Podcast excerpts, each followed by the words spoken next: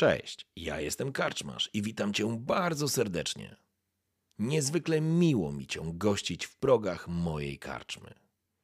A teraz usiądź wygodnie, odpręż się i daj porwać się historii, którą mam do opowiedzenia. A jeśli spodoba Ci się to, co usłyszysz, zawsze możesz rozważyć wsparcie mnie za pomocą patronite.pl. Link znajdziesz w opisie. Życzę miłego słuchania. Oby nam się! Miasto. Potężna metropolia, podzielona na dwie części.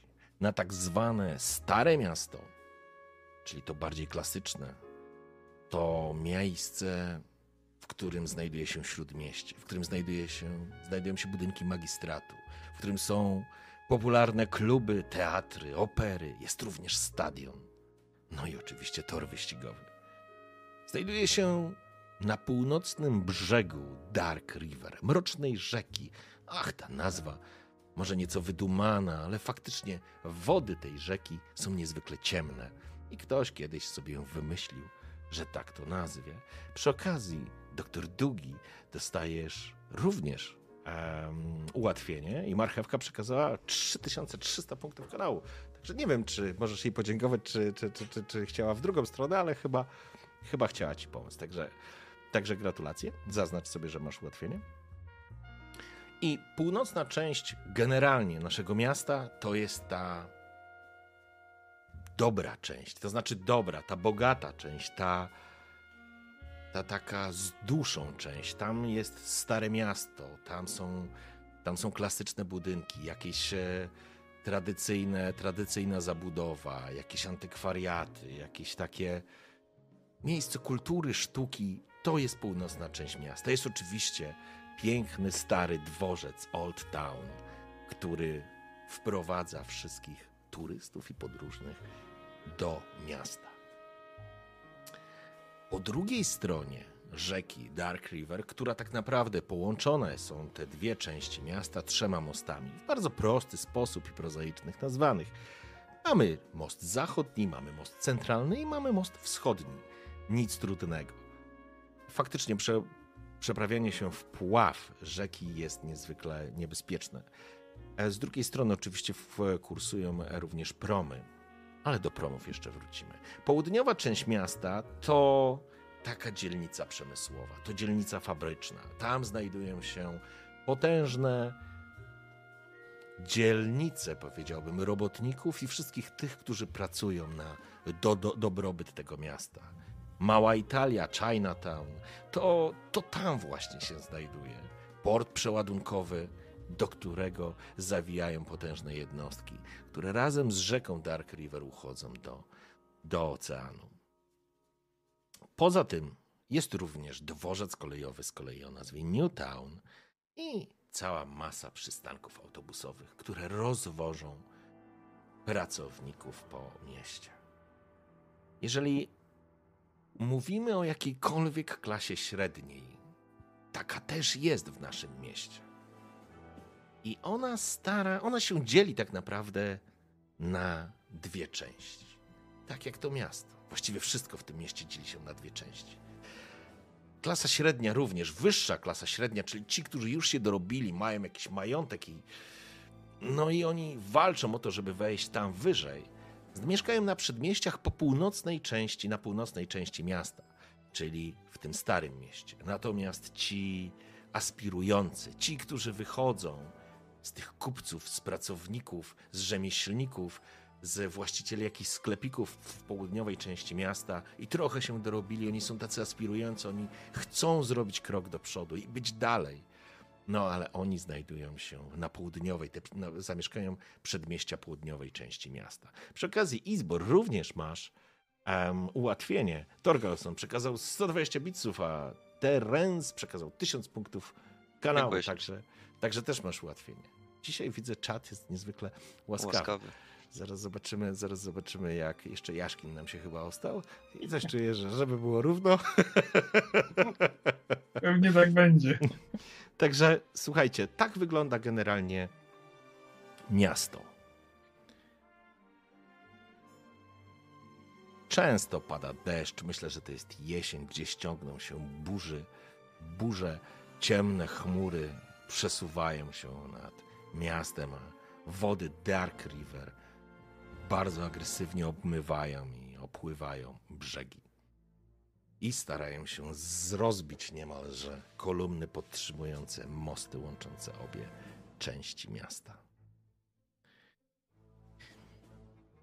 Ponieważ Miasto Mgły to taki system bardzo filmowy, będę chciał, jedno, jedno z, dwie osoby chciałbym, żeby dzisiaj miały takie swoje, takie swoje wejście o przemyślenia. Za chwileczkę was o to poproszę.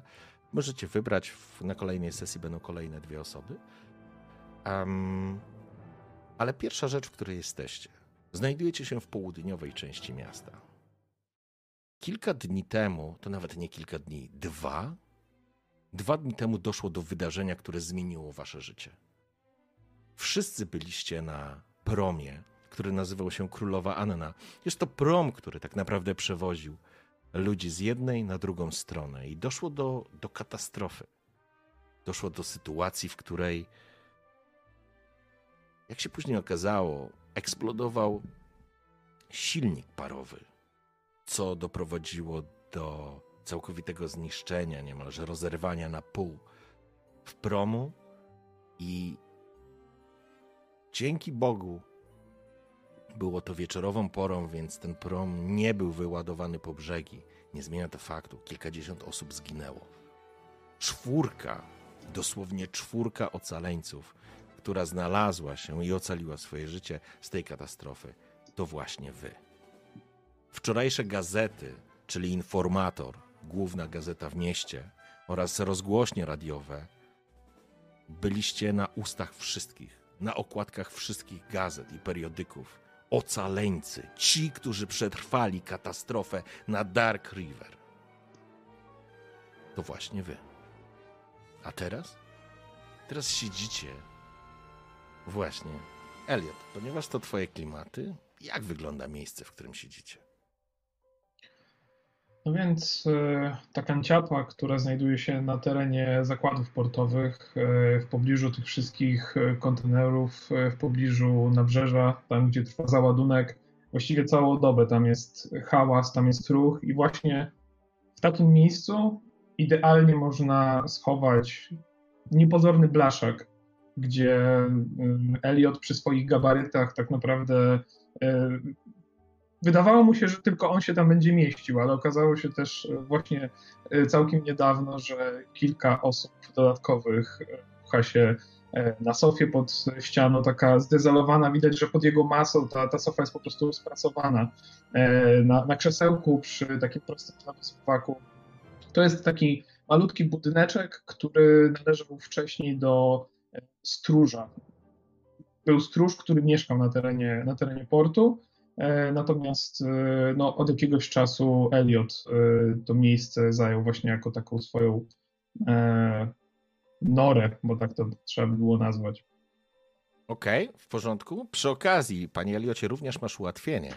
Torgalson U. znowu bitsów rzucił, a kebabus dorzucił półtora tysiąca punktów kanału. Także wszyscy kurde, macie ułatwienie. Dzięki, dzięki. Gdzie naprawdę niezwykle, niezwykle hojny i szczodry jest czat.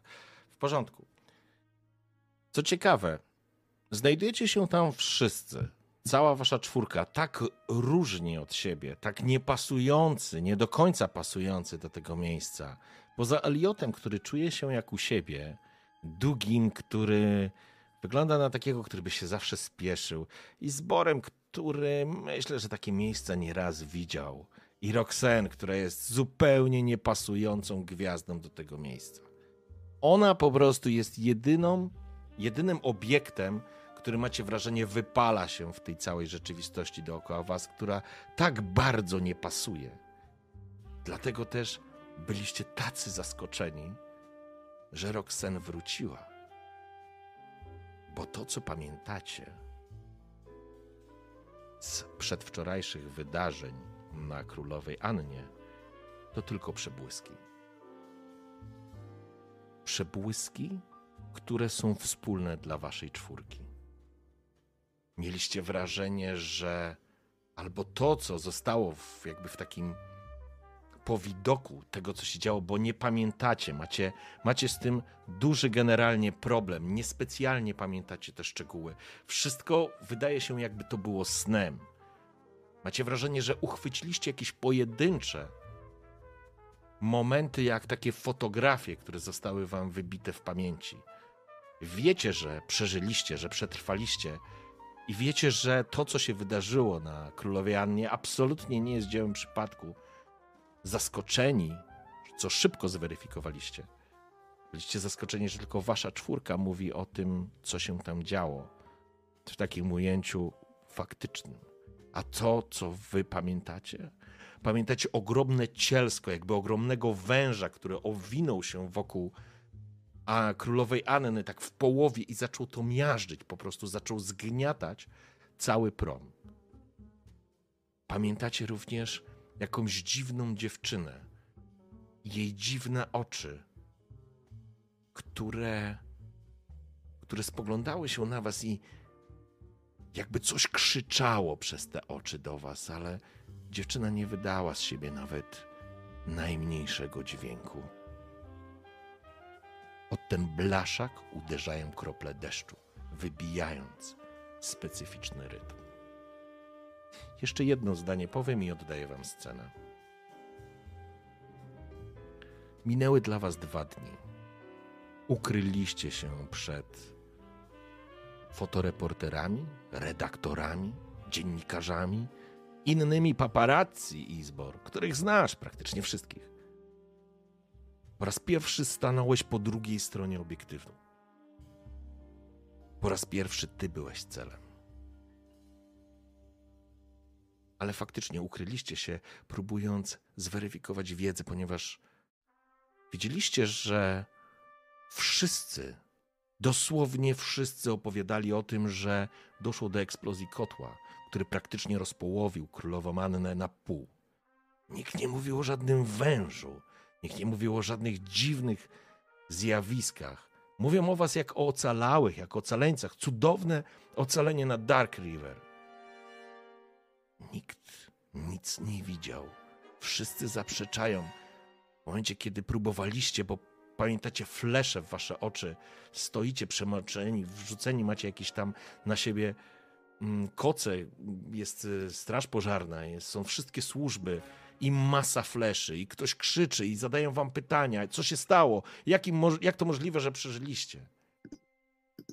Kiedy próbujecie coś mówić o jakimś wężu, słyszycie komentarze. Nie, nie, to jest na pewno stres pourazowy, to oni jeszcze się nie ogarnęli. To cud, że żyją. A później spoglądaliście się po sobie i wiedzieliście, że każdy z was to widziało, ale tylko wasza czwórka o tym wie kiedy spotkaliście się w miejscu Greya, Eliota Greya,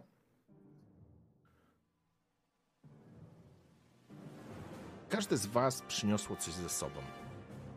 Coś, co nie do końca miało świadomość, w ogóle nie do końca wiecie, jak to do was trafiło. Zaczniemy od Hausera. Dugi, ty.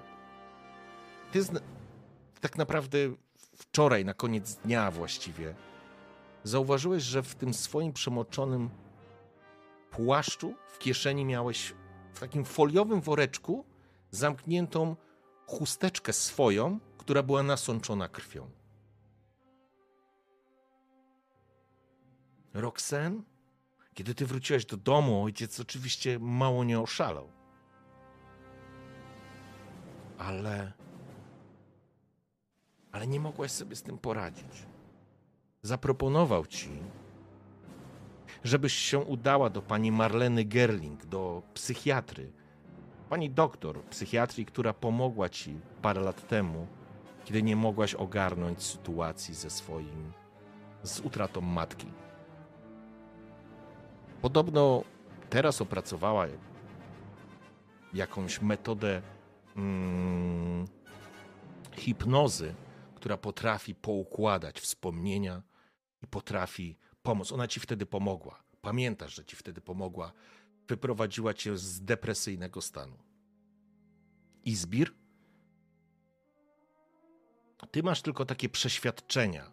Mówię o tym, co, co, co jakby wnosicie ze sobą od razu, jakby siada, siadając przy jednym stole. Czy się tym podzielicie, czy nie, to jest wasza sprawa, ale Izbir cały czas masz wrażenie, że migają ci flesze przed oczami, ale byłeś przekonany, że wśród gapiów był ktoś. Był ktoś, kto się wam przyglądał. Próbujesz sobie przypomnieć, ale, ale nie potrafisz. Patrzysz na leżącą gazetę wczorajszą, informatora, który leży tutaj na stole, i widzisz, że jest ujęcie, ale to ujęcie jest tak skadrowane, że tego miejsca akurat nie ma. Ale znasz gościa, kto robił, robił te zdjęcia. To jest Malik Garwin, jeden z reporterów, który pracuje dla informatora. Natomiast Elliot. Elliot, krzątasz się, może jakąś kawę parzysz w jakimś takim imbryczku.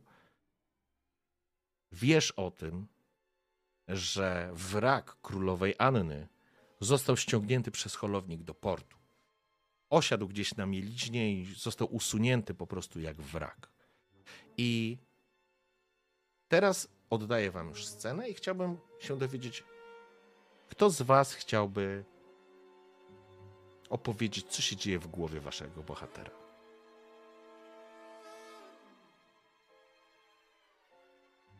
Dwójka z was. Na kolejnej sesji będzie kolejna dwójka, także się nie wymigacie. Ja mogę zaciąć, zacząć, to okay. znaczy, e, tak jak powiedziałeś, Elliot krząta się tutaj po tym wnętrzu i dla niego sytuacja, w której e, są tutaj inni ludzie, obcy ludzie, jest e, cholernie dziwna. To znaczy, on, on całkowicie wyszedł z obiegu takiego społecznego i mm, dla niego parzenie tej kawy na tym imbryczku, nalanie więcej wody niż tylko i wyłącznie dla siebie, jest, jest po prostu dziwne. Ale kiedy rozmawiali wtedy po, po tym całym wypadku, po tym całym wybuchu i odkryli, on odkrył, zobaczył, że, że tylko ta trójka ludzi mówi coś, co pokrywa się z tym, co on sam zobaczył, e, poczuł jakiś, jakieś takie zainteresowanie. Nie nazwę, nie, nie nazwę tego więzią, ale ale jest po prostu ciekaw tego, kim są ci ludzie, bo tak naprawdę niewiele, niewiele o nich wie. A ta kanciapa w porcie to jest w tym momencie jedyne bezpieczne miejsce, które przyszło, przyszło mu do głowy. Więc jego myśli krążą wokół tych nietypowych gości. No i oczywiście też kojarzy, kojarzy ten wrak. Wie, czuje, że, że chcę, chcę zobaczyć to jeszcze raz, chcę zobaczyć e, to miejsce, ten pojazd, który mm, został zniszczony z nimi na pokładzie. Ale nie odzywa się. Jest, jest chmurny i, i nieprzyjemny, bo takie jest też jego obycie, więc. Kto będzie następny? Ja mogę. Okej, okay, już drugi ci daję. Jedną rzecz jeszcze tylko dodam. Wszyscy to czujecie. Po wydarzeniach na Królowej Annie macie pełną świadomość, że coś się wydarzyło. Macie świadomość, jakby to nazwać, może to jest faktycznie Roxen pierwszy objaw schizofrenii? Może faktycznie powinnaś pójść do Marlen? Bo czujecie wszyscy jakby dodatkową obecność w swojej głowie, jakby ktoś jeszcze był z wami, jakby ktoś, kto pozwalał wam na poziomie totalnie mentalnym, jakby wam podpowiadał, jakby dawał wam możliwości robienia rzeczy niewyobrażalnych. Może ktoś, może ktoś z was y, już tego próbował. Chciał to sprawdzić ale jesteście wszyscy święcie przekonani, że wystarczy, że będziecie czegoś pragnęli bardzo konkretnie w tym wymiarze swojego mytos. O to mam na myśli, już mówiąc mechanicznie, i to się po prostu stanie. I tak jak wam powiedziałem na początku, macie wrażenie, że dzięki temu, nie pamiętacie szczegółów, ale dzięki temu udało wam się przetrwać wydarzenia na Królowej Annie. Dugi? to w mojej głowie krążą myśli, jak to jest wszystko możliwe.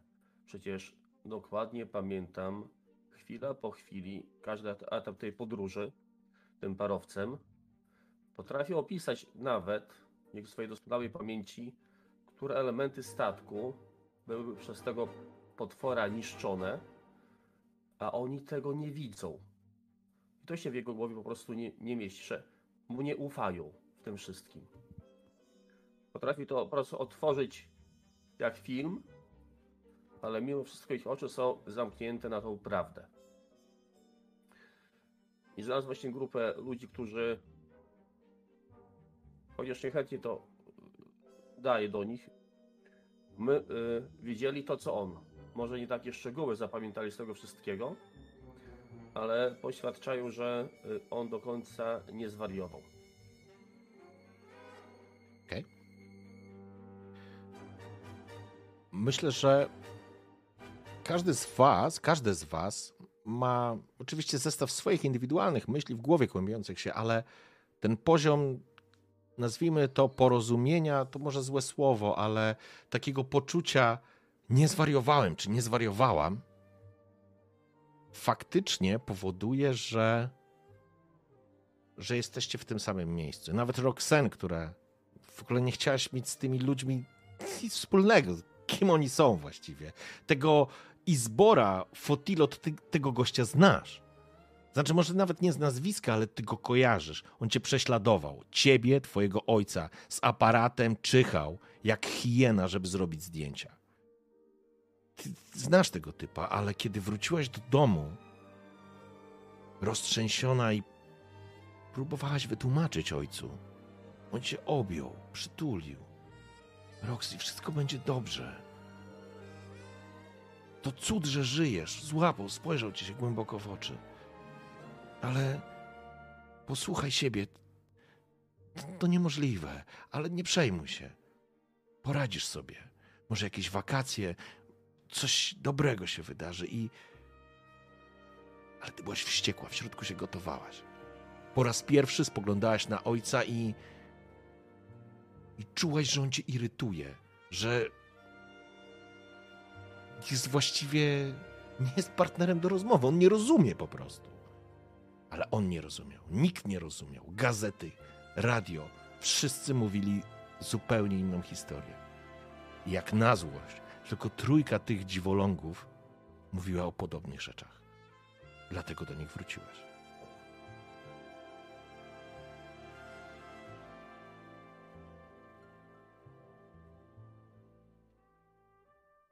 Siedzicie zatem w tym budynku. Na zewnątrz raz po raz uderza jakiś. Burza jest z deszczem.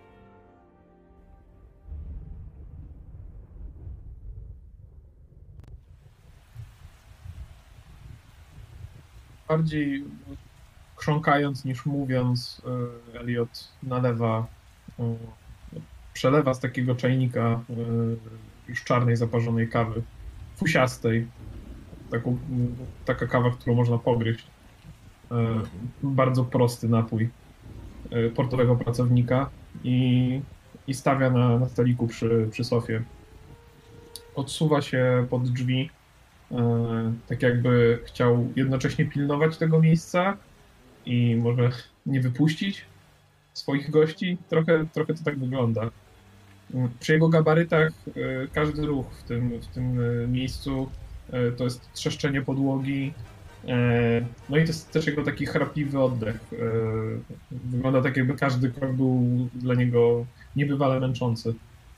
Ale Okej. staje i patrzy na, na pozostałych. W ręku trzyma kawę, którą sobie wziął, więc Ja tylko jeszcze dodam. Fotilo. Siedzisz. Kto pali z was papierosy? Okej. Roxen z taką w lówce, czy normalnie? No oczywiście, że wy. W oczywiście. Fotilo, spoglądasz na nią. To ona, nie? To przez jej matkę. To ona jest winna. Może nie ona, ale jej cholerna rodzina. Bogaczy z Old Town.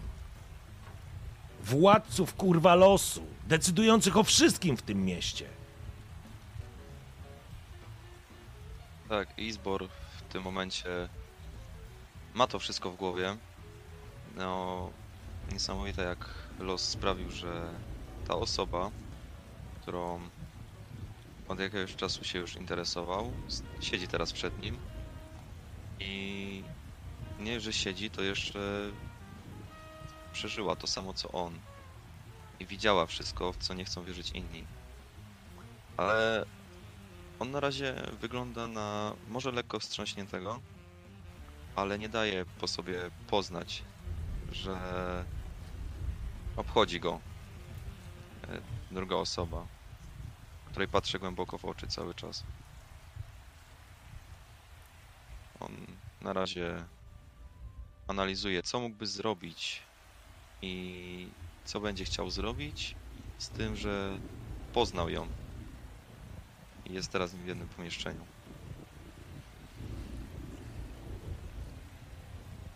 Zdecydowanie. Przypuszczam, że wygląda to jak pewna gra taksowania się wzrokiem.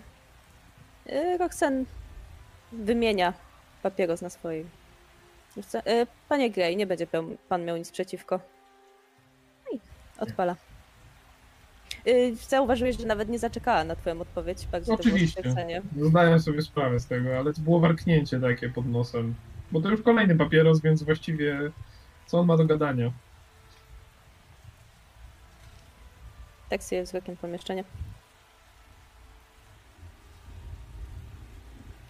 Długi w tym czasie wyciąga z kieszeni swojego płaszcza ten, tą foliową torebkę i właśnie się przygląda dla tej chusteczki, co tam jest, pełna e, krwi. I Tak. zastanawia się, skąd się wzięła w mojej kieszeni, bo tego nie pamięta, pa, pa, pamięta wszystko. Tutaj jeszcze tylko dodam jedną rzecz, bo każdy z Was ma dokładnie takie same objawy. Pamiętacie, gdzie byliście, wiecie, co się wydarzyło, ale absolutnie nie znacie szczegółów. Elementy, i to jest element wspólny, i, i to na pewno sprawdzaliście, bo na swój sposób, nie wiem, Elliot gdzieś w dokach pytał ludzi, holownik, który zabierał, e, który pływa tam, czy Straż Przybrzeżna, którą znasz, którą masz tam paru znajomych, pracujesz tu od lat. Ale irytujące było to, że ktokolwiek z was, którekolwiek z was nie sprawdzało wersji wydarzeń, non-stop powtarzała się cały czas ta sama cholerna historia. Dla wszystkich to był nieszczęśliwy wypadek. I wszyscy macie świadomość, że każde z was, może w nerwach się dzieliliście gdzieś jakimiś podstawowymi takimi odczuciami, nie pamięta szczegółów.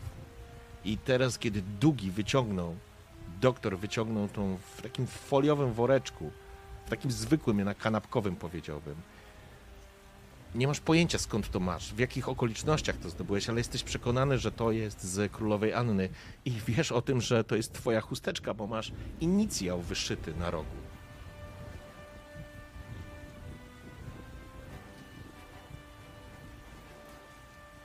Dostrzegacie wszyscy to, jak Dugi wyciągnął.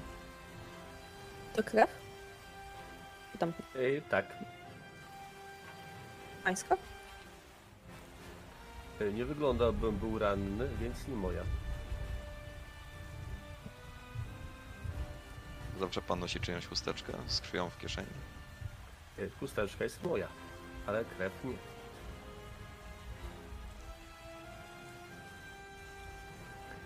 I to jest właśnie interesujące, skąd ta krew na mojej chusteczce.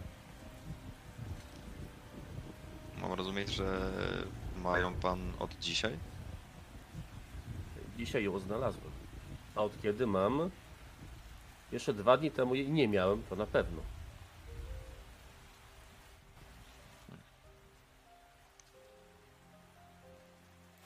Jeżeli brać pod uwagę wszystkie te sytuacje, które się nam wydarzyły w ostatnim czasie, to coś musiało się stać na statku.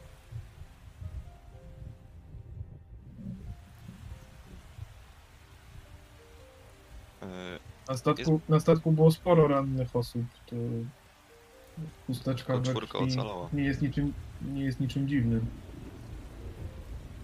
Ale to, że znalazłaś się na mojej chusteczce, w foliowej torbie i w mojej kieszeni, to za dużo splotów wydarzeń. By to nie miało żadnego sensu.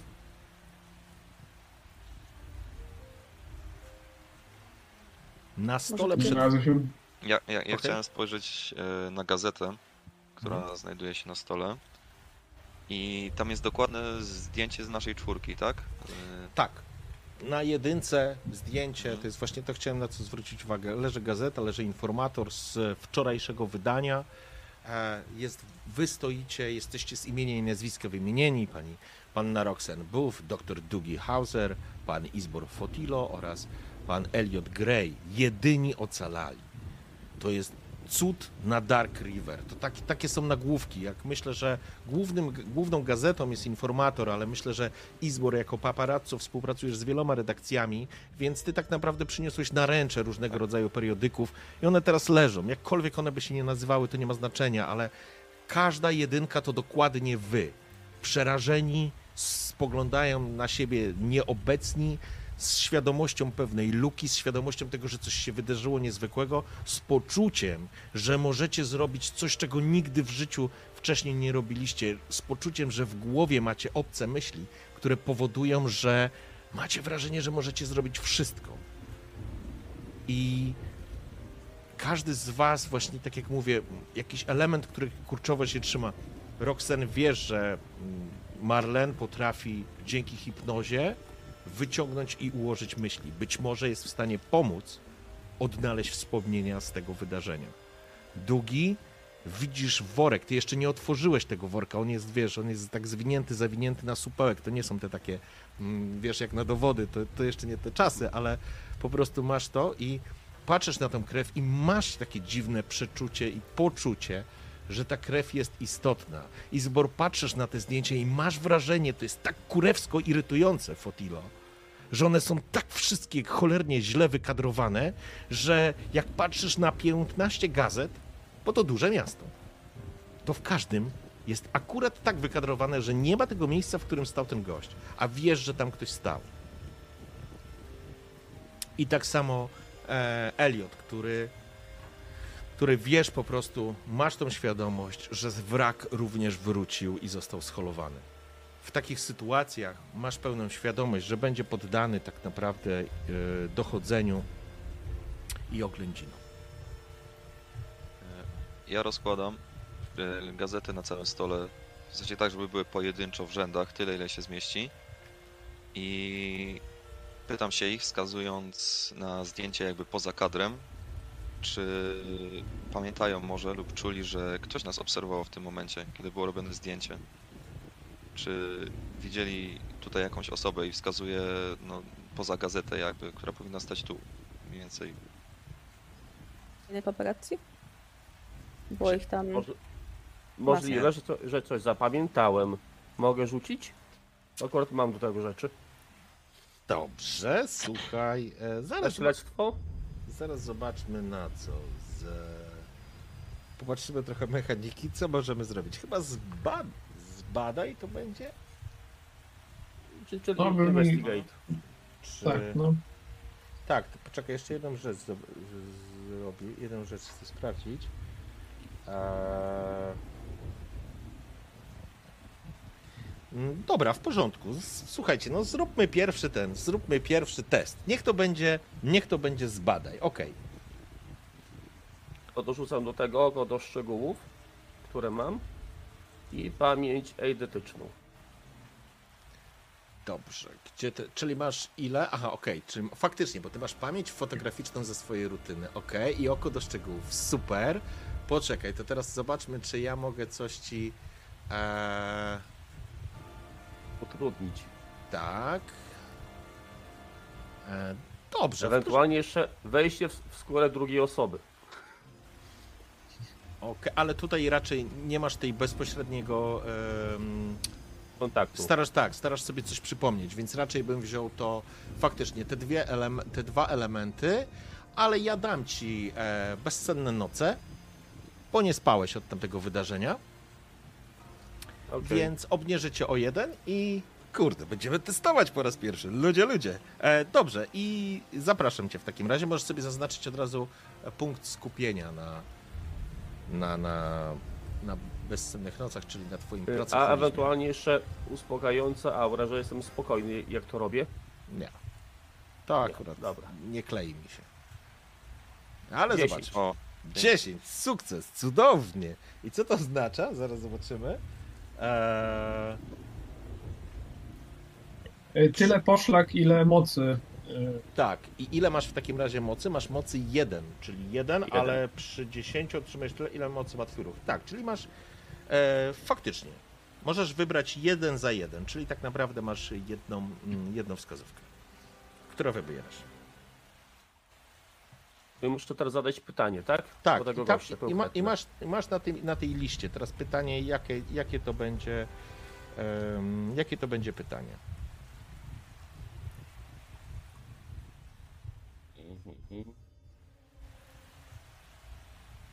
A gdzie ta lista? Znaczy, tu w tym skrócie jest napisane, że tak naprawdę to może być pytanie dotyczące Twojego śledztwa y, No. lub innej postaci gracza. Okej, to pytanie jest. e, Okej, e, zadaj po prostu pytanie. Później znajdziemy. e, Bo nie wiem. Obstawiam, że przy takim sukcesie to, tą osobę widziałem. Yy, czy potrafię ją opisać dla pozostałych graczy po prostu? Jak wyglądało dokładnie? E, to inaczej. Dugi. Na tak zadane pytanie, jak powiedział Izbor, czy ktoś pamięta z Was jakąś obecność, e, to ty teraz w tym momencie spoglądasz się gdzieś na chwilę w dal, widzisz żarzące się końcówkę papierosa Roxen. Po chwili mrużysz lekko oczy, bo czujesz, że pieką cię te oczy, dawno nie spałeś, po prostu flesze oślepiają cię i masz wrażenie, że w momencie, kiedy po prostu schroniłeś, po prostu przyłożyłeś dłoń do oczu, żeby się osłonić przed tymi błyskami, w miejscu, o którym teraz mówi Izbor, faktycznie stał jakiś gość. I fajnie, bo ty jesteś lekarzem. I to, co ci dam dodatkowo z opisu, to znaczy nie, absolutnie nie pamiętasz jego fizjonomii, nie jesteś w stanie go opisać, ale zwróciłeś może na niego uwagę, albo twoja pamięć fotograficzna po prostu uchwyciła go w tej stopklatce, ponieważ przykuł twoją uwagę jego pozycja, jego postawa nie była normalna. On wyglądał jakby, jakby lekko się kulił. Jesteś lekarzem, masz wrażenie, że wyglądał jak ktoś ranny. To opowiadam to wszystko. Szczególnie dla y, Izbora. Że tam był po prostu. Była jakaś osoba na pewno. I była chyba ranna. No, ja miałem nieodparte wrażenie, że ktoś nas obserwuje. To i tak była dla mnie nieco dziwna sytuacja. Zwykle ja osa- osaczam ludzi i, i robię im zdjęcia i nagle znalazłem się między fleszami w całym tym centrum uwagi. Czułem się bardzo niekomfortowo, ale cały czas, kiedy się odwracałem, miałem to uczucie na plecach, na karku, że ktoś się na mnie patrzy i wydaje mi się, że to była ta, ta osoba. I jeśli ty ją widziałeś, to to jest kolejna rzecz, którą widzieliśmy wspólnie. I to już nie mógł być przypadek. Pytanie, A czy, skoro była ranna. Pytanie, czy widział ją ktoś spoza naszej czwórki? Na przykład Te- ktoś, kto robił zdjęcie. Tego to nie wiem. Ale skoro tamta osoba była ranna. Tutaj mam krew. Niesz- Na nasze nieszczęście pada deszcz, więc śladów krwi już tam nie będzie żadnych, bo się pewnie zmyją. Więc tego nie zbadamy. Zaraz, zaraz, ale podobno jesteśmy jedynymi ocaleńcami, więc jeżeli to jest krew, która pochodzi ze statku, to osoba, do której należy, zapewne nie żyje. Czy nie? Chyba, chyba, że jest jeszcze jedna osoba, która przeżyła. Chociaż prawdopodobnie byśmy ją już znali, bo mogłaby, nie wiem, spędzić ile pod wodą, zanim zostanie odnaleziona. Jeśli zginęły tam inne osoby, to powinni wszystkie znaleźć. Jeżeli jest to osoba zamieszana w to, to zapewne jest to osoba, która nie chce działać z nami. Być może jest za to odpowiedzialny. lub odpowiedzialna. Panie Gej, kobiety nie zniżają się do takiego poziomu. Jasne. Zdjęcie, o którym e, mówicie, Izbor, to zdjęcie, tak jak mhm. mówiłem, Malika Garwina. Malika Garwina. Może trzeba by było pójść do niego i spytać się go, czy kojarzy osobę, która stała obok nas. On pracuje dla informatora, tak? no na pewno wiem, gdzie jest ta siedziba informatora. E, czy ja go znam bardziej prywatnie, czy po prostu wiem, kim on jest i że pracuje od, tam? Od ciebie zależy. Nie, jesteś, mo- nie jest może to twój, wiesz, najbliższy przyjaciel, ale, znamy zawodowo tak z się znacie. Mhm. Na stówę się znacie. Mijaliście się na, na, na, na miejscach zbrodni, na miejscu wypadków. To jest też facet, który zarabia e, na życie zdjęciami. Wracam się do reszty i mówię, że dla informatora zdjęcie robił Malik Garvin. I jeśli on będzie widział tą osobę i może jeśli będzie pamiętał o tym, że ktoś tam stał, to znaczy, że ona nie była ofiarą tego wypadku. I może warto by pochylić się nad tym. Może Może też ma zapytać. kilka zdjęć z tego miejsca, a do gazety dał tylko jedno. Może do gazety nie mogli dać zdjęcia z krwią i świeżymi śladami. No i tylko zdjęcia ocaleńców, bo nikt nie chce takich informacji pewnie czytać. A ja mam pytanie, y, y, te zdjęcia, które nam robili, które są na okładce, to jest moment, w którym my już jesteśmy, na, dopiero jesteśmy na brzegu, jesteśmy cali mokrzy. Y, Czy to jest chwilę później? Jak to, jak to wygląda? Który to jest moment? Dokładnie. Chodzi mi o to, ile czasu miała ta osoba ewentualnie, żeby przedostać się do tłumu jako, jako ranna, żeby nas oglądać od tej drugiej strony. Ja ci powiem tak, e, absolutnie dla ciebie jest to Okej. To znaczy nie to, że nie pamiętasz, to nie jest tak, że ciura, tylko faktycznie byłeś w ogromnym, pod... w ogromnym szoku tak naprawdę, więc e, wiesz, sama akcja ratunkowa, pamiętacie, macie wrażenie, że byliście wyławiani z, z rzeki, że była jakaś akcja ratunkowa, że was wyciągnięto, że byliście poszukiwani, więc to trochę trwało. To wystarczyło, aby na brzeg i północny, i południowy tak naprawdę, to było bliżej północnego brzegu, e, po prostu, żeby tam się e, ustawiły ekipy reporterskie, żeby pojawili się dziennikarze, to trochę trwało. To nie jest tak, że po, po katastrofie e, pięć minut później byliście już na brzegu. Nie, to trochę trwało. Dzięki temu, że e, królowa Anna osiadła na jakiejś mieliźnie, na jakiejś takiej wyspie, e, Łacha chyba się to nazywa, nie jestem pewien, ale e, osiadła, to wy mogliście, to was ten po prostu nurt nie porwał. E, Zatem to trochę trwało, trafiliście tam. Oczywiście pierwsza rzecz, która, która była, to, to, to kwestia oczywiście samych em, lekarzy i, i służby zdrowia. Ktoś was tam ogarniał. Dziesiątki zdjęć ze wszystkich możliwych stron i później wy nie staliście na konferencji. To nawet nie o to chodziło, że, że, że wy dawaliście wywiad i konferencję, nie? Wy po prostu czekaliście na transport, a, a media jak to media po prostu dopadły was i, i są, dziesią- jest są dziesiątki zdjęć. No. O, oczywiście Garwina fota była po prostu najlepsza, bo ona się przewija w kilku tych e, periodykach, więc on nie jest mm, takim stricte w- pracownikiem e, informatora, ale współpracownikiem na pewno. Na tyle dobrym, że może mieć swoje biurko w redakcji. A czy my byliśmy w jakikolwiek sposób ranni? To znaczy, te służby medyczne przyjechały i zobaczyły, że my jesteśmy w jakikolwiek sposób pokiereszowani, czy... I to było najciekawsze. Poza jakimiś siniakami, obiciami delikatnymi, może otarciami, nic poważnego. To był cud na Dark River. Jasne. A reszta sprawdzała w kieszeniach, czy jeszcze nic nie ma, czy nie dostaliście jakichś innych chusteczek, listów, czegokolwiek. Nic nie pamiętacie. Ja wiem jedną rzecz, że wrak naszego promu ściągnęli do portu i niedługo ma go oglądać policja.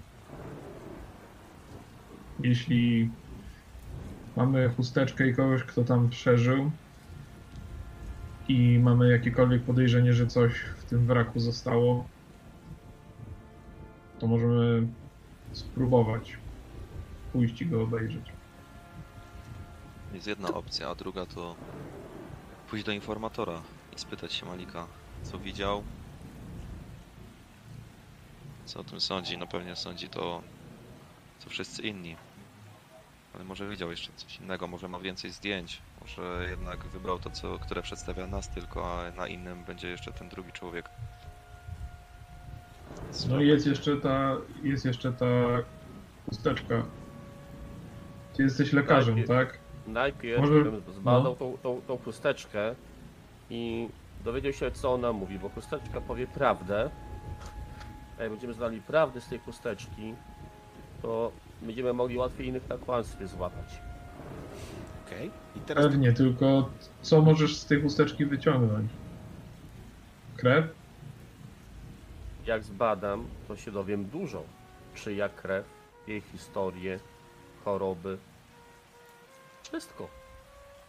We krwi zapisane jest wszystko. I to jest coś, co właśnie Dugi powiedziałeś. Ono wybrzmiało tak twoim normalnym głosem. Po prostu zwróciliście uwagę na to. Dugi mówi, więc na niego zwracacie uwagę, ale Dugi, ty to wypowiedziałeś i to nie są twoje słowa. Wiesz o tym, że to nie jest twoje zdanie. Ty nigdy w ten sposób nie sformułowałeś jeszcze zdania.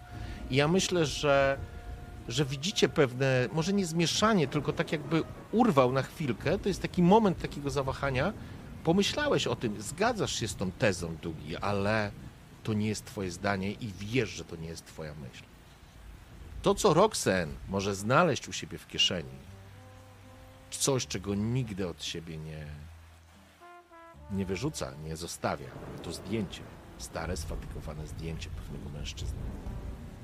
I może nawet, wiesz, paląc tą fifkę, bawisz się łańcuszkiem, który masz na szyi.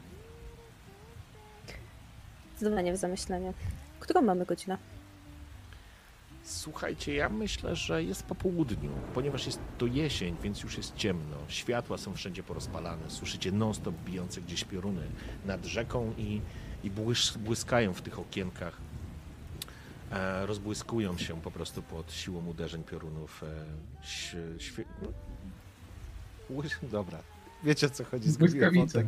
Błyskawice, dokładnie. I o te, o te blaszane daszki po prostu uderzają cały czas krople rzęsistego, rzęsistego e, deszczu. Pytanie do Roxen. Ty na pewno tu przyjechałeś samochodem. Czy przyjechałeś ze swoją ochrona, o jakimś ochroniarzem? Nie, to byłoby niezwykle niepokojące. Tego mi jeszcze trzeba, żeby mój ojciec do końca pomyślał, że oszale, osz, oszalałam i się gdzieś włóczę po portach. Nie ma takich szans. Na południowym brzegu byłeś? Co ta córeczka mogłabyś robić? E, ale oczywiście jesteś, masz jakiś samochód, więc e, no jesteś Tak. no, właściwie ty nie masz ograniczonych środków żadnych, mógłbym ci powiedzieć, poza no, jakiś wiesz. Jak będziesz chciała kupić budynek, no to tato będzie musiał wiedzieć, nie? Zdecydowanie. Panie doktorze, ile panu zajmie badanie tej krwi? W laboratorium y, kilka godzin. I Dugi, to jest jeszcze informacja do ciebie, przepraszam, bo miałem ci dodać. Twoje laboratorium, ty dla którego pracujesz, e, pracujesz w laboratorium Micheletów. E, czyli, e, no cóż, e, przedsiębiorczych Włochów, że tak powiem. E, nikt o tym nie wie poza tobą na razie, e, ale oczywiście nazwisko Micheletów jest znane.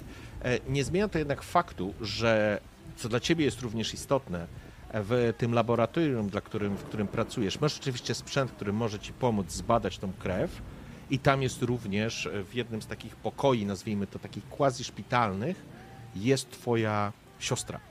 Ona tam jest w, utrzymywana w śpiączce, tak jak sobie tego życzyłeś i do czego doprowadziłeś i ty po prostu starasz się znaleźć, znaleźć rozwiązanie na, na tego wirusa, który, którym zarażona jest twoja siostra. Jak twoja siostra ma na imię? E, Eleonora. Eleonora. Eleonora mm, jest młodsza na pewno od ciebie, tak mi się wydaje. I to sporo. Eleonora utrzymywana jest przez ciebie w śpiączce, żeby spowolnić działanie tru, tej trucizny, tego wirusa, jakkolwiek to nazwiemy.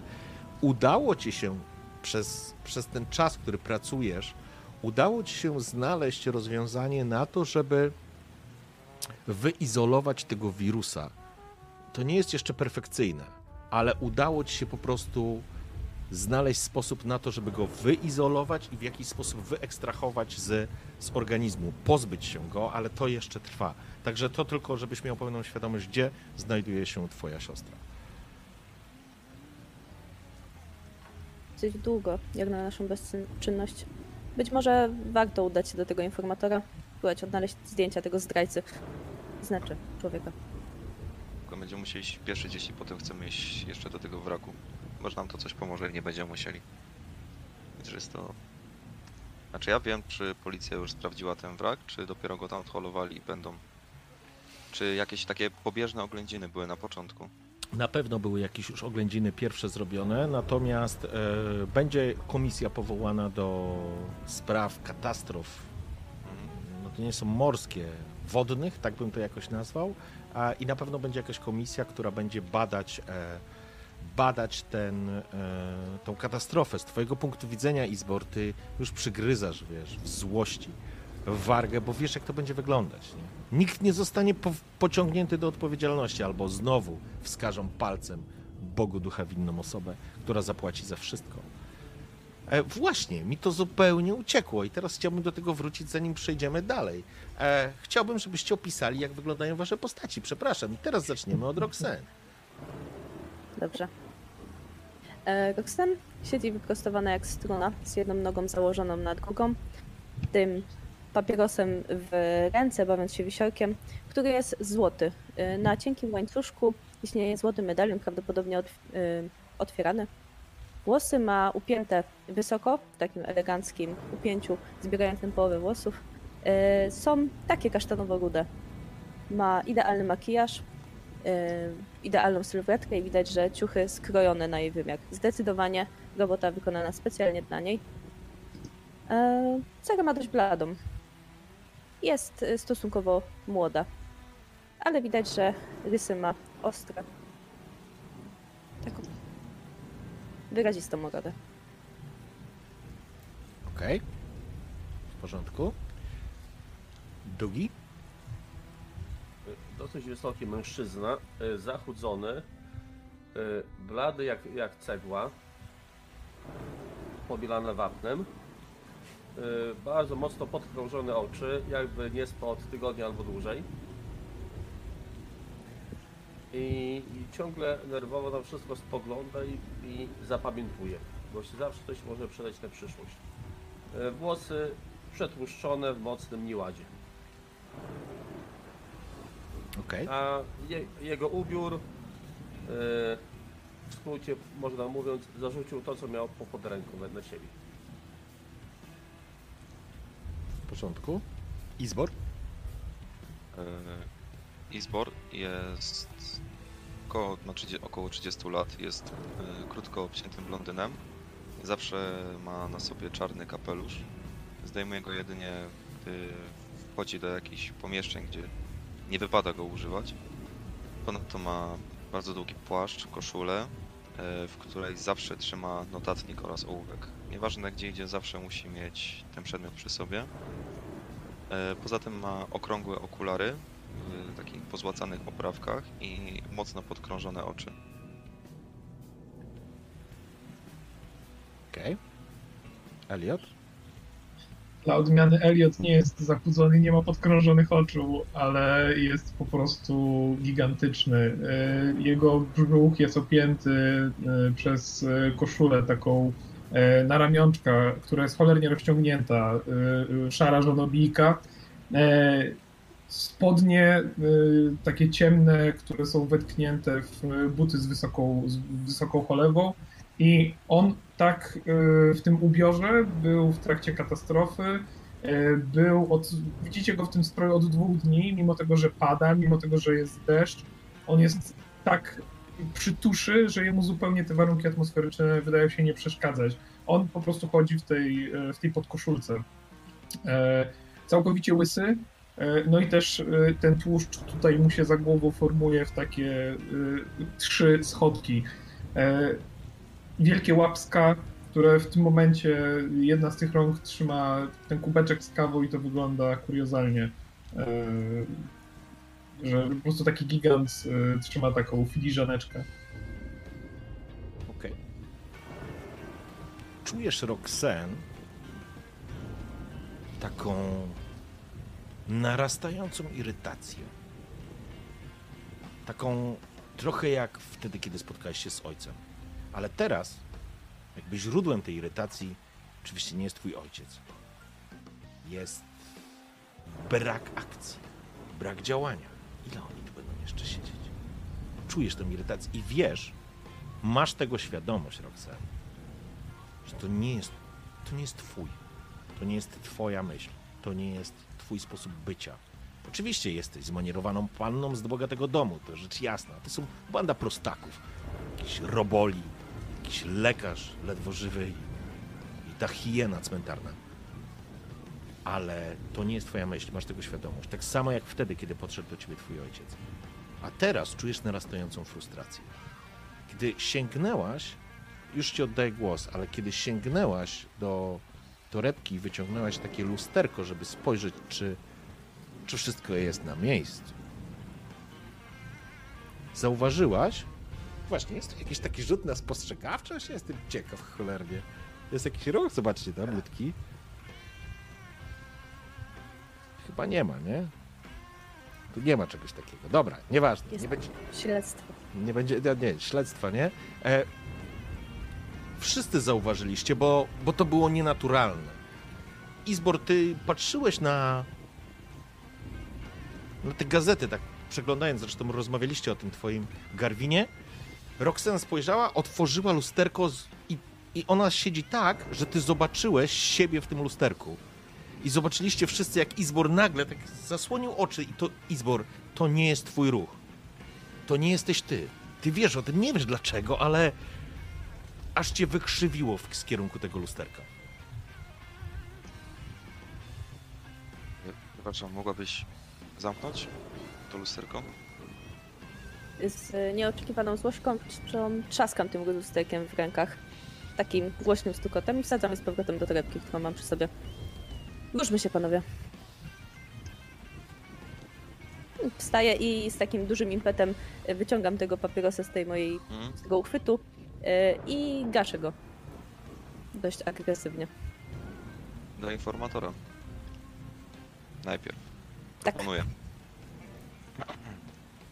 Jeśli Wszyscy się uważacie, że to lepszy pomysł, to jasne. Możemy iść do informatora. Dobra. Eee, Ja już ja wiem... zmierzam. Przepraszam. A, już, e, już idzie. Nie, już zmierzam w stronę wyjścia.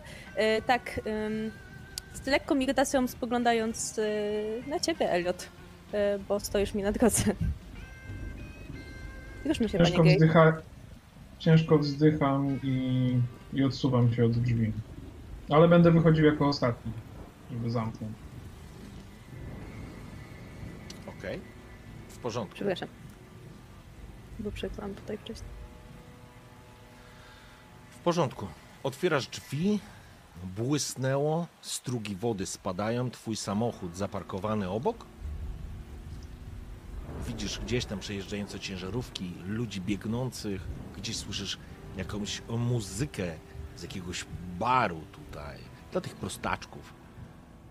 Gdzieś w tej części południowej nie ma jakichś wysokich struktur, budynków. Tu są tylko niekończące się przestrzenie fabryczne, mieszkalne. W każdym razie podchodzisz do samochodu, czujesz jakąś taką frustrację, znowu nie do końca, sama zresztą oceń, na ile to jest twoje, na ile nie. Ale nikt z tych burów i prostaków nawet nie wpadł na pomysł, żeby otworzyć ci parasol nad głową. Chyba nie mają pojęcia, ile się układa włosy. Zresztą, czego się spodziewać po tych południowych mieszkańcach południowej części miasta. E, prawdopodobnie mam jakąś swoją własną. W takim razie jeszcze z większą irytacją ją po prostu otwieram chyba na trzy razy. Dodatkowo gdzieś tam trzaskając za ten samochód. Okej. No i czekam na mnie gdzieś tam. Elliot, Elliot z krytycznym spojrzeniem idzie do tego samochodu, zastanawiając się, czy, czy ma szansę się zmieścić do środka. Co to jest za samochód w ogóle? E, Ja myślę, że nawet taki limuzo... Liz... Dzisiaj nie jest mój dzień. E, niczym limuzyna. Naturalnie jasny. E, I bardzo elegancki. Jest idealnie pedantycznie czysty, mimo że teraz te str- strugi deszczu gdzieś tam po nim spływają. Postarajcie się panowie nie nanieść błota. Jasna skóra, kanapy, na których można byłoby się położyć, są białe, są nie białe, są kremowe. Podobnie obicia drzwi. No przepięknie, to jest w ogóle klasa sama w sobie. Nigdy w życiu nie mieliście okazji siedzieć w tego typu samochodzie. E, no to jest no, coś, co absolutnie jakby poza, poza waszym zasięgiem, ale nie zmienia to faktu, że no, po prostu piękny samochód. Bez problemu jesteście w stanie się zmieścić, nawet Grey, który siądzie z tyłu prawdopodobnie zajmując 3 czwarte tej kanapy. A kto prowadzi samochód? Zdecydowanie ja. Dobrze. Ale pozwoli pan do przodu. Będzie Ja? pan nawigował. Dobrze. Więc siadam w przodu, z, przodu. E, Izbor zna ten samochód, przynajmniej z zewnątrz. Mhm. Już nieraz go tak. widział, nieraz chodził za nim, skręcał w uliczki, żeby go przeciąć i popatrzeć, kto nim jedzie. E, ale pierwszy raz jest w środku. I pierwsze co robi, to e, zdejmuje kapelusz i zasłania e, prawe lusterko, nasz, no jakby szybę przed prawym lusterkiem, żeby Mhm. nie widzieć. I to też jakby nie z jego róg, ale już tak automatycznie po tym, wręcz bez własnej wiedzy to zrobił. Po prostu ściągnął kapelusz i może przypadkiem dał go akurat w to miejsce. Okej. I mówi, gdzie ma jechać. Wyznacza trasę. Dugi, wsiadasz? Oczywiście, że tak. Dobrze, w porządku. Wsiadasz w takim razie z tyłu. Samochód jest bardzo duży, to znaczy bardzo duży. No jest to, jest to limuzyna, więc jest niezwykle wygodna. Byłoby ci wygodniej, bo nikt prawdopodobnie nie, nie projektował tego dla pasażerów typu Eliota Greya, ale Greya czy Graja? Jak powinienem czytać? Chyba Grey. Zapis jest przez A, ale, ale myślę, że Dobrze, później po, zmie, zmienimy na E i będzie 50 twarzy Greya. Dobra, w każdym razie, e, mimo to, e, ty z kolei, Dugi, jesteś chudy i bez problemu jakby znajdujesz sobie miejsce w tym, w tym pięknym samochodzie, ale ruszacie, kiedy snopy świateł po prostu rozświetlają tą uliczkę i znowu deszcz wybija rytm na, na samochodzie. Samochód natychmiast oczywiście odpalił. Pojechaliście, zostawiając południową część miasta, wyjeżdżając z niej, zmierzając tak naprawdę na północny brzeg miasta, do części, do śródmieścia. Tam będzie redakcja. Przejechaliście. Mhm. E, Myślę, że jedziemy w ciszy, ale jeszcze tylko wspomnę, że chwilowa frustracja ustąpiła miejsca pewnemu zadowoleniu, bo zakładam, że e, panom samochód się spodobał, a mimo wszystko to zawsze jest jakieś takie przyjemne poczucie wyższości. W porządku. To na Okej. pewno było To znaczy, zro, zrobił z pewnością, e, zrobił z pewnością e, wrażenie. Ale ruszyliście. Szanowni, przejeżdżacie przez jeden z mostów, przyjmijmy, że centralny, zostawiając za sobą południową część. Wjeżdżając już, jadąc mostem, pod mostem płynie Dark River, szeroki, potężny, potężna rzeka, po której, z której całkiem niedawno wyszliście cudem. Każdy z Was ma jakieś skojarzenia z tą rzeką. Dla każdego z Was ona w jakiś sposób jest istotna, ale chyba najbardziej istotna jest dla Eliota Greya. Pamiętasz miejsce, w którym tak naprawdę zniknął Twój brat? W kuli ognia, eksplozji. Mniej więcej rzecz jasna. Tak naprawdę przedwczoraj to była rocznica. Płynąłeś królową Anną z wieńcem. Robisz tak co roku. Przepływając w okolicach miejsca, mniej więcej tego, który wydaje ci się, że zginął twój brat, wyrzucasz ten wieniec na falę, na ten, na ten nurt. I tak samo było przedwczoraj. Pamiętasz, stałeś, było już wieczorem. Było kilkadziesiąt osób. Coś dziwnego. Coś dziwnego chodzi ci po plecach. Ale nie jesteś w stanie sobie przypomnieć co. Przejeżdżacie przez most, a po drugiej stronie pojawia się północna część miasta. Tak, tu jest życie. Smukłe, piękne budynki, kamienice. reflektory lokali, teatrów, operetek. Tu jest życie. Piękny, ogromny ratusz. Wszystko jakby zbliżacie się, mijając kilka samochodów przez ten wiszący most, to miasto tak naprawdę zaczyna nabierać zupełnie innego, zupełnie innego formatu, stylu. Dostrzegacie ciągnące się do góry wieże licznych kościołów, różnych religii, to nie ma znaczenia, ale one po prostu odznaczają się na tle budynków. Piękny dworzec kolejowy, ten Old Town zrobiony w taki klasyczny sposób, tak przepięknie witający gości, hotele. Północna część miasta to jest spełnienie marzeń. Wielu, wielu, ale tak niewielu może ostatecznie przenieść się do Old Town.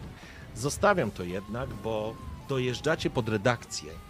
Dojeżdżacie pod redakcję informatora. E, taki wtrąb, wtręt metagamingowych, e, bo tutaj Aśka się pojawiła z dziwnego miasta. Nie mogłem się oprzeć, żeby nie wykorzystać w początku twojego intro do twojego podcastu. Także sorry, wracamy. Zatrzymujecie się.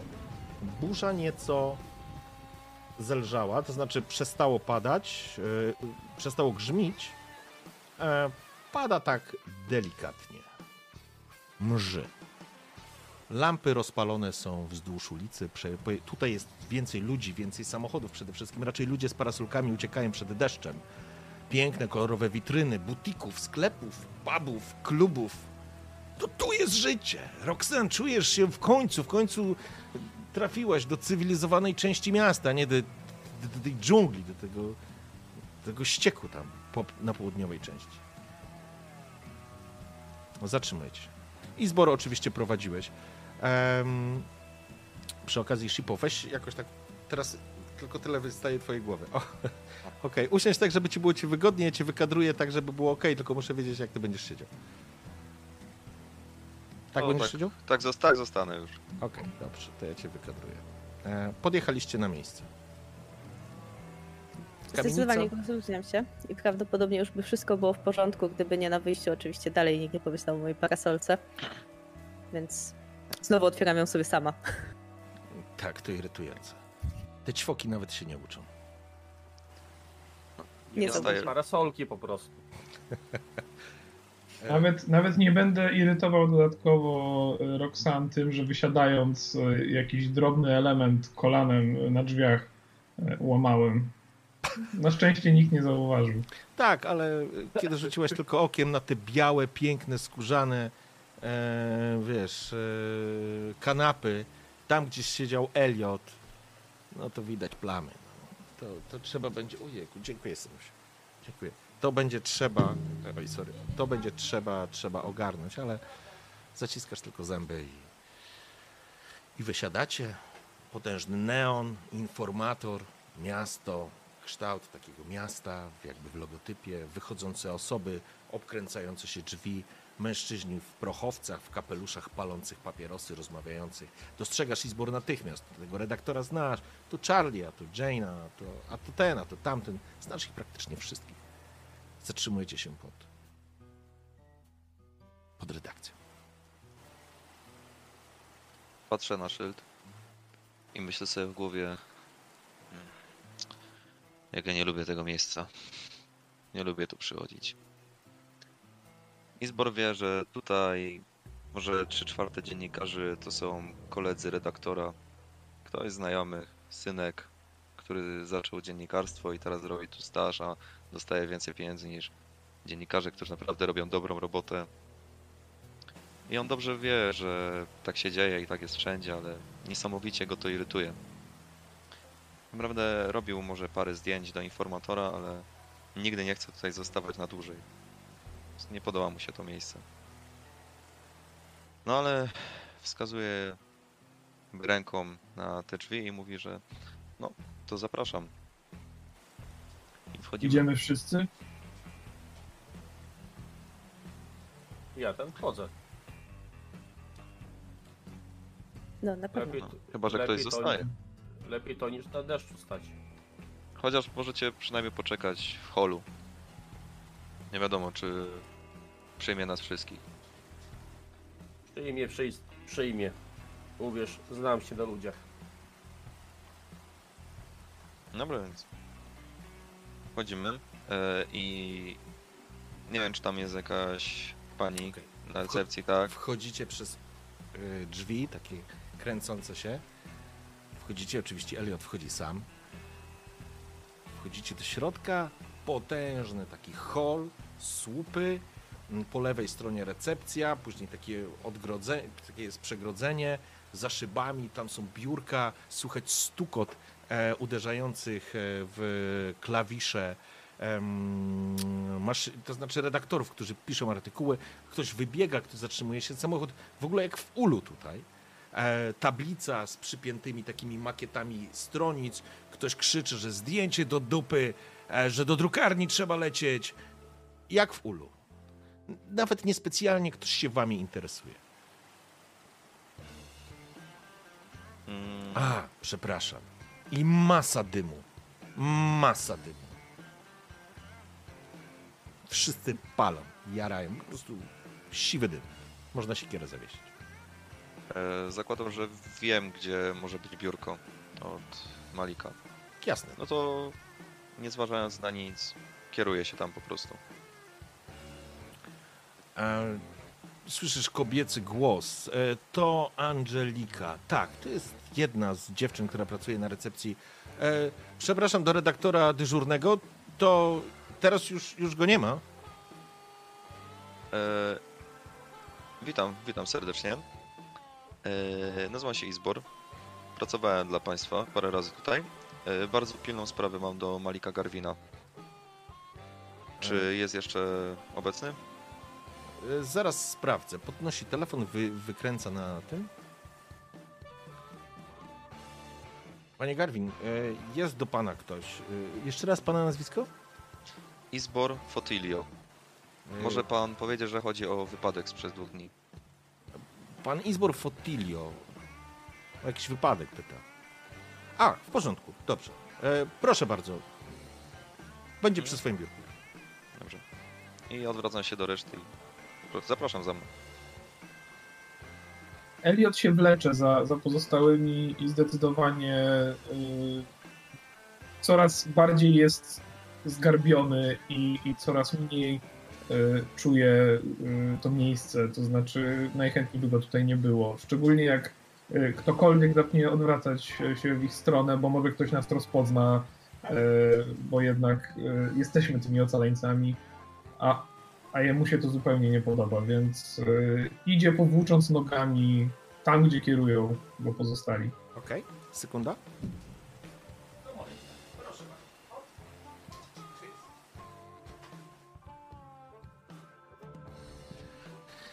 I Elliot, tak, zdecydowanie. Czujesz, czujesz, że zaczyna ci ciążyć to miejsce. Ci ludzie, krzyczący. Kurwa, nie wiesz, jak się nazywa prezydent tego miasta? Nie potrafisz napisać nazwiska? Kim ty kurwa jesteś? Stażystą? Czy chcesz pracować w dziennikarstwie? Czy chcesz kurwa przeładowywać kontenery? Jak tam kurwa południowcy? I spogląda się teraz na ciebie, wiesz, na taką górę po prostu mięsa i bladnie pan redaktor w tym momencie. I nagle, tak jakbyś chciał zniknąć stamtąd, Grey, ktoś krzycze: Hej, zaraz, to nie ci, co przeżyli z królowej Anny? I faktycznie to jest moment, kiedy wyjdziecie takim, wiecie, ciągiem między biurkami. I nagle redaktorzy różnego typu spoglądają się na was. Chwileczkę, przepraszam, czy możemy z wami porozmawiać? Y, Nigdy nie wydaliście jeszcze sz- oficjalnego oświadczenia. Y, I zaraz podchodzą do was. Eee, Z całą swo swoją powagą yy, zwracam się do nich nie teraz. Ale tylko słowo, panie Hauser, tylko słowo. Prosimy, jakim cudem przeżyliście? To niemożliwe. Pani Buff, co pani robi w takim towarzystwie? Czy trzymacie się razem teraz? Czy to jest Ja ważne? tylko unoszę rękę, brak komentarza. Y, I idę dalej. ja się A, odwracam do Nawet nie nich. spoglądam na nich. Mhm. Odwracam się do nich i mówię, że Od razu. E, błysk. E, błysk e, flesza. Grey. idziemy czujesz? rozmawiać. Moment. Już Mhm. chwila. E, w porządku. Jedna rzecz. Tak, nie Grey, tylko Fotilio. Mhm. Ten błysk. Uff. Czujesz kolejny. Uff. Ma- Masz wrażenie, jakby to było w takie slow motion. Takie wiesz, Mhm. wybuchają te e, ferie błysków i czujesz jakiś nieznany sobie, wewnętrzny, budzący się, podnoszący łeb takiego agresora, którego czujesz w sobie. Zaczyna cię to niezwykle nie irytować, to cię zaczyna wkurwiać i to i- dostrzegasz, myślę, że jak idzie Roxanne pierwsza, Elliot z pewnością jest ostatni, a Izbor próbujesz to ogarnąć, jesteś pewnie z przodu, więc długi, Mhm. ty dostrzegasz, natychmiast dostrzegasz, że Izbor, takie wszystkie te elementy takiej wściekłości gotującej się, zaciśnięte zęby, natychmiast rumieniec mu się pojawia na szyi. Widzisz, że niesamowicie szybko, niesamowicie szybko wszedł na obroty. Chciałbym, chciałbym go uspokoić. Chciał wyrwać jeden aparat w tym momencie, jednego z paparazzi. W porządku. E, Roxen przechodzi, wybucha, wybucha ten e, kolejny flash. Czujesz, że zaczynasz się gotować. Jeżeli chcesz, będziesz mo- możesz walczyć z Mhm. tym. E, E, jeż- to ja bym dał ci, żebyś sobie rzucił na zmierz, zmierz się z zagrożeniem i zobaczymy, Mhm. czy sobie e, czy sobie poradzisz z A czy tym. ja go Masz, jakoś uspokoić? Możesz próbować, a co byś chciał na niego wpłynąć? Możesz mu pomagać w jakiś sposób. Yy, więc e, tylko pytanie jak. E, Mam niespotykany autorytet i uspokajająca aura. Okej, w porządku. Albo uleczenie choroby nawet, jak to jakaś Nie, nie, choroba. choroba to nie, ale autorytet i aura uspokajająca może być ważna. Ja wiem, że to tak nie do końca działa, bo to byłyby relacje w ramach mechaniki, ale zostawmy sobie te relacje na razie z boku, e, bo może te relacje nam się pojawią naturalnie po tej sesji. Więc e, Izbor, e, czujesz i to nie jest twój gniew. Jesteście tego świadomi, jak czujecie te nie swoje e, emocje, ale Dugi, ty jesteś w stanie e, wpłynąć na niego, więc ja ci pozwolę dać na plus dwa, ale Izbor masz minus jeden ze względu na swoje agresywne zachowanie. E, o nie, jedziemy dalej. Pięknie, agresywny tłum. Zaczynasz e, czuć tych paparazzi. Oni dla ciebie zaczynają być tłumem. Dziennikarze przypychający się, zadający pytanie jeden przez drugiego. E, tak, Tomasz, wychodzimy na zero. I to jest Face Danger. Czy ja mogę jeszcze, e, bo to jest, e, ja, wal, ja, zagrożenie to jest jako paparazzi, czy to co we mnie siedzi teraz traktujemy ten rzut? E, ja biorę twoją słabość, agresywne zachowanie z twojego e, Jednego Metosa, jednego mobilności. Logosa. Mhm. Tak, z Mytosa i z Logosa. A czy mógłbym dodać sobie tak zanim, działać zanim coś się wydarzy? Dobre, dobre, okej. To Okej, masz na ja plus sobie- jeden. A czytanie w myślach jeszcze u mnie? Ale to mu Tam nie są bardzo pomożesz. burzliwe myśli, więc nie wiem czy chcesz. W, w sensie, w sensie, e, wiesz co, ale to możemy zrobić w ten sposób, że ty patrzysz na niego, próbujesz go uspokoić i nawet nie do końca wiesz, ale prostu masz wrażenie, że, w, że u niego w głowie zaczyna być sztorm. Jakiejś takiej niezwykłe, dziwnej, dzikiej agresji, powiedziałbyś zwierzęcej, nieludzkiej. I myślę, że ty to możesz odebrać, Dugi. Zdecydowanie jak masz to, ale to nie wpłynie na twój, na, na, na pomoc dla niego. E, ale Izbor, jesteś zdecydowanie, masz na plus jeden, więc rzucamy, zobaczymy jak Dobra, sobie rzucam. poradziłeś. No. I co tam wyszło? 9. 9. Dziewięć. Dostajesz status, ale minus jeden poziom. E, dobrze, dostajesz minus. Okej, czyli. W porządku. Jesteś w stanie opanować się, to znaczy nie wyrwiesz komuś tego aparatu, nie Mhm. zniszczysz tego aparatu, ale ta tej, tej, musisz dać upust tej swojej wściekłości. W jakiś inny sposób. Okej, Pytanie e, jaki? To zamiast wyrywać aparat, po prostu chwytam za ramię tego paparazzi przede mną i odpycham go bardzo agresywnie w bok i po prostu chcę iść dalej i mówię do nich, że będę rozmawiał tylko z Garwinem. Wypierdalajcie. W porządku. Nie przyszedłem tu do was. I to jest właśnie ta sytuacja. Elliot, ty jesteś. E, ty, Elliot, jesteś za nim tak naprawdę i dostrzegasz, że dostrzegasz e, Dugiego, który próbował Izbora. Izbor chwycił gościa, ten aż przygiął się, e, tak musiało go zaboleć, pojawił się grymas na jego twarzy i go po prostu odepchnął w ludzi i ludzie, wiesz, zaczęły się jakieś komentarze sypać, które niepochlebne w zasadzie. To szaleniec, może, może, może on zwariował. Co tam się wydarzyło? I znowu się zaczyna w ogóle ta tyrada, już może bez zdjęć, ale wy przechodzicie dalej. Elliot, ty zamykasz, nie ma chętnych, nikt cię nie próbuje złapać żeby, albo powstrzymać, żebyś się chwileczkę zatrzymał. Ale oczywiście... Szczególnie, że jak, jak zobaczyłem tą taką agresywną reakcję ze strony naszego paparazzo, to przeszedłem obok tych ludzi, odcinając nas tak naprawdę od nich, tak zamykając, zamykając tą naszą grupkę. Okej. Przechodzicie dalej. Skręcasz. Izbor wysporował się pierwszy, poprowadził was do osobnej sali, na której jest mniej biurek. Jest kilka dodatkowych drzwi z ciemnią i ty wiesz, w którym miejscu pracuje Malik. Malik jest ciemnoskórym facetem w sile wieku, mm, z krótko przystrzyżonymi włosami, z taką marynarką, ale taką strasznie rozchełstaną. Pod spodem ma koszulę, na koszuli, na koszuli ma kamizelkę z dziesiątkami miejsc na e, kieszonek. E, aparat stoi na, na środku, widać jakieś e, zdjęcia porobione, jakieś makiety porobione. Właśnie teraz wstaje, mm, jakby inaczej, on wychodzi z ciemni w tym momencie. Staje w drzwiach i spogląda się mm, na was, ale zdecydowanie w kierunku Izbora. Ha! Fotilo, a co ty tu, co ty tu robisz i to jeszcze e, w takim towarzystwie? Dobry wieczór, panno Roxan i pan Hauser i pan Grey.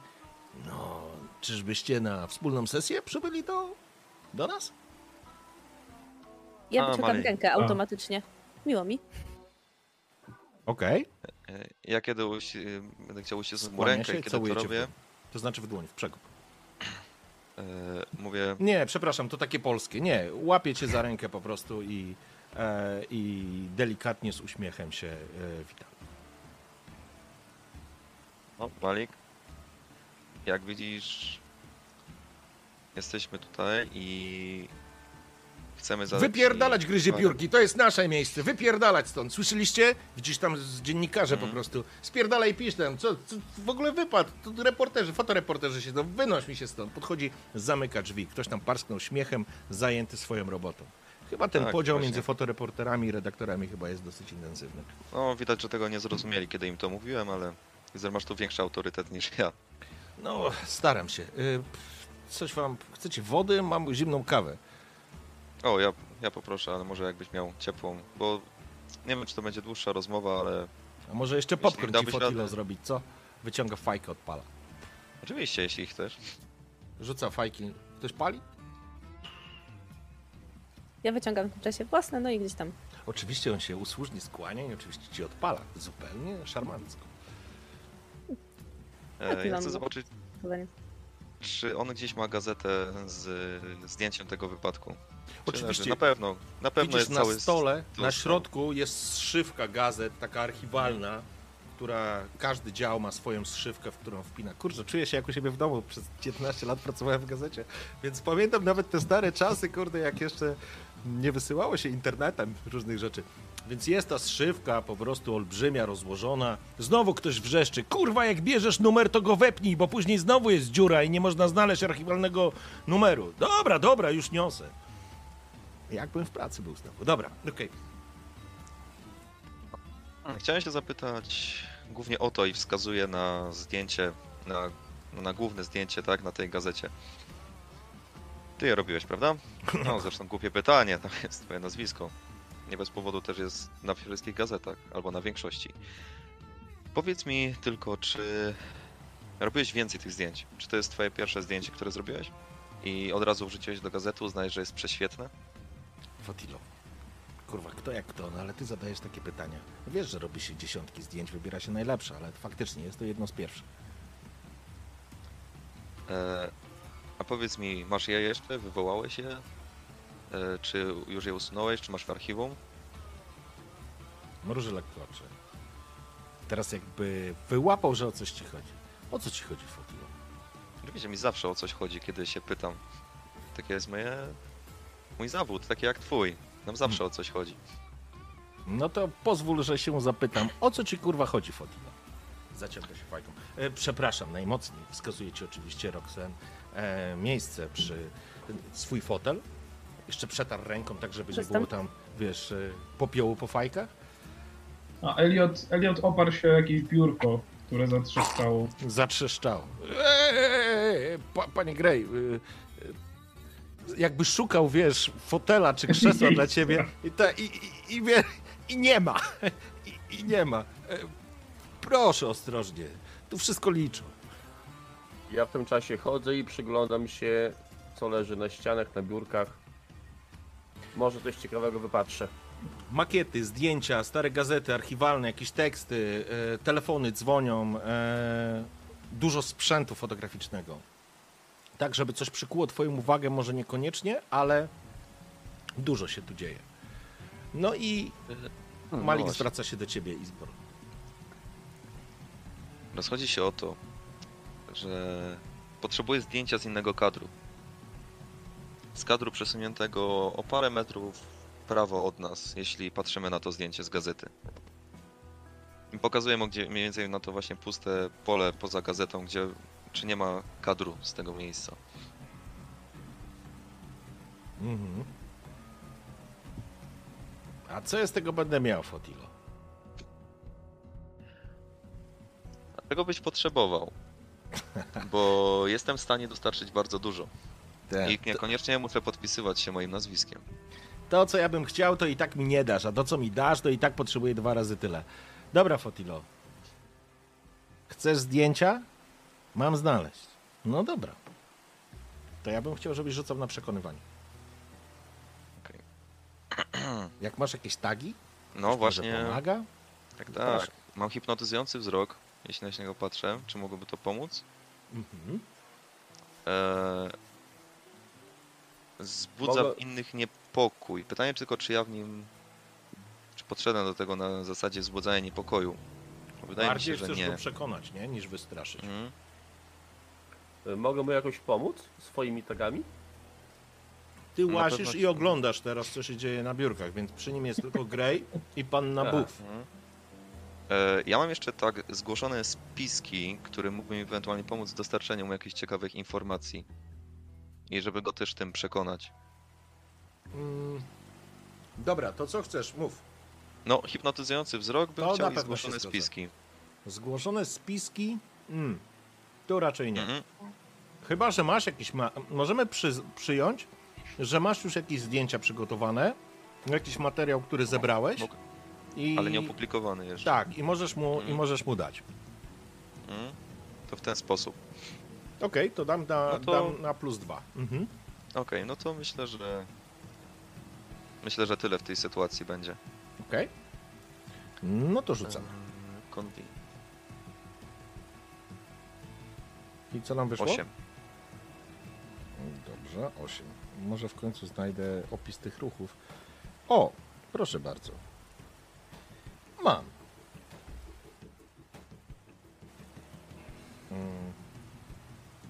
Ale coś tu. Czekaj, przepraszam, na chwilkę, bo.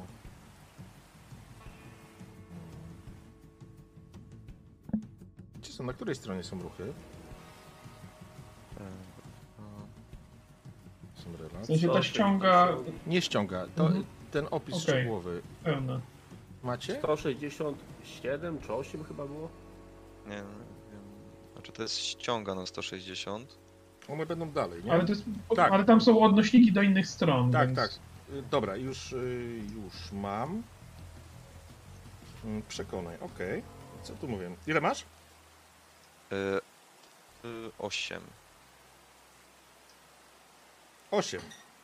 Czyli e, twój cel może przyjąć status lub e, ustąpić. Aha, bo tutaj jest jeszcze taka sytuacja, że w przypadku przekonywania ty możesz e, ty możesz e, Mhm. próbować, e, dajesz kij, krótko mówiąc, będziesz mógł nałożyć na niego jakiś status, jeżeli tego nie zrobi. Więc my możemy obrócić tą sytuację i na przykład możemy uznać, że on wykorzystał twoje zdjęcia kiedyś do Mhm. swojej pracy i podpisał się po prostu jako, że to jest jego, nie? I ty masz 8. Widzisz, że lekko się krzywi. Nie jest jakoś specjalnie zadowolony z tego, ale widmo tego, żebyś zrobił mu koło pióra, że pracował nie na swoich zdjęciach, tylko na twoich, gasi fajkę w e, popielniczce. Dobra. Nie będę przeglądał całego archiwum, ale zobaczcie to. Podchodzi do teczki, składa taki jakby klaser. Jest tam kilkanaście zdjęć w kopercie włożonych. Rzucać tę kopertę. Noszę i wyciągam to, co tam się znajduje. Nie całkiem, tylko na razie tak do połowy powiedzmy, żeby zobaczyć tylko kawałek. Okej, wiesz, wy- wysuwasz z koperty i Mhm. dostrzegasz, że są to faktycznie zdjęcia z, e, Okej. z tamtego miejsca, nie? Y, I tak chcę przeglądać i zobaczyć, czy znajduje się tam ten kadr, o który mi chodziło konkretnie. Okej, w porządku. E, zatem, czy tylko ty patrzysz, czy ktoś jeszcze patrzy? Ja tego jakby nie ukrywam, więc może ten, tak trzymam bardziej na dole, że można to zobaczyć ewentualnie. Ja podchodzę do niego w tej chwili, bo tego gościa w teorii pamiętałem przecież. Okej. Kto jeszcze? Nie, Elliot, Elliot cały czas obserwuje tę sytuację, patrzy. E, Nie jest tak e, tutaj bystry i rozglądający się jak, e, jak nasz doktor, ale patrzy po prostu na ręce Okej, spora. W porządku. Ja w tym czasie Mhm. chciałabym się natomiast przyjrzeć e, temu reporterowi. Na zasadzie ocenić jego wartość. Któremu? Eee, E, temu Malikowi? Co wam Mhm, te zdjęcia dokładnie. Tak, tak. Jakby ocenić, jak wartościowym jest człowiekiem na zasadzie tutaj. E, Jak wpływowy może być. dał? Słuchaj, wiesz co? e, Z tego, co gdzieś tam rzucił Fotilo, on nie jest tutaj jakąś e, taką figurą wynikającą z, z hierarchii, ale z pewnością Malik Garvin jest jednym z najlepszych fotoreporterów w mieście. Więc e, można go nienawidzić, ale jego zdjęcia to prawdziwe dzieła sztuki. I chociaż Fotilo nigdy się do tego nie przyzna, to zdecydowanie konkuruje z nim. I jest dla niego w jakiś tam sposób wzorem. Nawet nie o to chodzi on jako człowiek, tylko on jako fotograf, jako fotoreporter. Potrafi się faktycznie znaleźć w miejscu o właściwej porze i o właściwym, wiesz, właściwym miejscu we właściwym czasie i zgarnąć świetną fotę. Okay. Zakładam, że dla informatora jest tutaj cennym pracownikiem. Wartościowym. Prawdopodobnie tak. Zresztą często używałem z jego, jego zdjęć. Podpisuje Na się MG, więc e, często widać taki, taki tag pod zdjęciem. Na ten moment to mi wystarczy, póki co go tylko obserwuję, ale widać, że y, uważnie. Okej. No, kiedy tylko zwracasz na niego uwagę, Malik natychmiast olewa w ogóle Fotilo i całą resztę. E, podchodzi. E, Panno Buf, jakoś mogę pani pomóc? W czymś mogę pani pomóc? Wydaje się być pani taka nieco zagubiona. Zdecydowanie tak. Otóż y, nasze przybycie tutaj jest zdecydowanie niecodzienne.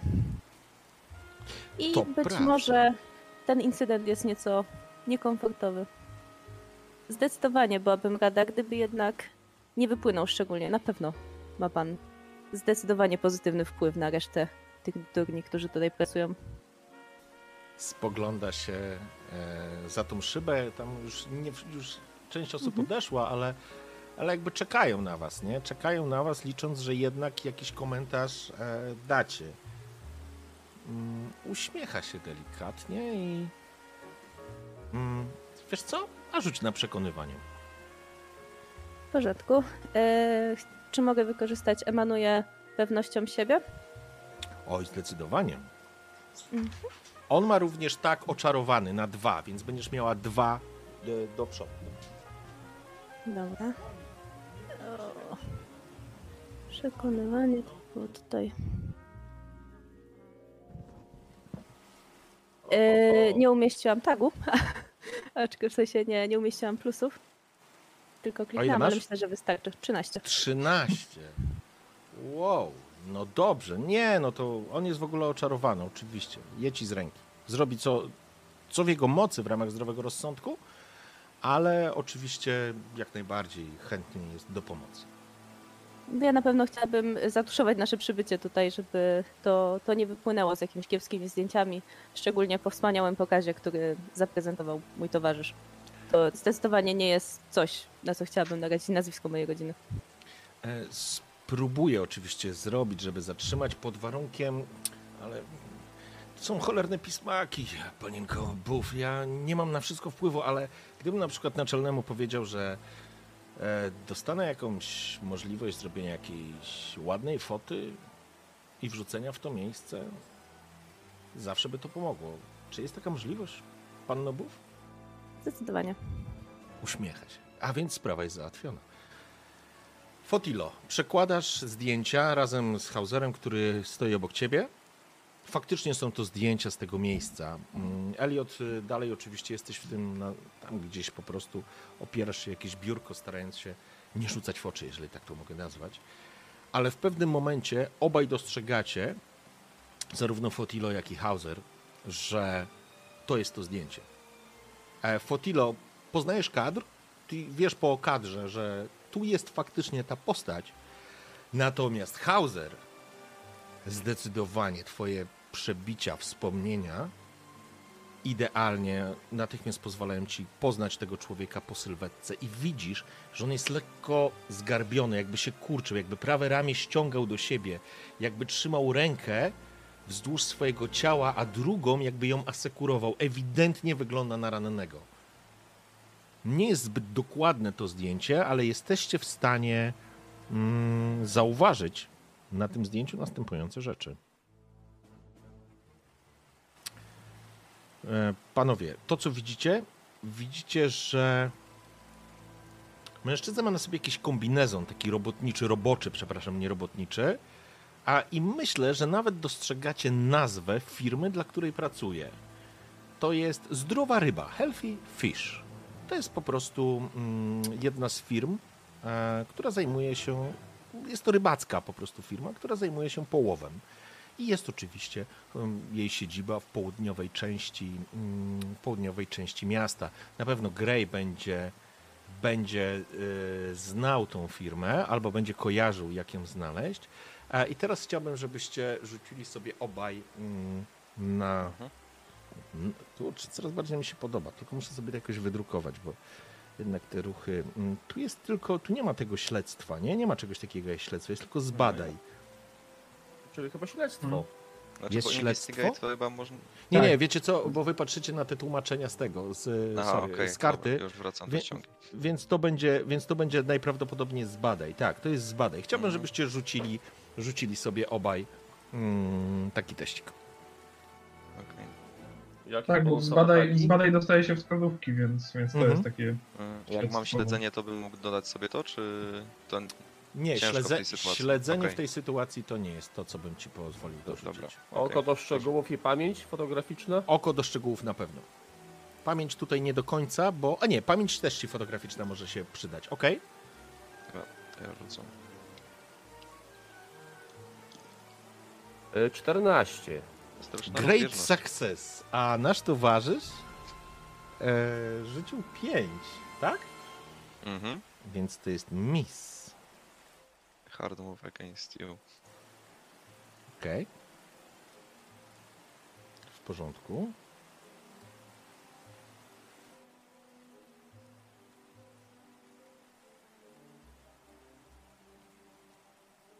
Ok. Przyglądasz się Izbor. Starasz się jakby wyłapać więcej szczegółów. To, co powiedziałem, oczywiście dostrzegliście obaj, ale czujesz, że dopada cię to, to, co znasz, czego nie lubisz, szczerze mówiąc, ale kurwa, masz wrażenie, że straciliście czas tak naprawdę. Nic. Okej, jest jakiś gość. Okej, healthy fish.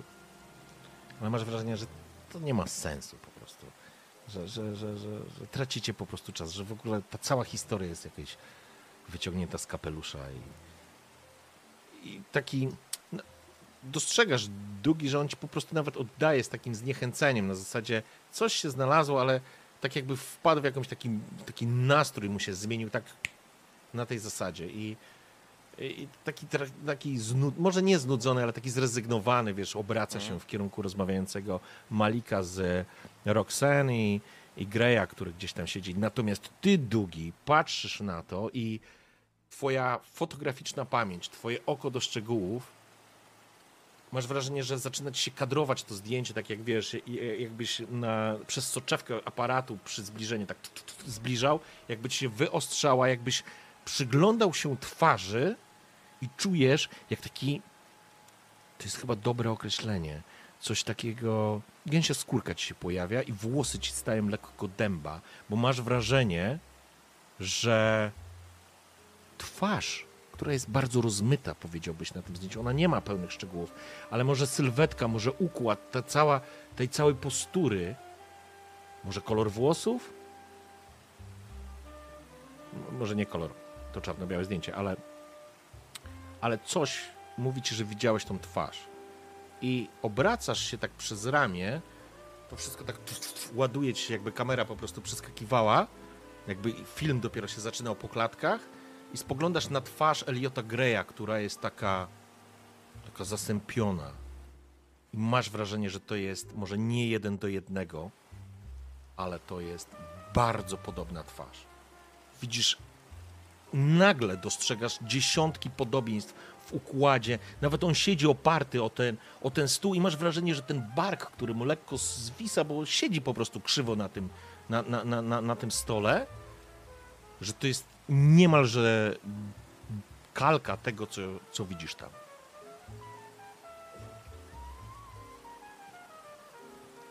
Robię takie wręcz y, wow. Się po chwili od razu uspokajam, y, patrząc czy pozostali nie zwrócili na to po prostu uwagi. Na to moje trochę dziwniejsze zachowanie. Roxen rozmawia, Izbor się obrócił, taki zrezygnowany. Może Elliot, może Elliot. E, Zobaczmy Elliot. E, Na, na zbadaj, zobaczmy, czy po prostu coś zauważyłeś. Ja wiem, że nawet się nie starałeś, ale tu chodzi raczej o to, czy Po pierwsze się nie starałem, po drugie mm, Elliot nie jest e, najbardziej spostrzegawczy i, najbardziej nie, nie szuka czegoś w różnych sytuacjach, więc jeśli czegoś, jakiegoś tagu nie ma w, w tej sytuacji, to, to po prostu tak robi czysty rzut. Okej, e, to rzuć na czysto. Na minus jeden rzuć. Skoro nawet nie zwracasz uwagi, to tak, na Dobra. minus jeden rzuć. Zobaczmy. Pięć, okej. Absolutnie nic nie zauważyłeś. Hard move. Nie, to Y, mamy. To ja zabieram to zdjęcie, Mhm. jeżeli mogę. A wiesz co? Nikt nie patrzy na ciebie w tym momencie, więc możesz je po prostu pożyczyć. Y, To delikatnie chowam do jednej z kieszeni płaszcza. Mhm. Y, Okej. I zwracam się do innych. No to chyba nic tutaj niestety nie, nie znajdziemy z tego, co nas interesowało, więc y, proponuję opuścić to miejsce, bo strasznie dużo ludzi na nas się gapi, a tego nie lubię. E, Malik obraca się, Jasne. oderwał, oderwał wzrok i jakby uwagę od Roxanne. Obraca się, nawet nie zauważył, co się stało absolutnie. A... I co, Fotilo? Załatwione? Wszystko jest ok? Tak, Ale- załatwione. Ale między nami już jest Między- równo. Zawsze było, nie? Uśmiecha się. Jak w tym biznesie. E, Panno Roxen, e, pozwolę sobie odezwać się na początku przyszłego tygodnia, żeby ustalić jakąś datę sesji. W porządku? Zdecydowanie. E, głupio to zabrzmi, ale wiem, gdzie pani mieszka, także na pewno trafi. Nie jestem zaskoczona. Uśmiech, e, ale oczywiście e, chodźmy, wyprowadzę was z e, innym wyjściem. Dziękuję.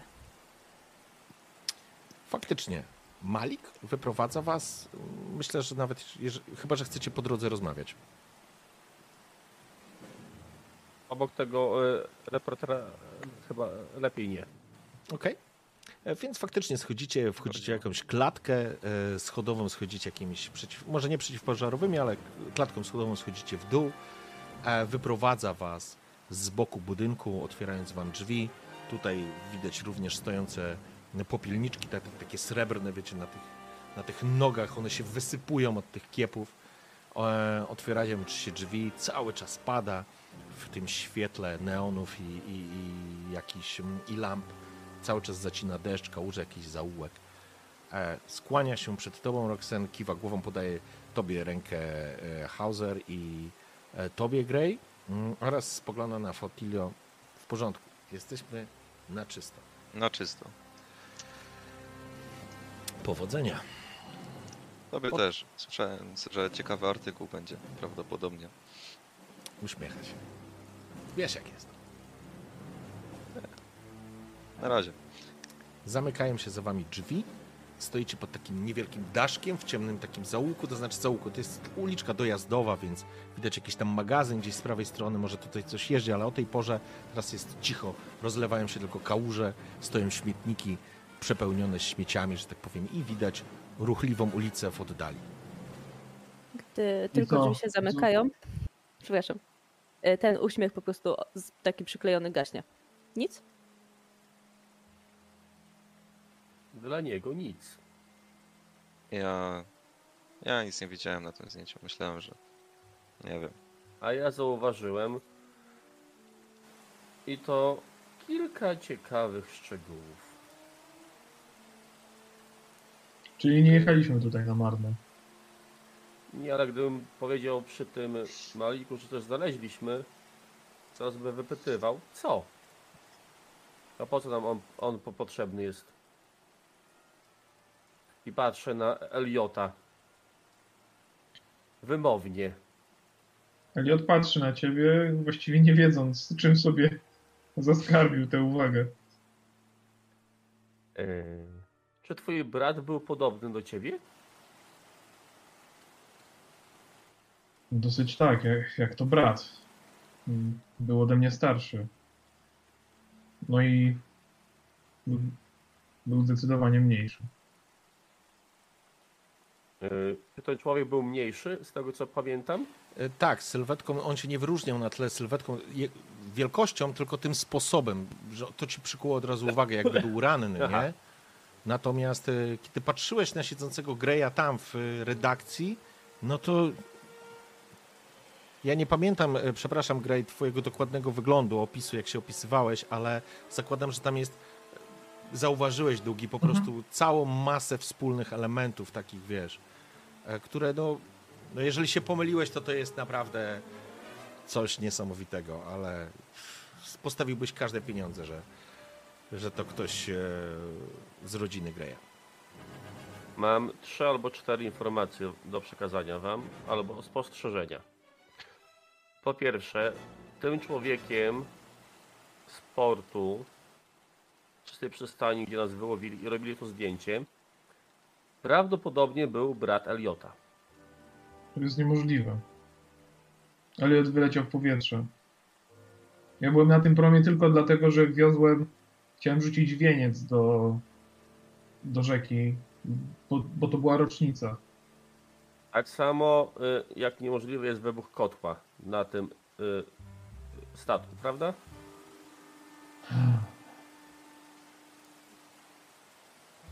Ale jeszcze to możemy potwierdzić. Potrzebuję odrobinę Twojej y, krwi do badań. Ale raczej to nie będzie problem. Ponieważ coś mi mówi, że ta krew, którą mam w kieszeni, może należeć do, do Twojego brata. A wtedy, porównując to, będę Elliot, mógł to potwierdzić. Przepra- przepraszam, Dugi, wchodzę ci w, w słowo, bo to się dzieje u Eliota. Dwa, drugi raz. Że twój brat żyje, że to krew twojego brata. Co on pierdoli? To jest, wiesz, e, ty masz niedostosowanie społeczne, które, e, które pozwala ci reagować w sposób niekonwencjonalny. Każda inna osoba mogłaby szukać jeszcze, wiesz, jakichś, jakiegoś buforu, marginesu, który by pozwalał ci okiełznać, po, poradzić, o inaczej, poradzić sobie z rodzącymi się emocjami, które gromadzą się w tobie w tym momencie, wiesz, tak, on podbija, on nawet nie ma tej świadomości, on w tym momencie opowiada, jest czymś zaoferowany, ale w tobie to tak, wiesz, pum, pum, jakbyś, Tak, wiesz, Elliot, Elliot złapał się za głowę, jak, jak e, on kontynuuje e, i widać tak, że, że on się trzęsie, to znaczy, że zaczyna dygotać na, na całym ciele. E, To ja te objawy szybko zauważam i po prostu e, stopuję swoje dalsze opowiadanie, bo widzę, że musi się uspokoić. Myślę, że wy wszyscy teraz zauważacie e, na Eliocie, że on trzyma się tymi swoimi rękoma głowę, on próbuje się uspokoić i dostrzegacie, jak jego skóra na dłoniach i na twarzy zaczyna przybierać trochę inny kolor i fakturę. Jak to wygląda, Eliot? No, mm, nie wiem jak bardzo y, zaawansowany jest, zaawansowana jest to zmiana, ale Po, ona, ona ona się zaczyna- objawia, ona jeszcze nie jest tak, finałowa. tak, więc tak, więc, więc y, po pierwsze szarzeje. My jesteśmy w dosyć ciemnym miejscu, ale widać, że, że ona y, zmienia swój kolor właśnie na taki całkowicie bezbarwny, kamienny i pojawiają się takie popękania, tak jakby faktycznie był rzeźbą, a nie, y, a nie ludzkim ciałem. Po raz pierwszy coś takiego widzicie i teraz spoglądacie się po prostu na, na Eliota, który chyba nie jest świadomy tego, co się dzieje, chociaż ty czujesz znowu tą obecność tego czegoś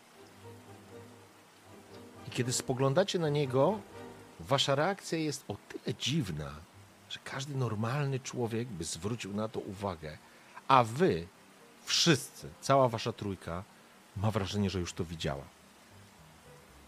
I wiecie, co się będzie działo dalej, jak ta jego skóra będzie się, ten kolor, ta faktura będzie się zmieniać, coraz bardziej upodabniać do, do takiej kamiennej skóry, do jakby takich płyt, które go pokrywają w pewnym momencie.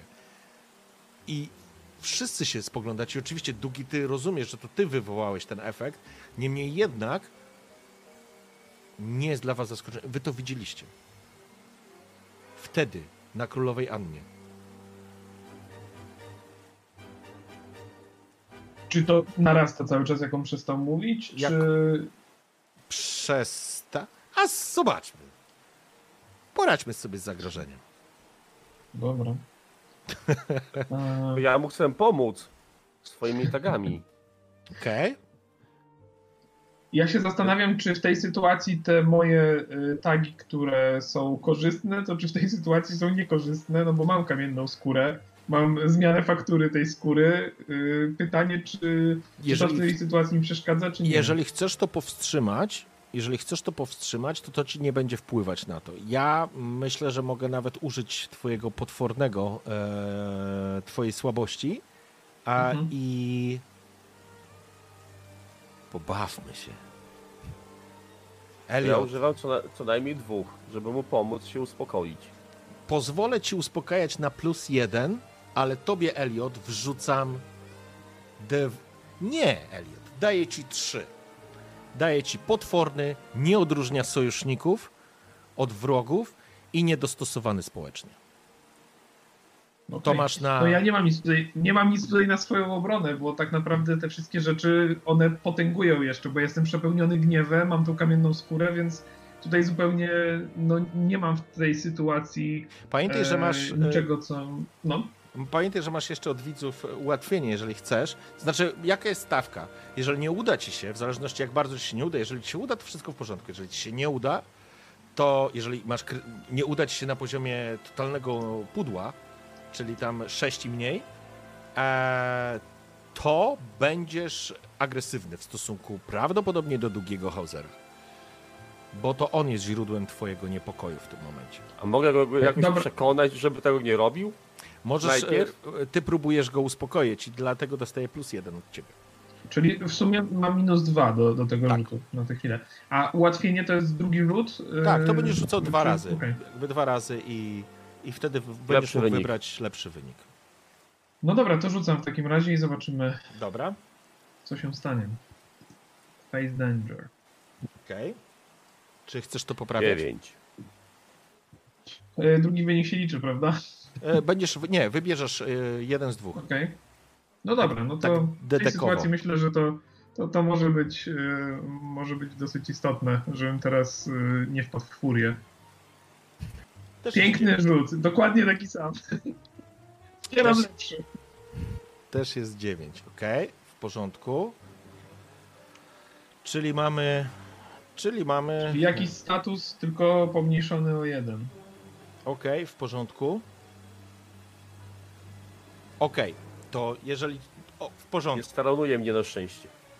To dochodzimy do takiej sytuacji. Widzicie, jak Elliot, jego sylwetka po prostu rozrasta się. Widzicie, jak po prostu jego całe ciało zamienia się w tego kamiennego e, tytana, behemota. Jego twarz zaczyna się. Właściwie to ty opisz, Grey, jak wygląda. Jedna rzecz, która ci się udała.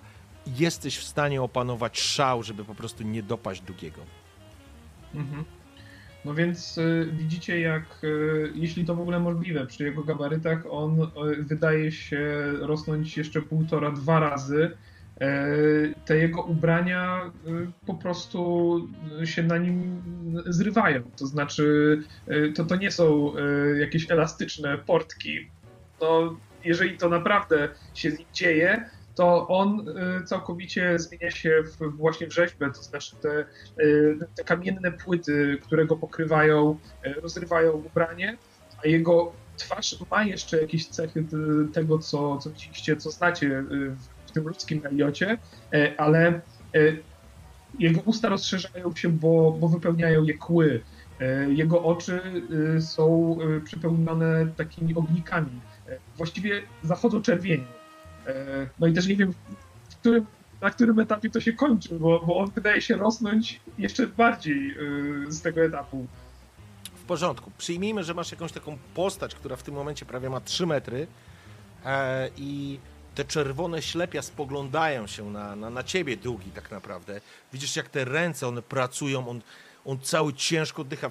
Wszyscy to widzicie tak naprawdę, stojącego e, w, z boku, który właściwie, on nawet nie wiedział, że ukruszył kawałek tego daszku, który był nad wami, po prostu zerwał go rosnąc. I, i on, jego, jego płuca pracują jak miechy, on stoi jak, ty, jak tytanowa figura, spogląda się na ciebie długi, ty patrzysz na niego, widziałeś go, mieliście, macie wrażenie, że widzieliście go na tym statku w takiej formie, ale teraz wygląda na, na, na wściekłego. Ale chyba udało ci się, Elliot, opanować. Udaje ci się opanować to, że nie wyładujesz na nim swojej agresji. Albo pokaże ci dowód, albo po prostu niech, niech zamknie się, nie? Bo ty już opłakałeś swojego brata wielokrotnie. Ten głos, który się wydobywa z krtani, to jest taki właśnie głos yy, już zupełnie nieludzki, warkliwy. Yy, I o ile Elliot warczy cały czas yy, to i tak odwarkuje, to, to tutaj jest taki dudniący ten głos. Skąd to wiesz?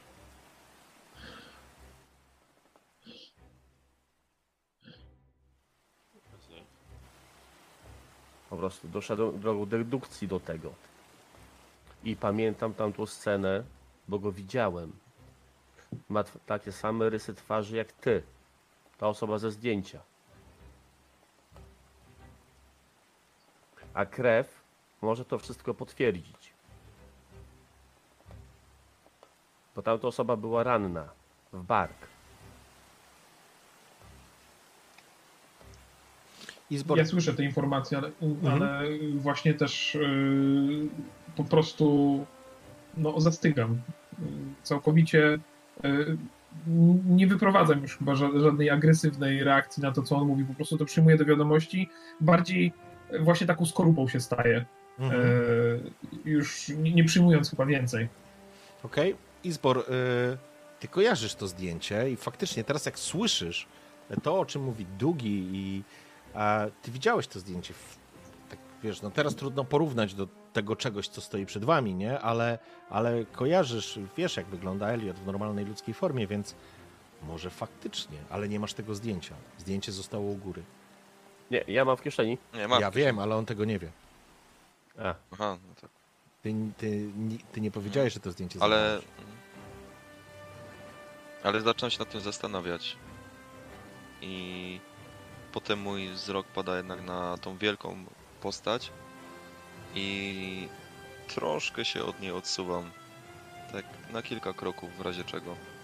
I podchodzę do, do doktora. Eee, czy, czy musimy iść po to zdjęcie z powrotem? Trzeba jednak wziąć od niego to. Żebyśmy mogli to zobaczyć. Oszalałeś? By się pytał, po co nam teraz? A tak się składa, że mam je w kieszeni. Tego nie wiedziałem, ale planuję bardzo za uczynek. Roxen? Mogę je, zo- mogę je zobaczyć? Yy, Dodaję mu Mhm. to zdjęcie. Wyciągam z kieszeni. Proszę bardzo. No to rozkładam i patrzę i porównuję sobie z, no, z tym, jaki Elliot był wcześniej. Okej. To Roxen, ja jeszcze tobie po Sek- prostu sekunda, pokazuję. Moment, bo w tym momencie rozmawiacie i przekazujecie to zdjęcie. Roxen, co będziesz robić? Ja przez całą sytuację stoję taki, w trochę takim impasie, jakby w gotowości, napięta jak struna, jednocześnie kłócąc się z sobą mentalnie, czy jestem bardziej przerażona, czy wkurzona na całą tą sytuację. Bo Mhm. stoimy tutaj jak kołki, w deszczu, ci coś odwalają, jest jakaś paranoja. E, Ale zajkam z, e, właściwie zainteresowana tym zdjęciem, no bo jak o to wszystko się rozchodzi, także. Okej. Elliot, jesteś w stanie zapanować już teraz nad, nad tym czymś. Spoglądasz i dla ciebie też to jest nowe, ale nie zaskakujące. Masz wrażenie, że to coś jest elementem e, ciebie od wydarzeń na Królowej Annie. Przepraszam, ale znowu jestem bardzo popularny na YouTubie i na, przez wszystkie seks kamerki i tak dalej. I wszyscy tam Wszyscy chętnie e, reklamują jakieś gówna na tym, na streamie. Muszę to wywalić. Co robicie? E, przez wszystkie sekcje. Ja po prostu pokazuję Wszyscy- palcem te szczegóły i omawiam. Eliota i jego brata po kolei, co zauważyłem. Żeby mi to wy, wypunktować po prostu.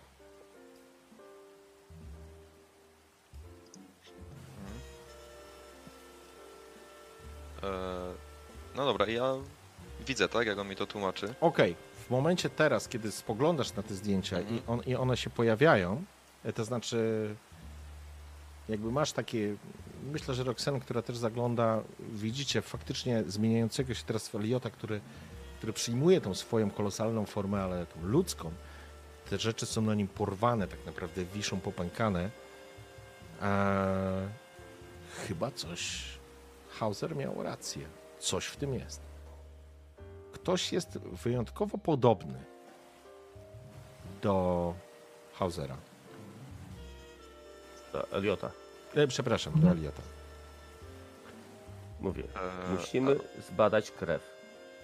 Nie wiem czemu, ale mam przeczucie, że to jest krew tej osoby ze zdjęcia, bezstranna. Czy chcesz zobaczyć Grey to zdjęcie? No właśnie, ja y, na początku spojrzałem w dół na te podarte ciuchy, ale y, jego wszystko Greya jest na, na tyle wydatne, że tutaj nawet jeżeli coś się stało z tą dolną częścią odzieży, to, to po prostu się tym nie przejmuje. Podchodzi i jeśli oczywiście uda mu się sięgnąć po to zdjęcie, to chce je wyrwać i spojrzeć. Chce się przekonać na własne oczy, czy, Okej. czy on po prostu nie pierdoli głupot. Dajecie mu zdjęcie? eee, jak sięga po nie, to mu przekazuję. W porządku? I to Sięgasz samo po... kolejny raz tłumaczę po kolei, ja- jak chcę. Kiedy Elliot chwytasz to zdjęcie, spoglądasz się na nie, dla ciebie potrzebowałeś momentu. Czujesz, jak teraz faktycznie zamieniasz się w statuę, ale nie dosłownie, tylko wewnętrznie, emocjonalnie. Patrzysz na zdjęcie i chociaż ono nie jest w 100% wyraźne, to, to masz wrażenie, że to stoi twój brat. Jak on miał na imię? Adam. Na twoje to jest Adam. Ubrany w robotniczy taki kombinezon firmy Zdrowa Rybka. Healthy Fish. To, to, to zdjęcie po prostu wciskam, wciskam e, w rękę Dugiego, tak przyjmując to do wiadomości, ale, ale zupełnie nie, nie wiedząc, jak sobie z tą wiadomością poradzić, z tą informacją. Jeżeli To to jeszcze- prawda, to To jeszcze Mhm. chcę Eliota e, dopytać, a gdzie pracował twój brat? Nie pracował tam, nie słyszałeś, żeby pracował tam. Zresztą Tak, ty wiesz, gdzie wiem. on pracował. Mój brat na pewno nie pracował w zdrowej rybce, ale czasami zdawało się, że woził niewygodnych klientów i zostawiał ich w rzece. Pracował dla włoskiej mafii. I on to mówi tak, jakby to był, jakby opowiadał po prostu zwykłą historyjkę. Mhm. Zupełnie nie patrząc na to, jak oni mogliby zareagować na taką informację, prosto z mostu. I kiedy pada informacja o włoskiej mafii, dla każdego z was, dla, ka- dla, ja, dla wszystkich e, was jest jasne, natychmiast pojawia wam się przed oczami mm, rodzina Micheletów. I człowiek, który stoi na jej czele, nazywa się, mówią na niego tak naprawdę, Padre Leonardo. Jest duchownym który zarządza rodziną mafijną. Każdy z Was w jakiś sposób znany sobie rozumie, e, o czym mówi, bo ma jakąś wiedzę na temat tej rodziny. Bezwiednie zaciskam rękę na wisiorku. Sztywnieję na chwilę. No ja staram sobie przypomnieć, e, czy pisałem kiedyś artykuł, może chciałem się dowiedzieć czegoś o tej rodzinie. Być może tak było, ale był ciężki dostęp, że tak powiem. Nie na moje. Nie na moje progi, że tak powiem. Za Mhm. wysokie progi były dla mnie. A ja tylko przeliczam, ile im jestem jeszcze winny w głowie swojej. Masę. Znaczy, masz, masz nadzieję, że, że, że, że, że już niedługo, nie?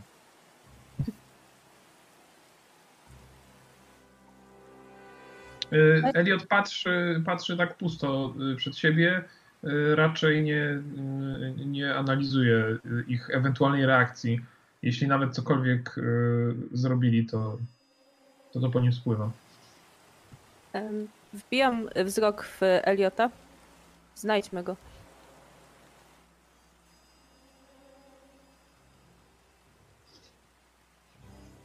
Kogo? Jego brata. Jego brat zginął w wypadku. Mój magicznie brat jest na stoi na zdjęciu. Czy. Ja. No, ja pewnie słyszałem o tym wypadku, wszyscy słyszeli, tak? Był jakiś ten popularny, czy. Tak, doszło do jakiejś e, Obiło się jak gdzieś tam. eksplozji gdzieś. Myślę, że tak, ty, ty, ty możesz połączyć te Mm. fakty, nie?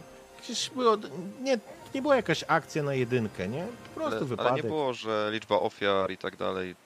nie, nie, nie, nie. To, Była, to była pojedyncza łódka y, i on był tylko na tej łódce i ona wyleciała w powietrze, więc y, tam nie było więcej ofiar. To, to był jedna, jedyna osoba. Mhm. Przynajmniej z, według wiedzy Eliota.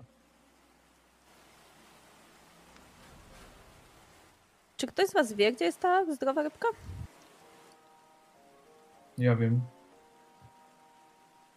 Wyśmienicie. Możemy się, tam, miejsce. możemy się tam udać. Pamiętajcie, że rano prawdopodobnie ktoś zajmie się tym wrakiem. A zdrowa Ja bym będzie stała. Przedtem y, pojechał do laboratorium i tą krew zbadał dokładnie. Co ona nam powie. I twoją też. Daleko to, daleko to laboratorium? Daleko? Wiesz co, ja myślę, że laboratorium jest rzecz jasna w południowej części, więc to by nawet pasowało. Jest gdzieś ukryte, w, to znaczy ukryte, jest gdzieś oczywiście w małej Italii. I tak, to jest, to jest powiedzmy, może nie po drodze, ale, ale tak czy siak, ty musisz się tam zjawić, Dugi. I masz robotę do wykonania. Odrzućcie mnie do la laboratorium. Ja się z tym szybko uwinę. I gdzieś się spotkamy za kilka godzin. Co wy na to? Za kilka godzin będzie już noc. Jak się nie A mylę. co, to, a co za kłopot? Pracować w nocy? Chcemy się chce wyłazić po tym braku w nocy? Jest opcja, że będzie mniej oczu na nas patrzyło. I tak jest, będziemy tam nielegalnie prawdopodobnie.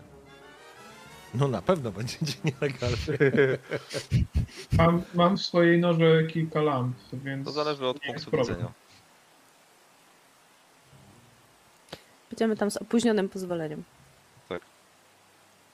Ja Okej. myślę, że skoro jedyną, jedyną rzeczą, która tak naprawdę może zniknąć, tak, do której nie będziemy mieli dostępu, jest wrak, to powinniśmy się tam udać najpierw. Chyba, że im dłużej krew jest zaschnięta, tym ciężej wykonać te badania, ale to musisz mi powiedzieć to.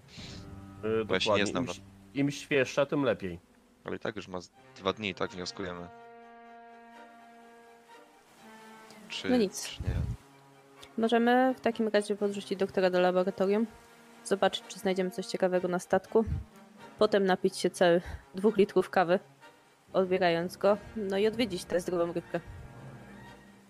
Ewentualnie tutaj zdrowie rybki pojedźcie najpierw. W nocy? Nie sądzę, że ktoś tam Jeszcze- pracował. Jeszcze nie ma nocy. Jeszcze nie ma nocy, Jest, a w nocy na że- statek. Myślę, że było gdzieś 15, 16, teraz jest gdzieś koło 18, natomiast Elliot, ty zdajesz sobie sprawę, że to jest po prostu yy, firma, która ona działa, może nie to, że 24 na dobę, ale tam jest kilka zmian i No tak się właśnie spodziewałem, że to jest, jeśli to jest przetwórstwo rybne, to tam cały czas y, ktoś może być. No dobrze. To jaki plan jest? Powiedzcie mi tylko i zrobimy sobie przerwę higieniczną. Plan jest taki, że doktora. doktor, E, Ale wcześniej od Eliota krew biorę. to może już laboratorium. No tak. Mhm. I potem... Chcesz Wątpię, długi- że, że tam chcesz- byśmy, właśnie, Chcesz, żebyśmy chcesz wleźli. Dugi wprowadzić Eliota do laboratorium? Yy, nie. To może Żaden. być kłopotliwe. Obstawiam, że ma, że znajdę jakieś szkło po prostu, jakąś szklankę. Wiesz co, ja zakładam, że ty możesz mieć jakąś torbę swoją, wiesz? E, To z, jakimiś, z jakimiś takimi, taką lekarską, z jakimiś elementami, z jakimiś narzędziami, czy strzykawką, którą, którą po prostu możesz pobrać próbkę krwi i tyle, nie? To mówię do Eliota, siadaj tu i wyciągam szybko rzeczy. Boisz się i- igieł czy nie? Ja patrzę tak na niego, tak, ale, ale też patrzę na swoje ręce, które jeszcze wydaje mi się, że mają resztki tej kamiennej takiej faktury i, i w tym wzroku jest takie powodzenia dla igły. Nie, oczywiście, jeżeli masz na sobie tą fakturę cały czas kamienną, to absolutnie nie jesteś w stanie się przebić em, igłą, ale zakładam, że jeżeli chcesz się faktycznie pobrać i ty nie masz, Elliot, nic przeciwko temu, to, to Dugi pobierze krew. Ja się zastanawiam, czy w sensie dla, dla y, Eliota y, to jest w porządku. Zastanawiam się, czy jego, y, jego druga osobowość, która za wszelką cenę chce się chronić i być całkowicie niedostępna dla zewnętrznego świata, czy pozwoli na to. To bardziej w ten sposób się zastanawiam, czy, czy ta igła to jest wystarczające naruszenie y, tej integralności, czy, czy po prostu jakby to nie jest szkoda dla, dla mojego ciała, więc... Ja uznam, że nie masz pojęcia, co on może wyciągnąć z krwi, z wiedzy z krwi, więc e, jakby na tym poziomie świadomości niekoniecznie możesz wiedzieć, e, widzieć, zagro- poczuwać zagrożenie, bo igła jako igła nie jest absolutnie elementem, który wzbudziłby twój strach. Być może gdybyś miał pełną świadomość, co on może z krwi wyciągnąć, to, to może byś potraktował to jako, jako jakieś niebezpieczeństwo, zwłaszcza, e, ale z drugiej strony to może być również część odpowiedzi na pytanie, co jest twoją słabą stroną. Wiem, bo tu jest tak naprawdę pytanie, czy, czy chronię swoje słabe strony, czy chcę się dowiedzieć czegoś na temat brata.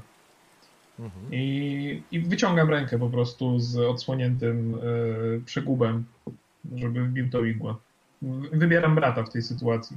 Okej, e, dobrze, faktycznie, bo tu mamy faktycznie jeden fajny element, który się pojawia. E, to żeby było trudniej. W porządku. Siedzisz, Elliot, podwijasz tą, podwijasz ten poszarpany rękaw, widzisz, że masz tą kamienną skórę jeszcze, ale to dziwne, bo wiedziałeś i czułeś, że już jej nie było że, że, że wróciłeś do normalnej postaci i kiedy Dugi wyciągnął strzykawkę, spoglądałeś na igłę i ona absolutnie nie wydawała się dla ciebie groźna, ale gdzieś na poziomie swojej osobowości zacząłeś e, słyszeć taki warkot, taki, taki gardłowy, gardłową niechęć, wrogość w stosunku do tego, na zasadzie, że nie zgadzaj się, nie? Że, że, że ty faktycznie jako Elliot możesz nie rozumieć, co on może wyciągnąć z krwi, natomiast ty jako behemot nagle rozumiesz albo dochodzi do ciebie, że to jest nie do końca bezpieczne, że to jest być może się odsłonisz i, i dostrzegasz Dugi, jak natychmiast ten jego przegub zamienia się w taką kamienną skórę. Z drugiej strony Grey patrzysz i widzisz swojego brata na tym zdjęciu, które jest lekko pogięte w, drugiej ręku, w drugim ręku i podejmujesz decyzję. I oczywiście to jest decyzja, kiedy Dugi próbowałeś pierwszy raz, ta po prostu igła się wygięła, tak po prostu się wygięła, jakby się, wiesz, ona może nawet pękła, nie? E, zakładasz drugą, widzicie jak Elliot jakby sam ze sobą walczy, te krople potu, a może to deszcz spływa na jego twarzy, ale okej, okay, w porządku. Pozwa- e, wybierasz ostatecznie swój logos, e, więc zaznaczasz sobie na, na, na, na, na twoim, co jest moją słabością, zaznaczasz sobie Fate Crack. Czyli, czyli zatracenie. Tak, zatracenie, a uwagę mhm. chyba zaznaczasz wtedy na tym, na, na, na tym drugim. Tak mi się wydaje. Nie, chyba tam się. Chyba nie, bo uwagę o. się zaznacza wtedy, kiedy się wykorzystuje tagi. Tak, i to rozwija, masz rację. Więc... Okej. Okay. No, no, no. W porządku. Więc Ale nie, teraz tylko i wyłącznie jest pęknięcie, to, zatracenie na, mhm. na mytosie. E, Dugi pobierasz krew. Roxen i Izbor, co robicie w tym czasie? obserwującym. Zakładam, że przenieśliśmy się do samochodu w ogóle. Więc ja czekam, aż oni skończą, żeby móc zgłuszyć. Czy tam, nie wiem, czy już jesteśmy pod tym, pod tym laboratorium. Tak czy okay. siak z tym kierowcą. Dobra, czyli rozumiem, że plan jest teraz taki, że jedziecie zostawić e, Hausera w e, Małej Italii, a później gdzie jedziecie? Do Małej Rybki? E, małej, e, Zdrowej Rybki? A potem po, po mnie przyjadą za jakąś godzinkę, dwie. Okej. Okay. Ja, w, ja w międzyczasie... Pojedziemy do wraku. Ja w międzyczasie w moim notatniku e, zapisywałem e, ciekawe rzeczy na temat wnętrza tego auta. E, domyślę, chciałem się ten, tak mniej więcej zorientować w późniejszym czasie, ile ono mogło kosztować. E, myślałem sobie nad artykułem, jak żyje, żyją ludzie bogaci w stosunku do tych biednych, żeby wzbudzić jakieś kontrowersje wśród ludzi. Tak, natychmiast no nagłówki ci się pojawiają, że niedawno w Tak, już, ja już mam to wszystko tej, przed oczami. Tak, w tej w, w, w, południowej części była, była zbiórka publiczna na, na odrestaurowanie jakiegoś sierocińca. E, gdzieś jakieś skrzydło szpitala starego było remontowane, nie ma pieniędzy.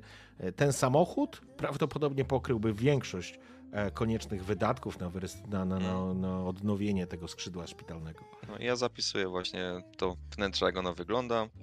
Eee, I w sumie tyle. Skupiam się na tym generalnie. Okej, okay. okay.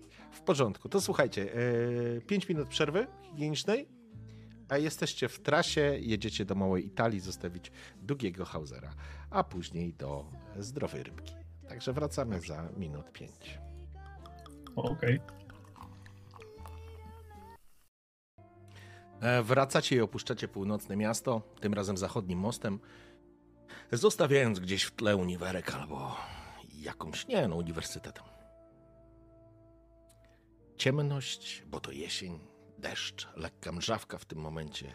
Przestało grzmieć, przestało błyskać. Lampy ciągną się wzdłuż mostu, tego wiszącego. Piękny most, oświetlony jakimiś lampami, a pod nim ciągnie się szalone Dark River. Miejsce, które tym bardziej przyciąga uwagę Greya, który patrzy i w głowie masz tysiące myśli. Rzadko kiedy masz tysiące myśli, Eliocie, w głowie. Ale teraz, trzymając zdjęcie,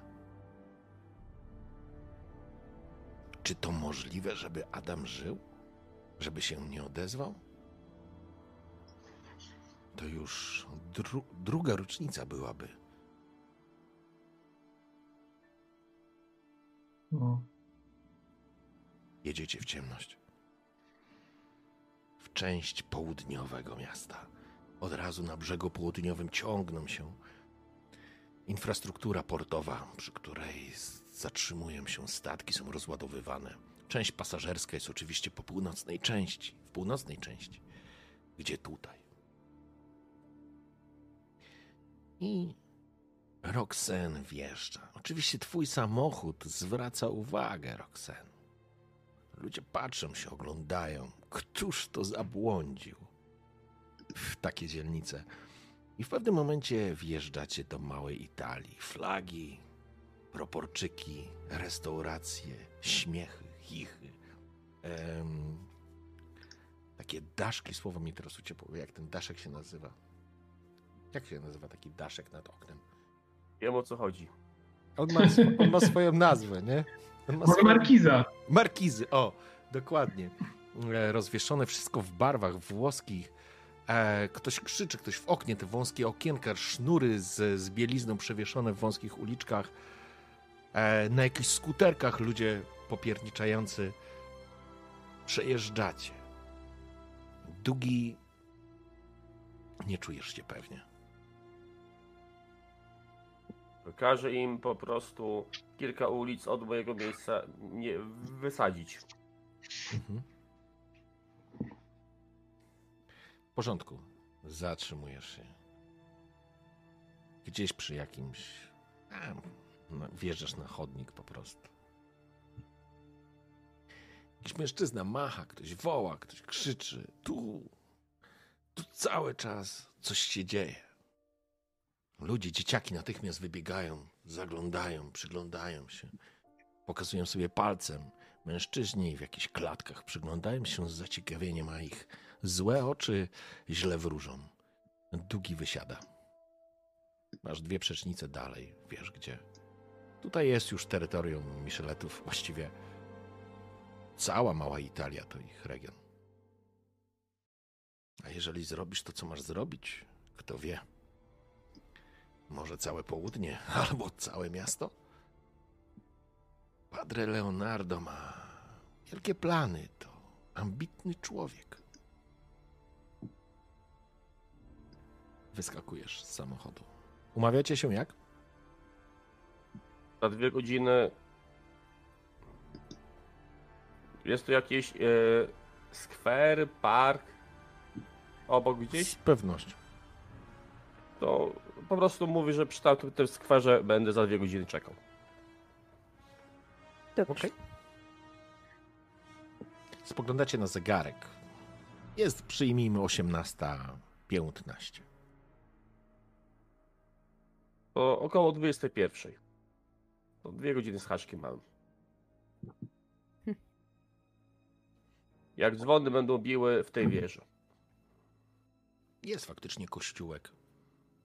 Jakiś padre krzyczy na ministrantów, którzy coś mieli zrobić i oczywiście nie zrobili. Jakieś kobiety z naręczami kwiatów. Ktoś się skłania, ktoś woła, ktoś śpiewa. To co? Kiwam głową i ruszamy. W porządku. A ja udaję się prosto do swojego miejsca pracy i Mhm. zsyłki. Okej. Wy, ty, tylko jeszcze chcę dopytać, e, Roxanne, Izbor i Elliot, ro, Mhm. jedziecie teraz do Healthy Ryb. Fish, Tak, jest pewnie. zdrowej rybki. Mhm. Dobrze. W porządku. Mm, Healthy Fish będzie przy firmach przetwórniczych, które znajdują się zaraz przy, e, przy brzegu, więc całkiem niedaleko od małej Italii, ale, ale musicie wrócić z powrotem na Dark River i pojechać na zachód. Tam będą tego typu infra, ta, ta infrastruktura. I, I tam będziecie jechać. Mm. Myślę, że pierwszy będzie długi. Wchodzisz, taki kamienica, która jest taka narożnikowa, ma dwie klatki, na dole jest restauracja, stoi kilka samochodów. Widzisz panów w marynarkach, w kapeluszach, palą papierosy. Ludzie Micheletów, z pewnością. Podchodzisz do jednej z klatek. Mierzą cię wzrokiem, ale myślę, że cię rozpoznają. Obstawiam też, że mam jakiś dokument od specjalny albo jakiś znaczek, że Na wszelki wyp- wypadek, żeby pokazać, bo jestem zbyt cenny dla szefa. Wiesz co? Myślę, że jakby jakieś przepustki czy czegoś takiego nie masz. Myślę, że oni wiedzą, że ty po prostu tu pracujesz. To trwa już jakiś czas. To nie jest tak, że to od Tak. wczoraj to robisz, więc e, myślę, że każda obsada strażników będzie cię po prostu rozpoznawać albo będzie wiedzieć, że to jesteś ty.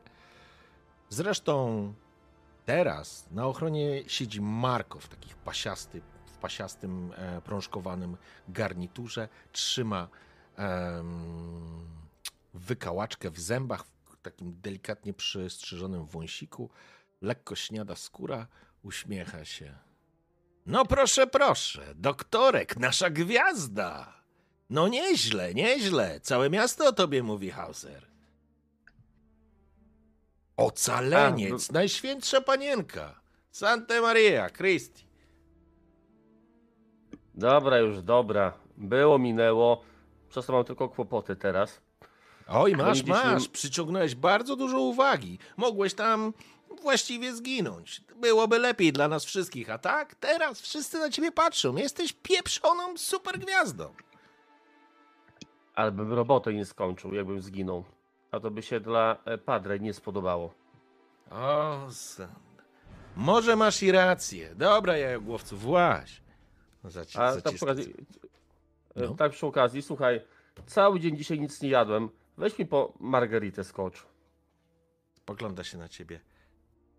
Czy może jeszcze buty mam ci na przykład wypastować? Marynarkę wyprasować? Słyszałeś go? Georgino, co? Co jeszcze mam zrobić ci? A weź spieprzaj. Zaciąga się, nie zaciąga, wkłada znowu te...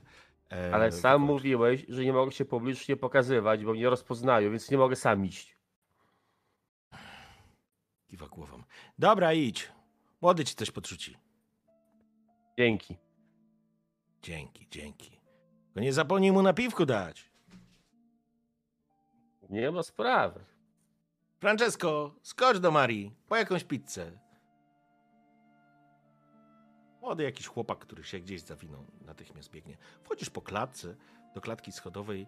To jest kamienica, natomiast e, samo laboratorium znajduje się, laboratorium, nazwijmy to laboratorium, w takiej części jakby piwniczej, czyli, czyli na takim, na poziomie minus jeden możemy to nazwać w ten sposób. Taka sutenera, ale przystosowana. Tutaj widać, że to laboratorium faktycznie jak na warunki jest naprawdę bardzo bogate. Zresztą pff, sam doskonale wiesz, co mogły, na co Tam- mogłeś liczyć w szpitalu, a na co możesz liczyć tutaj, nie? Tam zamawiamy sprzęty i odczynniki.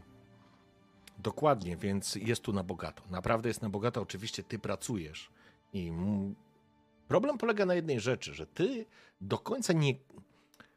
Padre zlecił ci zadanie, którego nie do końca rozumiesz. To znaczy, z punktu widzenia naukowego, rozumiesz, co masz przygotować, ale nie wiesz, po co to jest, do czego to jest. Trochę tak, jakbyś brał udział w projekcie w jakimś małym wycinku i bez dużego obrazu nie jesteś w stanie zrozumieć, do czego to może być.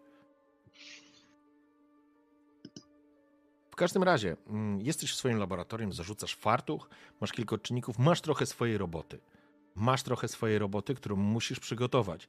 E, Zaglądasz do pomieszczenia obok, twoja siostra, e, jeszcze raz imię możesz powtórzyć? E, Eleonora. Eleonora. Eleonora oczywiście jest cały czas utrzymywana w śpiączce farmakologicznej. Wszystko jest z nią w porządku. Myślę, że jest jakaś pielęgniarka, która tutaj również funkcjonuje, która się nią zajmuje. A skłania się tylko tobie, e, pokazując, że wszystko jest w porządku, po czym wraca do swojej pracy. I teraz, e, Dugi, e, ty będziesz miał do wyboru.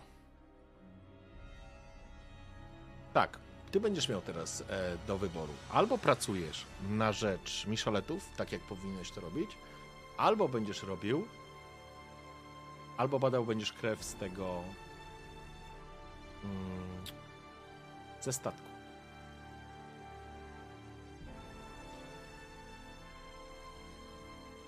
Więc albo będziemy wchodzić w rutynę, albo będziemy wchodzić w trzecie oko. E, trzecie oko. Będę badał tą krew. W porządku?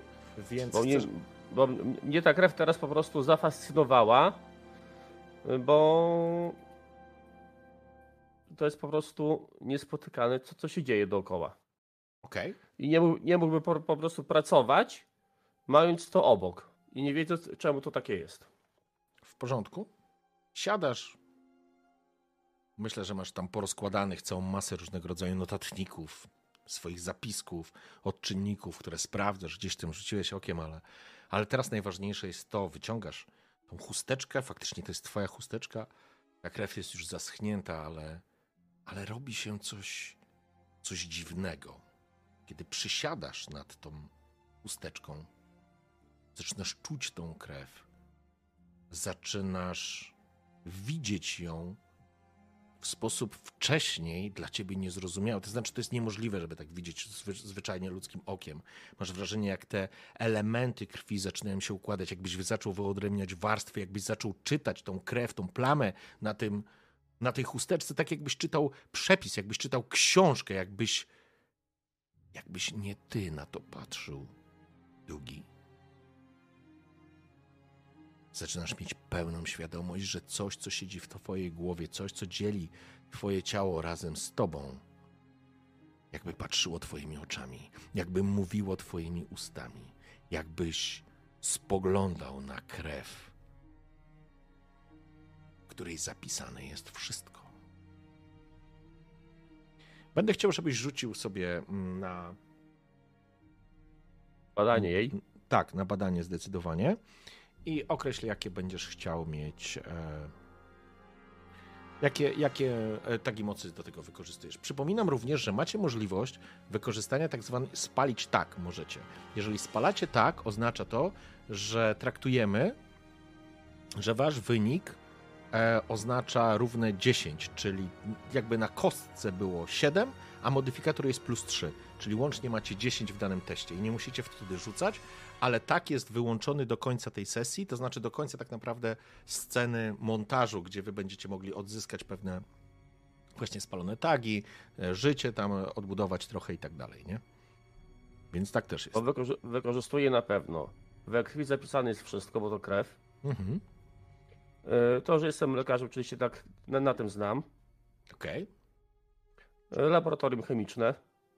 Okej. Y, pa, pamięć fotograficzna, bo książki będę po, porównywał to, co kiedyś widziałem. Myślę, że to e, jako lekarz e, i taki spec nie potrzebujesz wracać pamięcią do, e, do, do, do informacji na temat grup krwi czy czegoś takiego. Tego ci nie dam. Y, Chemia, odczynniki chemiczne W porządku? i, oko, i oko do szczegółów. Okej, w porządku. I bezsenne noce, bo jestem śpiący, czyli na minus. Okej, w porządku. Yy, czyli nas badaj. I teraz poproszę, zbadaj. W momencie, kiedy przygotowujesz się, e, mały Francesco przychodzi, przynosi e, pizzę, kładzie ją na, na stole i tylko rzuca e, taki, jak, jak pan zamawiał, z ananasem, po czym wybiega.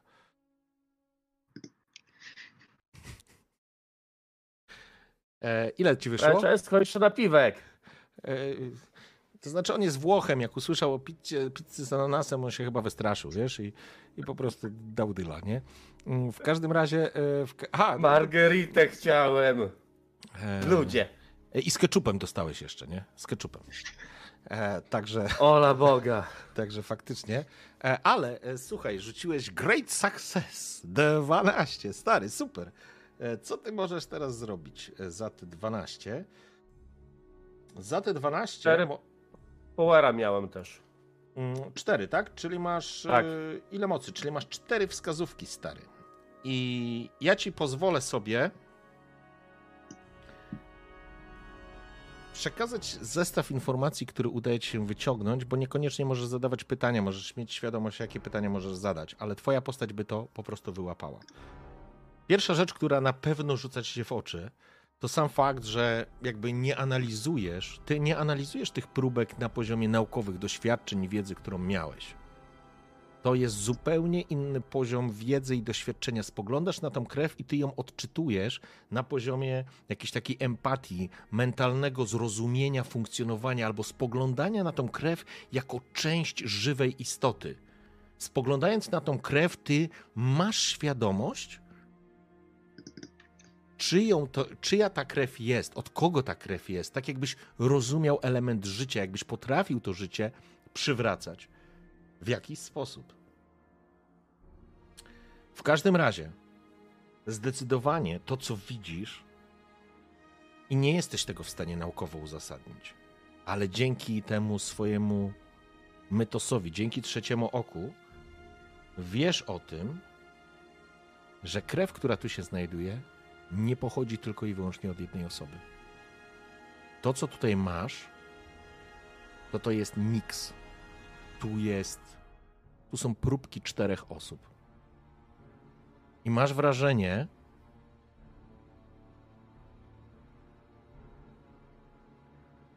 Nie, tego jeszcze nie wiesz. Jak się dowiesz, to się dowiesz, ale to nie pomoże ci teraz e, na tym. Ale zdecydowanie nie jest to krew pochodząca od jednej osoby. Ponieważ.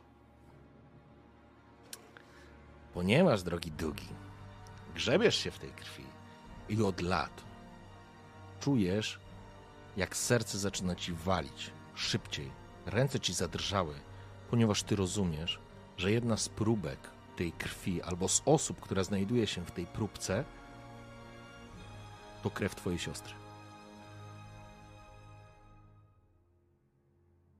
A później zaczynasz rozumieć, że krew kolejnej osoby jest niezwykle podobna i badasz również markery na e krwi na próbce Eliota Greya. I może ona nie jest dokładnie taka sama, ale to jest ten sam zbiór. To jest krew z krwi.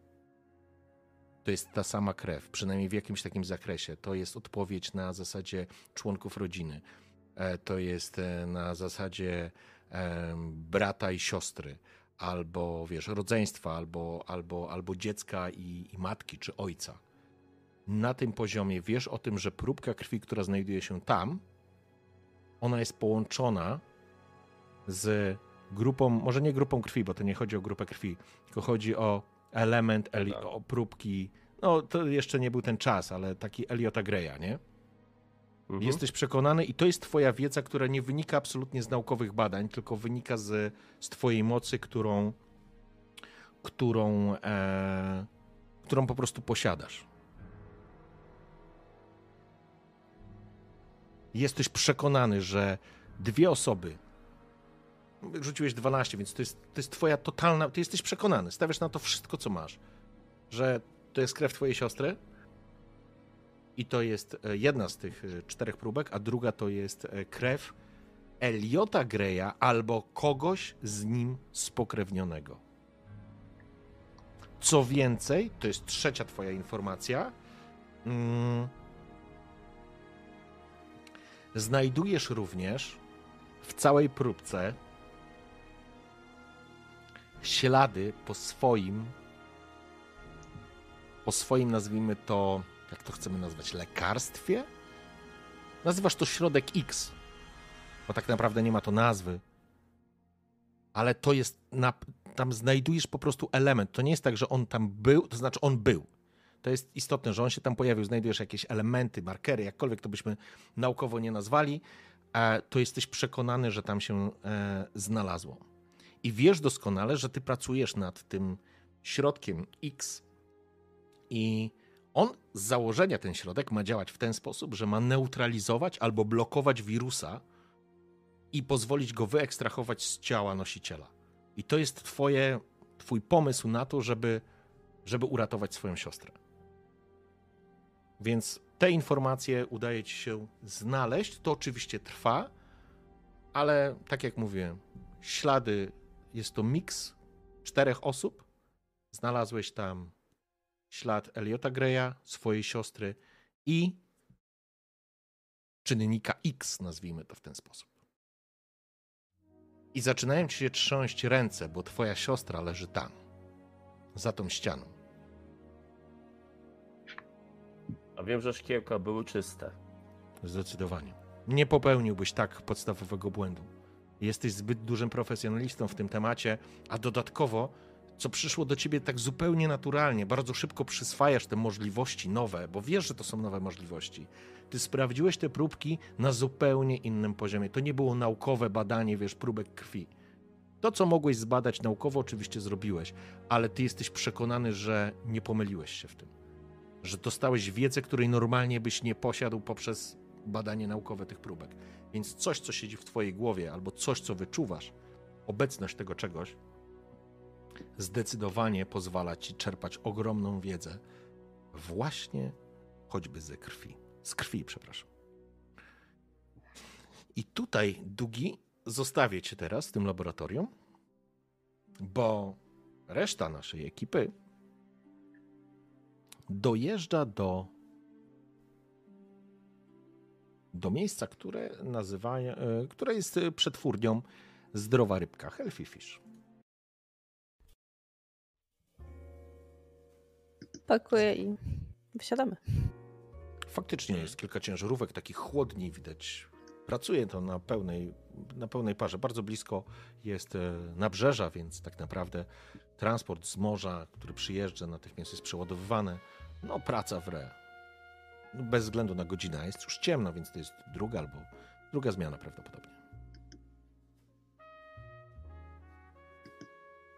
E, Ci pracownicy, oni jakby przerzucają na przykład do tych ciężarówek te rzeczy, czy tam, tam zakładam dwójka pracuje, jeden?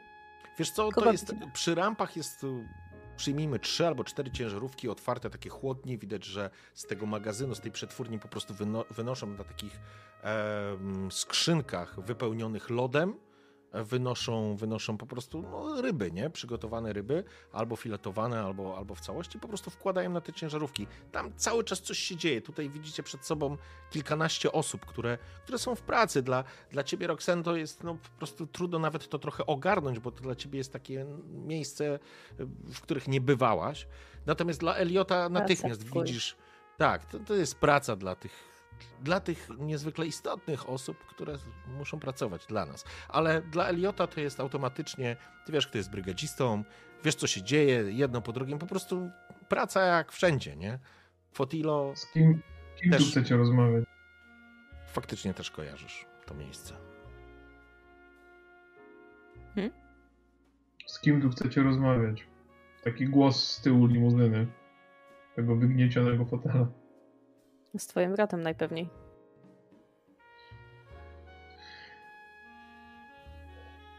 Albo z kierownikiem. Co on nam może powiedzieć?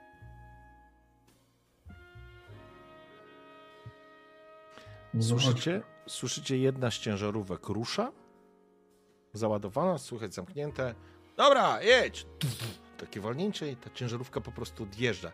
I kiedy odjeżdża ta ciężarówka, dostrzegacie, że za nią, przy płocie, zaparkowany jest samochód, który nie jest ciężarówką, ale Fotilo, z pewnością wiesz. Buff również, Grey absolutnie nie, nie, nie... Widzisz to, ale to ci nie daje żadnej wiedzy.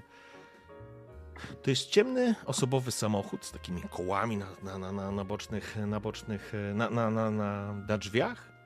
E, Jest to samochód Micheletów. Albo wygląda tak. Nie, no Fitilo na 100% to są. Mhm. To jest ich samochód.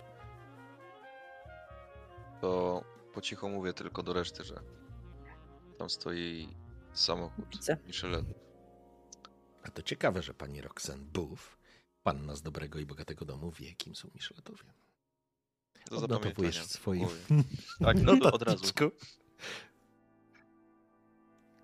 E, wyciągam papierosa. Mhm. Teraz E, idziemy do tego kierownika. Właściwie, czy mówiłeś, że twój brat zajmował się wywożeniem nadmiernego towaru, że tak powiem, do rzeki? No, Czyli oni, ale nie tutaj, nie stąd. Czy, czy stąd? nie, nie wiem nic, żeby pracował w tym Healthy Fish. pewno mają tu lodówki. Mają tu lodówki. Mogą dużo pomieścić, to prawda. A mówicie, że tam stoi samochód Mhm. tych całych Micheletów. Zaraz, chwila, Dobrze, tamten, tamten I sobie tylko Tak. staram przypomnieć, z tego co pamiętam, ty nigdy dla nich nie pracowałeś, ale miałeś świadomość, dla kogo pracuje twój brat, nie? Tak, ale też y, no, wcześniej powiedziałeś, że, że nie było tutaj powiązania z tym Healthy Fishem. To znaczy. Nie, nie, nie było. taki- Z, Hel z Healthy Fishem na pewno nie było No, okej. Tylko Tak. e, zastanawiam się, na ile e, Elliot mógłby faktycznie rozpoznać ten samochód, bo ja przyjąłem, że. Ale uciekło mi to, że, że on cię Nie, samochód, nie. samochód niekoniecznie, niekoniecznie, bo ja mogłem bywać w jakichś tam miejscach, nie musiałem nawet zwrócić uwagi na to. On, on Okej. nie odcinał od tego środowiska, więc. To czyli jest okej. Jedno rzecz, która Fotilo tobie w głowie siedzi, jeżeli e, reakcja panny Bow, Buff na, na, na mm, informację o Micheletach zareagowała tak, jak zareagowała, paląc w swoim super samochodzie fajkę, czego prawdopodobnie nigdy w życiu nie zrobiłaby.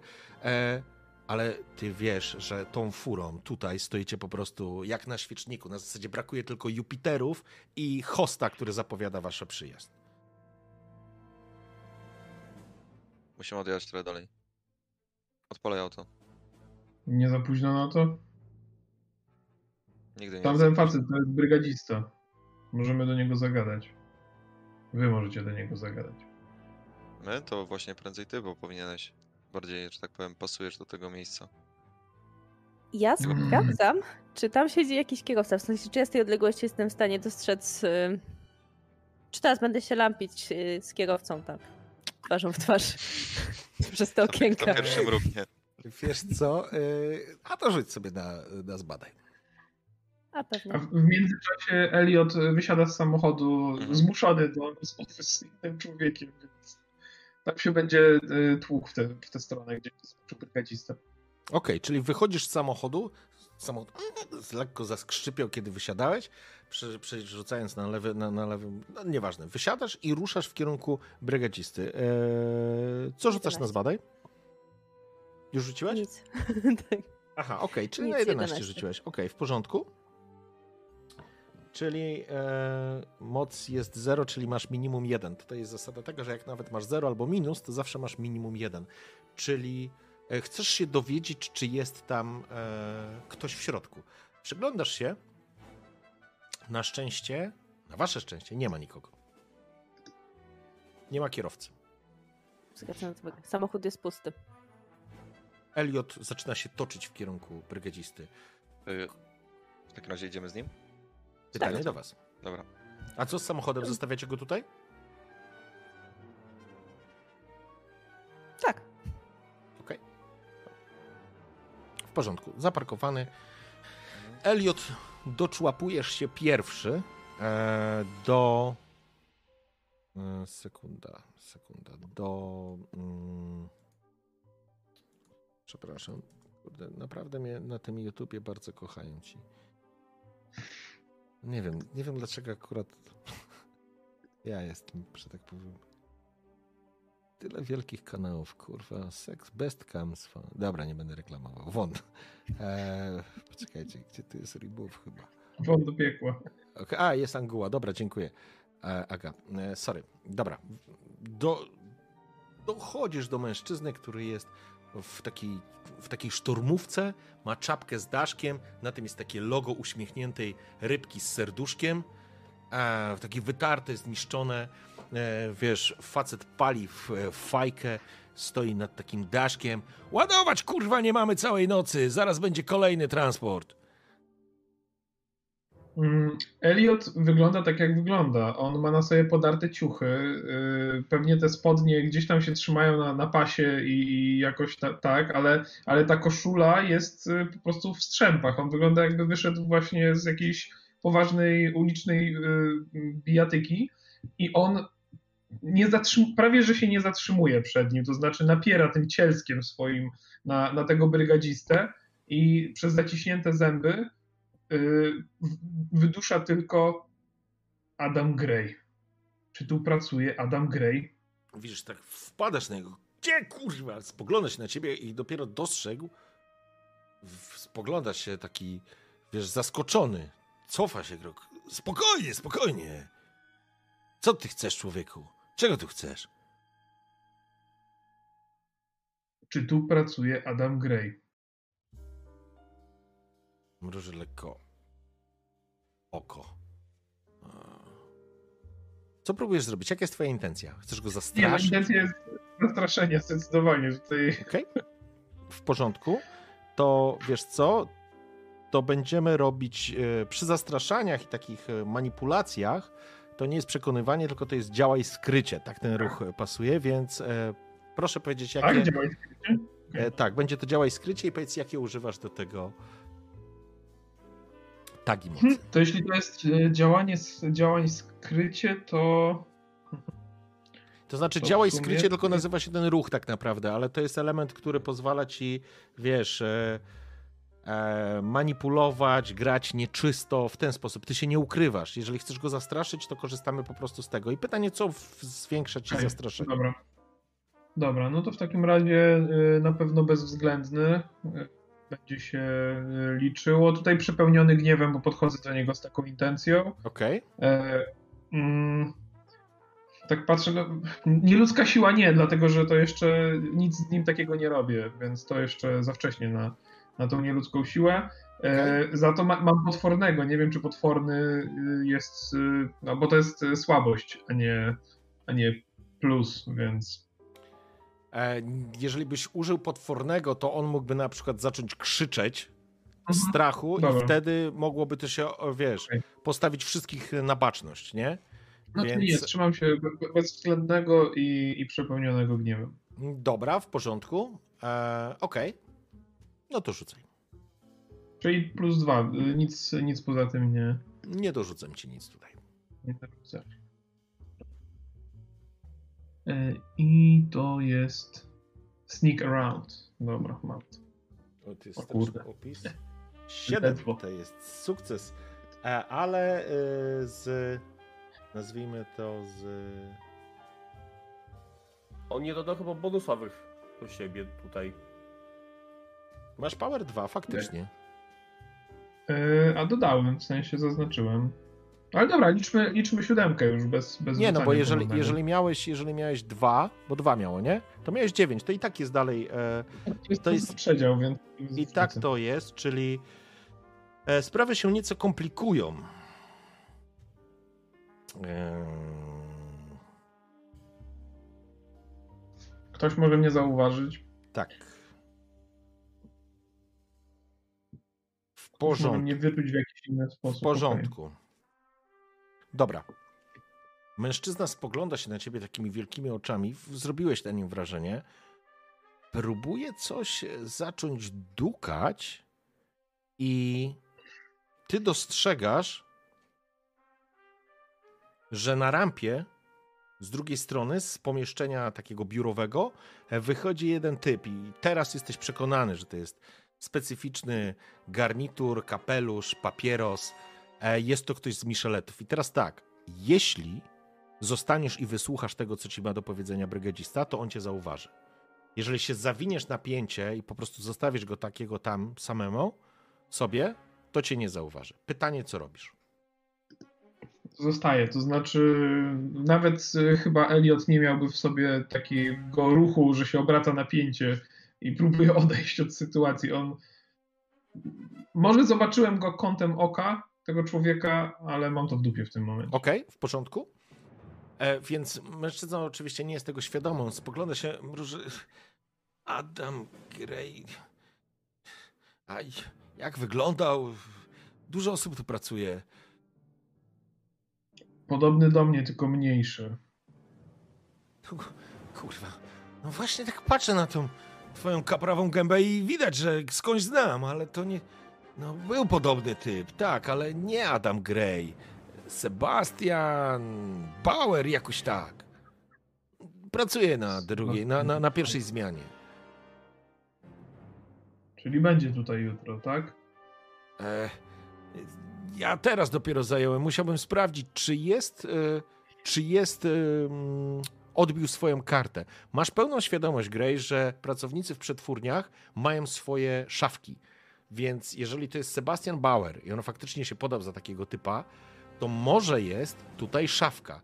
Ale zanim dochodzisz jakby krok dalej, e, Izbor oraz Roxen zbliżacie się do, zbliżacie się do Greya, który widzicie, że po prostu typa popchnął pod rampę, on się czerwony zrobił, prawie połknął tego peta, ale odpowiada.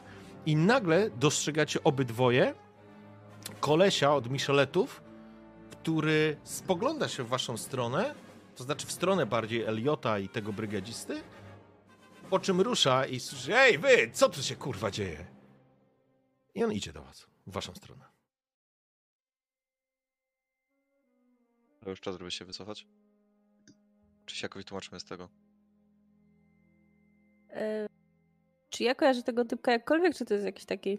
Nie, znać go nie znasz, ale Nie jesteś przekonana, że to jest człowiek, żołnierz Micheletów. Dobra, zostajemy. Jak pójdziemy teraz będziemy uciekać, to będzie jeszcze bardziej podejrzane. Racja. No to idziemy do przodu. Tak, Ja gdzieś idziemy tam do- czuję tą wewnętrzną, kipiącą gniew. Tak, w Taki ogóle we mnie ktoś do was... Ej, ty, bez szacunku. E, w każdym razie mężczyzna zeskakuje z rampy i, po, i podchodzi. E, Ostentacyjnie widać e, broń, która jest na, w kaburze przy, przypięta pod marynarką. Co tu się kurwa dzieje? Kim wy jesteście? Mruży o... Mruży oko? Za... Zaraz, zaraz. Ja wiem, kim wy jesteście. To wyście... To wyście przeżyli z królowej Anny. Czego wy tutaj szukacie? I teraz ten brygadzista. No, wiedziałem, że skądś znam twoją twarz. I, I zaraz, to. I to jest ten moment, w którym oni zaczynają was rozpoznawać. Brata szukam.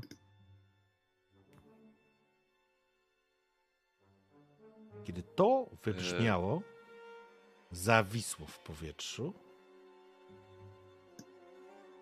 wrócił się do ciebie. Brata szukasz. Jak to brata szukasz?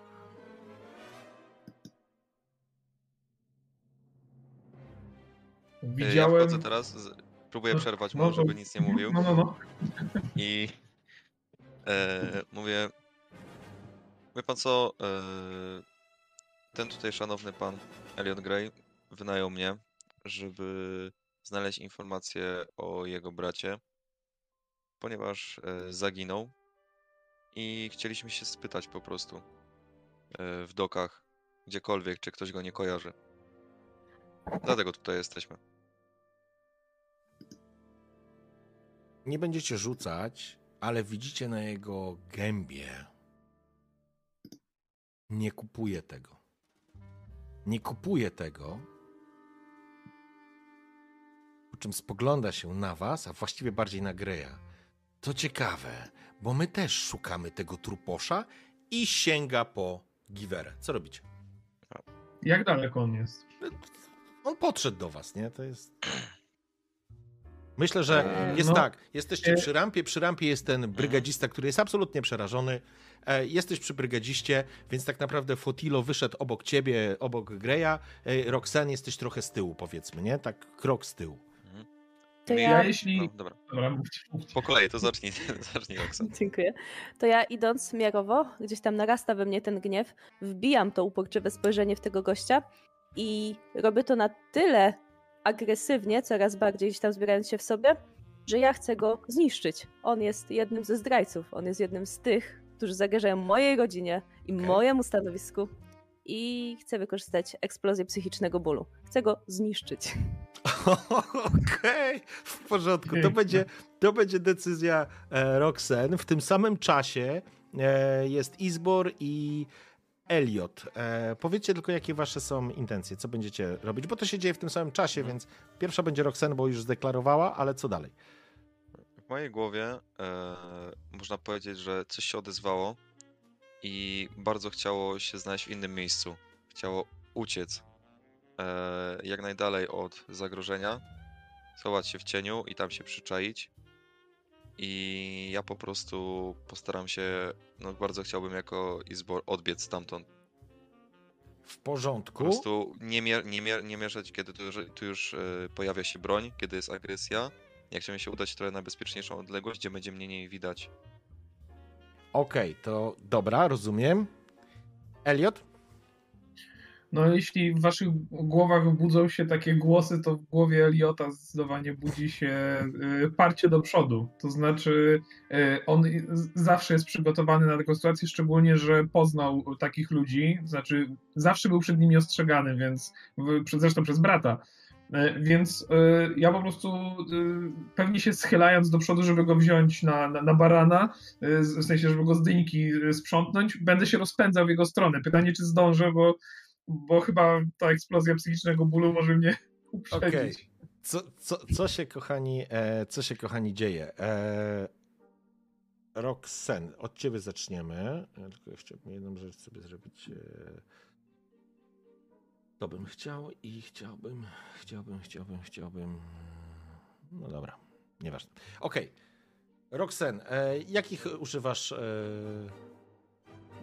tagów. To wiecie, eksplozja psychicznego bólu. Okay. E, myślę, że naszyjnik mojej matki, bo to ona jest głównym powodem, dlaczego ja ich tak nienawidzę okay. z jednej strony. E, dalej będzie nieustraszona, bo to jest mimo wszystko groźny człowiek, który sięga po broń. Okej. Okay. E, I nie wiem, czy. Znaczy, tutaj chyba zdjęcie zabójcy mojego matki nic mi nie da, bo on nie jest tym, tym osobą, chociaż jest jednym z nich. Ale tak, jest z Micheletów i myślę, że to bym ci mógł pozwolić z, z pewnością. Mhm. E, I jeszcze mam pytanie o e, poczucie przynależności jako e, to jest moja rodzina. Ja to teraz widzę z pozycji mojej królowej jako gra. Oni, my. Oni są zdrajcami, którzy odebrali mi władzę. Oni są jedynym, yy, Dobra, jedną okay. przeszkodą na mojej okay, drodze. Okej, okay. traktujesz e, Eliota i Zbora jako swoich e, pachołków. W porządku.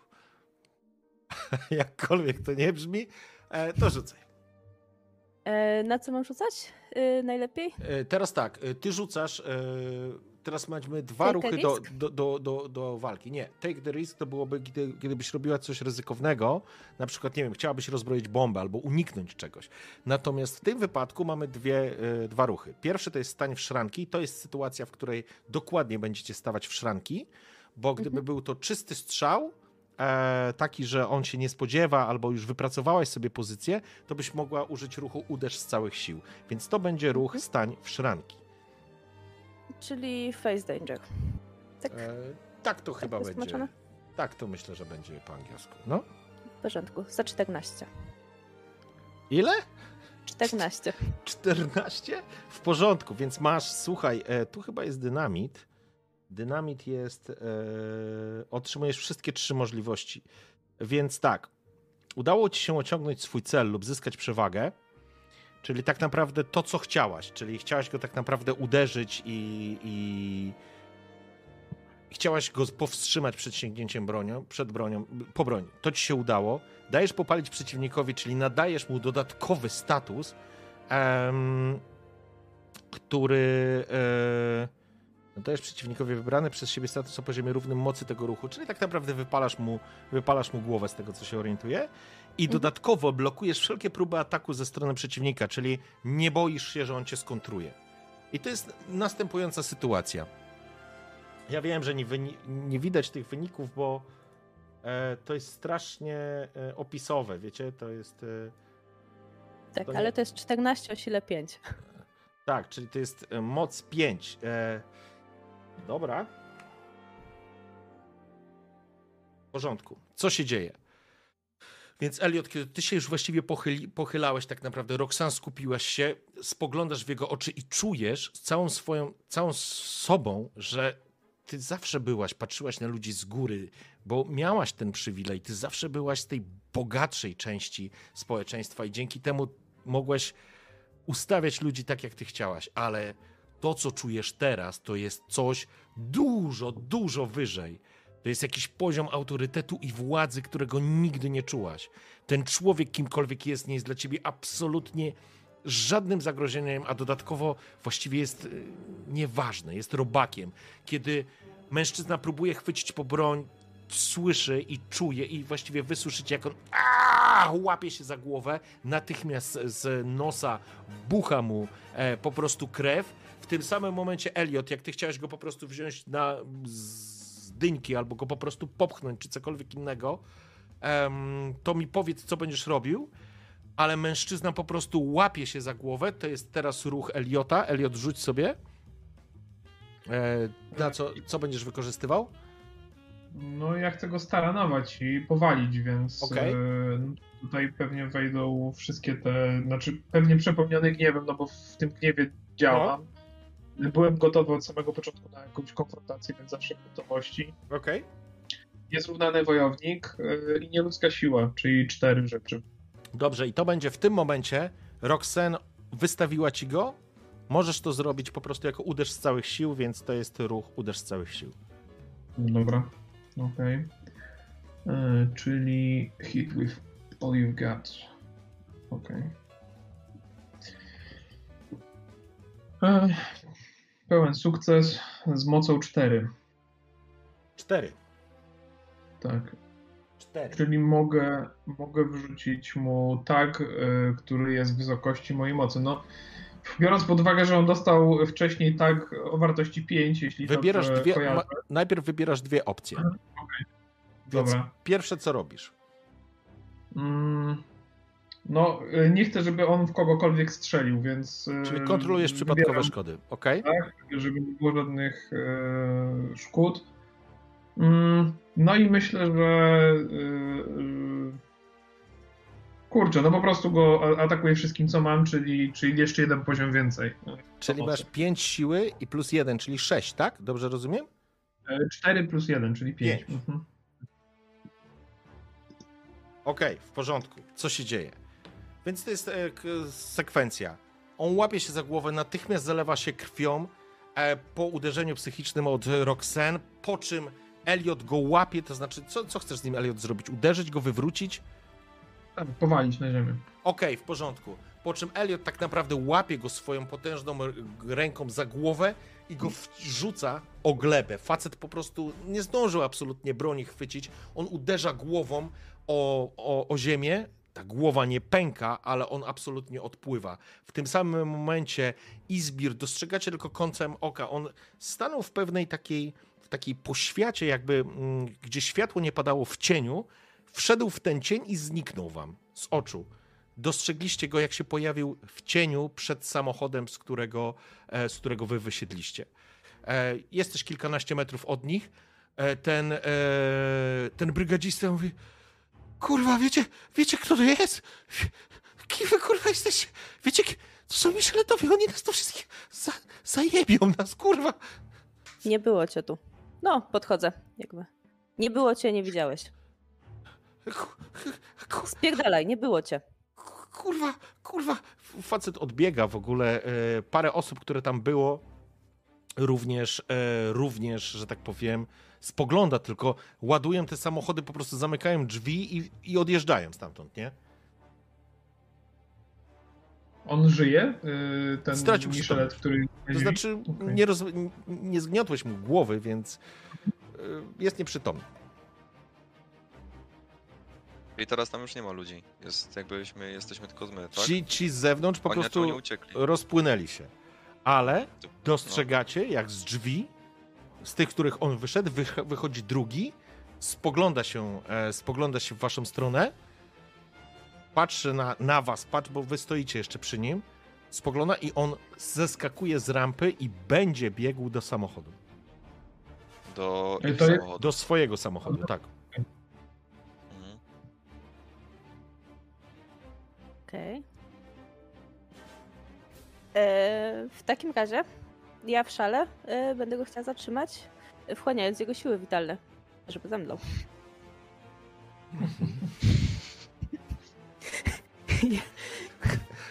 Okej. Co e, za potęga. Dobrze, w porządku. No. To, to ja bym chciał, żebyś tylko podała, jakie chcesz, z jakich chcesz tagów e, skorzystać. E, Dugi, ja tylko wrócę na chwilę do ciebie. To chwilę jeszcze trwa, bo ty tam robisz te badania, więc postaramy się to szybko przeskoczyć, ale e, zobaczmy tylko, Roxen, czy się uda. To będzie decyzja Roxen. I Zbor, ty jesteś najbliżej tego typa. No właśnie chciałem się spytać, czy mógłbym, korzystając na przykład z tagu wyłącznie z ciemności, jakoś go zatrzymać, nie wiem, w jakikolwiek sposób, nie wiem, no i podstawić, chwycić go, tak żeby mnie nie zauważył, ale żeby się znaleźć przy nim. Mógłbyś wykorzystać ten tag, żeby się przemieścić Tak, jak poja- i pojawić się w, z plamy cienia przy jego samochodzie, do którego biegnie. Tak chcę zrobić. W porządku? Dokładnie tak. Elliot? No, ja się raczej koncentruję na tym, który jest przede mną. Nie wiem, czy nawet zauważyłem tego biegnącego. Ja go chcę podnieść. e, No i pewnie zauważę, że jest nieprzytomny, więc w tym momencie na nic mi nie jest potrzebny, więc przerzucę go sobie przez ramię. Okej, w porządku. Przerzucę. To rzucasz jakie tagi i, i zbor... Czy- e. Ja mogę spróbować tej techniki spalania tagu, bo ja jestem jej ciekawa. Oczywiście, możesz. Możesz, czyli tak, spalasz tak, e, wchłaniasz siły witalne, czyli masz z automatu e, wynik e, na 7, plus, to znaczy masz, masz 10. Twój wynik to 10, czyli masz. E, i, ty, I to była Twoja. I to będzie ruch, e, również stanie w szranki. Tak, i to jest. E, wybierasz jedną, e, jedną opcję, a moc twojego działania to 3. Okej, i to tam było, że y, osiągam cel, także on się pewnie też za pomocą Izydora przewróci. Być może, E, nie wiem, walnie o coś głową osłabnie. I zbora na razie nie liczmy. To, co chcesz zrobić, chcesz go zatrzymać, jak rozumiem. Taki jest. E, Y, Chcę go omdleć. e, czy ci się uda go, e, że tak Mhm. powiem, wyłączyć do nieświadomości, tego nie wiesz. Ale e, na pewno, jeżeli uderzysz w niego, to on się na pewno zatoczy, bo, bo to jednak, jednak ma znaczenie, nie? Mhm, Okej. y, pewnie. Dobrze, w porządku. W takim razie mężczyzna biegnie, on zeskakuje z tej rampy, ty się chwilę koncentrujesz na nim i znowu czujesz taką, ten autorytet rosnący w tobie, taką tą złość, że zajmujesz się takimi robakami, a przecież ty musisz się dowiedzieć, kto cię zdradził. Czujesz, jak on, znowu nawiązujesz z nim kontakt psychiczny, czujesz, jak zaczynasz wysysać z niego, z niego energię. On się zachwiał raz, drugi, ale po, podparł, się, podparł się na rękach i tak na czworaka i się zbiera, biegnie dalej, ale po prostu zygzakiem. W tym momencie Izbor rzucasz na swoją mobilność. Y, y, Ja mogę wziąć ten wyłącz się z ciemności zwinny jak lis. Tak? E, czy za, działać zanim coś się wydarzy? Możesz, to są trzy tagi przynajmniej. Dobra, raz, dwa, trzy. Mm, No myślę, że tyle. I teraz tak, mobilność to jest. Rzucasz po prostu na stań w szranki. Jak to jest na tej stronie. Znaczy na rolu? To się nazywa. Face Danger? Nie. Nie, nie, to jest. Go e, toe to Go toe? to toe. Mhm. Jaki wynik? Great success. 11. Wybierasz dwa. Co wybierasz? Czyli chcesz go powstrzymać? To znaczy wywrócić? Co Mhm. chcesz z nim zrobić? Jaka jest intencja? E, ja chciałem go przewrócić Mhm. i przewrócić go tak, ale żeby patrzył na moją twarz, żeby jakby nasze twarze na siebie patrzały Mhm. i w ten sposób e, coś we mnie chciało się pożywić jego strachem, jeśli on będzie przestraszony przez to, co się działo tam. Wiesz co? E, Tylko, że teraz tak, to będzie jakby to jest inny tak. W tym momencie ty tego nie Mhm. korzystasz, więc Aha, twoim... bo okej, chodzi o te Ty tagi, chciałeś dobra. go zatrzymać, Mhm. więc ty wyłonisz się z tej ciemności, No, on się zachwiał. Powalić, tak. powalasz go i to jest Mhm. będzie twój pierwszy efekt. I czy będziesz próbował, możesz blokować, unikać, kontrować, czyli zabezpieczysz E, no się przed będzie, obrażeniami? Jeśli będzie, chciał się, jeśli będzie chciał się wyrywać, to w jakiś sposób będę chciał mu to uniemożliwić. To znaczy, ja ci powiem, e, jeżeli nie wykorzystasz zabezpieczenia, to ja na pewno zrobię wszystko, żeby ci y, zrobić krzywdę. Mhm. Okej, dobra, to będę chciał zablokować ewentualną krzywdę Okej, w porządku. w takim razie. Więc on biegnie, widzisz, że się zebrał y, na czworakach i ruszył do tego samochodu. Już był na wyciągnięcie ręki i nagle ty się, Izbor, pojawiasz tak naprawdę z ciemnej plamy. Po, y, wywracasz go, myślę, że podkładasz mu nogę, on po prostu pada na ziemię, uderza głową w, w samochód. Ty masz ile mocy miałeś? Trzy, trzy mocy. Trzy. Uderza głową, widzisz, że sięgnął po nóż, który miał za pasem i próbował cię dźgnąć, ale zablokowałeś ten, e, to uderzenie, wykręcając mu rękę i uderzając jeszcze raz głową e, o ten e, samochód. Mężczyzna traci przytomność i osuwa się.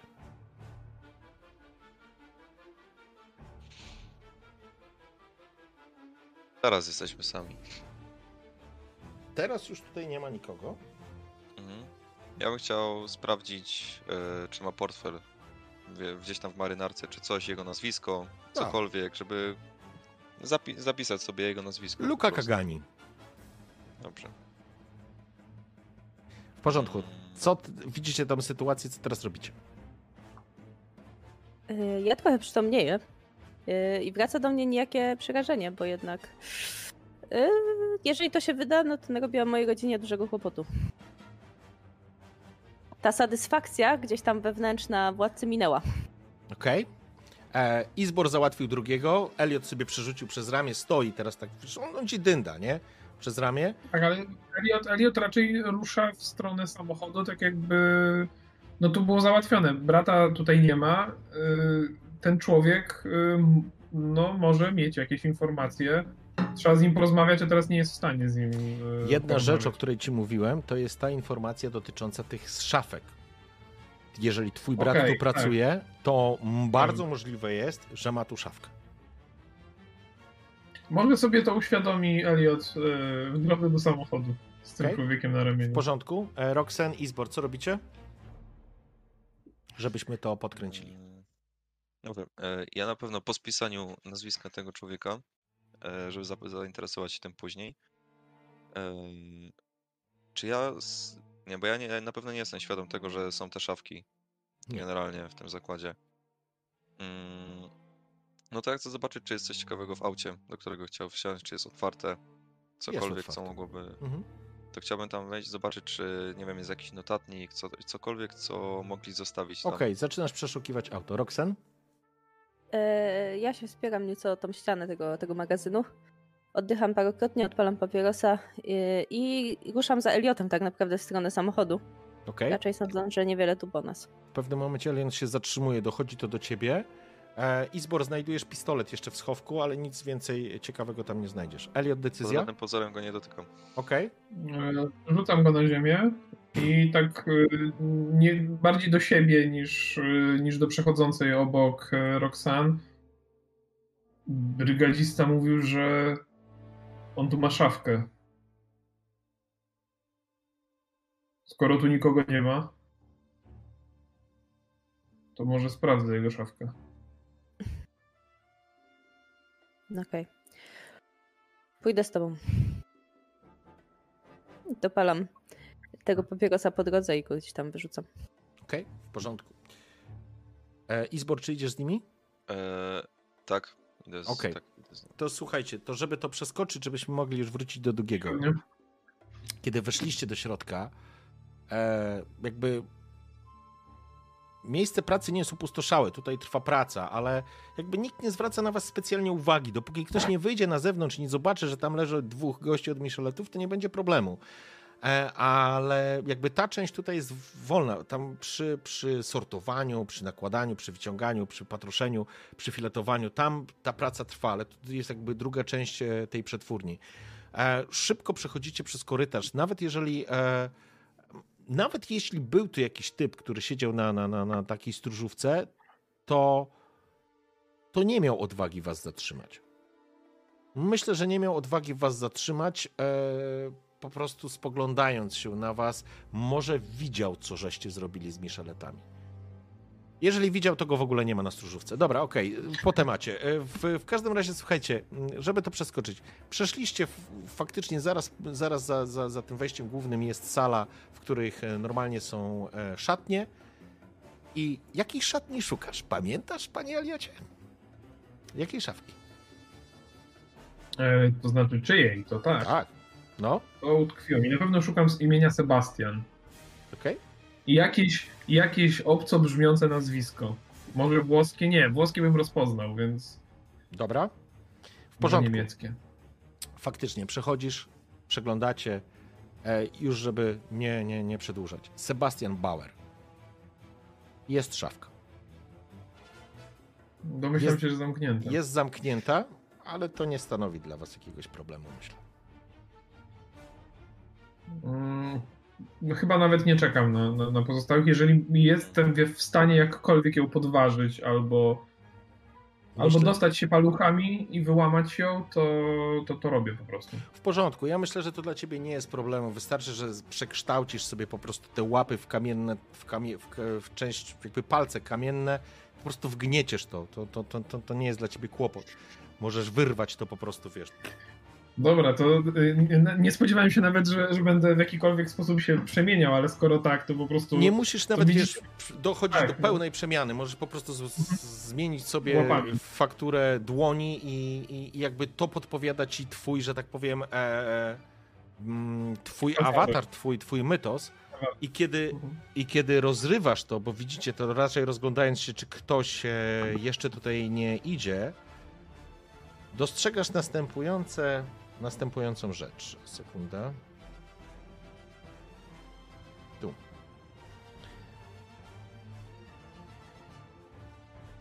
Pierwsza rzecz, która ci się rzuca w oczy, która powoduje natychmiast, że twoje ręce stają się normalne, a ta twoja wielka sylwetka przy tej szafce się kurczy. Wyciągasz zdjęcie, gdzie Adam stoi z tobą. Jedno ze zdjęć, które mieliście sprzed lat. Kiedy miał, jeżeli miałeś jakiekolwiek wątpliwości, że to jest w ogóle prawdziwe, co tu się dzieje, to teraz wiesz, że jakimś cudem twój brat żył od dwóch lat i się do ciebie nie odzywał. Nie wiesz, czy rozpacz czy wściekłość bierze to, w tobą górę. Zaraz do tego przejdziemy. Natomiast to, co strzegasz dalej, to jest zwinięta gazeta informatora, którą wyciągasz. To jest jakaś stara gazeta sprzed pół roku może. Na jedynce jest zdjęcie Padre Leonardo w takie kółko zaznaczone. I widokówka, taka, którą można kupić w kiosku, z latarnią morską na wyspie Mew. To jest taka mała wysepka e, na rzece, która, mm, ponieważ rzeka Dark River jest dużą rzeką, ona pozwala łatwiej nawigować statkom. Ja, ja po prostu trzymam to zdjęcie, tak się wpatruję w nie. I te rzeczy, które są w głębi szafki, to może bardziej nawet pozostali widzą niż, niż ja. To znaczy, Okej. ja zerknąłem tylko do środka, ale, ale patrzę po prostu na, na tą fotografię. Okej. Dla, dlaczego? To Fotilo, ty masz e, informatora, przyjmijmy, że Roxen Mhm. po prostu sięgnęłaś, tą zdarłaś wizy- w- widokówkę.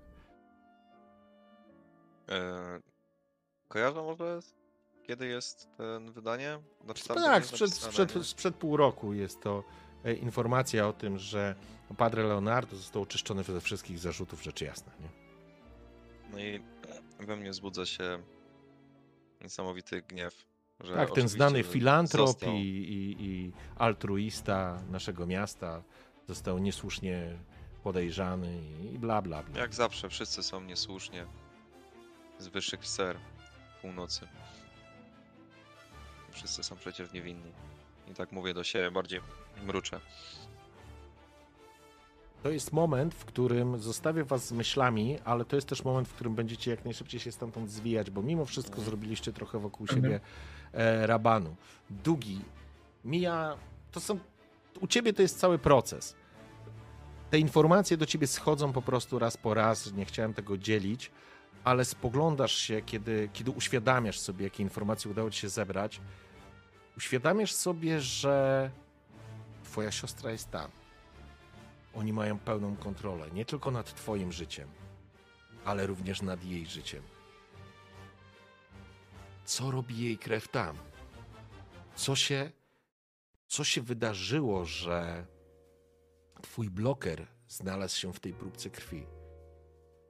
Najśmieszniejsze jest to, że w ogóle nie odnotowujesz, jakby na poziomie mentalnym, psychicznym, jakby nie dziwisz się już temu nowemu spojrzeniu, rozumiesz?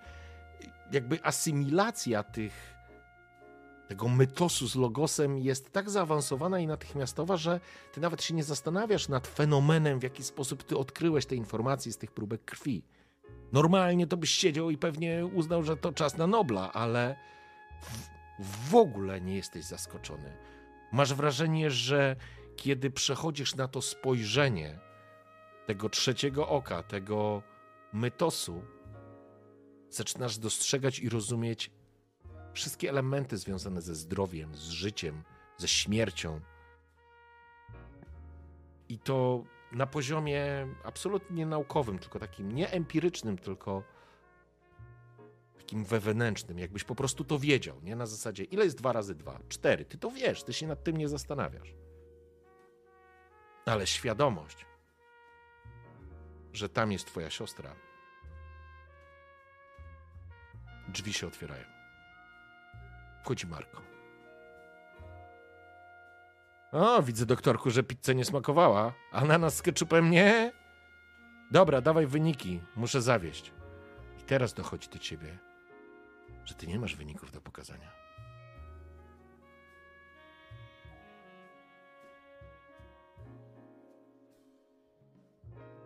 Yy, ja bym go spróbować oszukać. Tylko wiesz, że on te wyniki zabierze ze sobą i przekaże dalej. Więc ktoś, kto na te wyniki czeka, on zrozumie, że został oszukany, ale to chcę tylko, żebyś miał świadomość, nie? Yy. Chyba bardziej nie tyle oszukać, co powiedzieć mu, że badania wymagają dużo czasu, a nie rapciach. Czy tak jakby go spławić na jakiś czas. Doktorku, ja się na tym nie znam. To, to nie jest tak proste jak nalanie kieliszka grappy. Ale ja mam tu zawieść. I nikt się ze mną nie będzie pierdolił. Proszę wybaczyć, doktorze, ale z panem również. Więc proszę mi dać i nie robić mi problemów. Moje bambiny czekają na mnie w domu i ja nie mam czasu na pierdoły. I ty wiesz, że nie masz co dać, bo trzy ostatnie godziny spędziłeś na badaniu próbek. I czujesz nerwowy tik, który się gdzieś pojawia. Czujesz na sobie E. objawę zdenerwowania. Co robisz? A czy mam jakieś stare wyniki? Jakąś kopię? Pytanie, jakie jest twoja intencja? Yy, żeby mu dać stare wyniki jako nowe, potem na niego zwalić, że nie, nie te zabrał. Okej. I tutaj wykorzystamy fantastyczny ruch miasta mgły, czyli zmień zasady gry. I pytanie, panie dzieju, co będziesz robił? Yy, po prostu chcę go swoim autorytetem Nie, nie, uspokoić. W porządku, tylko y, z, zmień zasady, bo on jest jakby spokojny na zasadzie, on przyszedł po swoją robotę. Nawet do ciebie personalnie nic nie ma. Ma to w nosie, krótko mówiąc. On ma wziąć swoje. Jeżeli chcesz, to musisz mu dać coś. Coś mu musisz dać. Oczywiście możesz, możesz mu wmówić, to znaczy, jeżeli zmienisz zasady gry, on po prostu potraktuje to. On nie ma powodów ci nie ufać. Pracujesz tu rok, gdzieś koło tego, e, może dłużej, nie wiem, to już należy do ciebie, ale wiesz, on nie traktuje cię jak wroga, albo wiesz, niewolnika, albo kogoś zamkniętego. On wie, że ty pracujesz, bo jak każdy masz coś do zrobienia, więc jeżeli tak, to pytanie wtedy mm, możemy zrobić te, z, zmienić zasady gry. Chyba, że chcesz go przekonać, tylko że będzie ci trudno go przekonać, bo on, on się boi swoich szefów i on na pewno, wiesz, nie będzie takie proste. Czy, czy zmiana zasad gry może właśnie te stare wyniki na przykład załóżmy przywołać, o których sobie po prostu Tak, mo- wtedy możesz wykorzystać, zmienić zasady gry. Możesz powiedzieć, że na przykład wczoraj przygotowywałeś, czy ostatnio przygotowywałeś jakiś testowy element i te wyniki gdzieś są i ty możesz potraktować, że te wyniki po prostu dasz i to jest taka zapchaj dziura. Na pewno ktoś tam z góry się zorientuje, że to jest gówno, ale możesz zyskać na czasie, jeżeli ci wyjdzie. Pytanie, jak dobre są te e, pierwsze testy, rozumiesz? I to będzie określać e, wynik twojego testu, zmień zasady gry. Yy, to ewentualnie jeszcze do, do tego yy, testu po prostu chciałbym coś na szybko dopisać, żeby było coś się różniło, przynajmniej na pierwszych stronach. I to jest układ. Właśnie w tym ruchu zakładamy, że to już jest takie. Po prostu, jeżeli ci wyjdzie, to ty tą esencją po prostu stworzysz tak fabularny, że to jest tak fabularny na zasadzie, że to są dokumenty, które można, przy, raporty, które możesz podać. Rozumiesz? Pytanie, ile będziesz miał tych punktów esencji, no i zobaczymy, jaką moc wykorzystasz. Yy, I co do tego mogę użyć z tych tagów? Coś, czy po prostu jest czy, czysty rzut? Nie, nie. Używasz normalnie tagów. Do każdego ruchu używasz tagów mocy, a ty tutaj masz całą masę, którą możesz wykorzystać. Yy, Tylko sobie ciebie no tak. otworzę. Mm, tu jest Elliot, a tu jest Dugi. Doktorku, no, co wybierasz? Masz masę rzeczy. Słuchaj, masz. E, To powiedzmy, że skupiałem się na bo Nie, nie musisz choroby, wchodzić w jakieś takie szczegóły, nie? Tu po prostu zak- to wiem, co? jaka jest twoja intencja. y, ulecz chorobę, krew, Okej. lekarz, laboratorium, pamięć, chemia, oko do szczegółów. Okej, ja bym zamienił pamięć na wejście w skórę drugiej osoby, czyli ty wiesz, czego oczekuje od ciebie twój zleceniodawca, więc potrafisz przygotować raport, który inaczej, tak jak do każdego. Znasz instrukcję obsługi swojego przełożonego, więc y, wiesz, jak zrobić, żeby, żeby cię opierdolił, ale mniej. No i z minusowych. Yy... Dalej jestem niewyspany. No jaki teraz cwaniak, bo sobie zaznaczył 6-7 tagów, to teraz jest e, kozak, kozak, dobra, no, bezsenne noce. Mhm. I mogę co jeszcze wziąć, yy...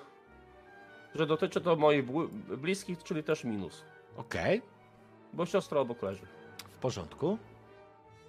I tutaj biorę z ułatwieniem. Jak coś. Ale teraz ja ci daję jeszcze status e, wstrząśnięty informacją, że twoja krew twojej siostry jest, czyli ja bym ci dał jeszcze status ujemny minus dwa ode mnie.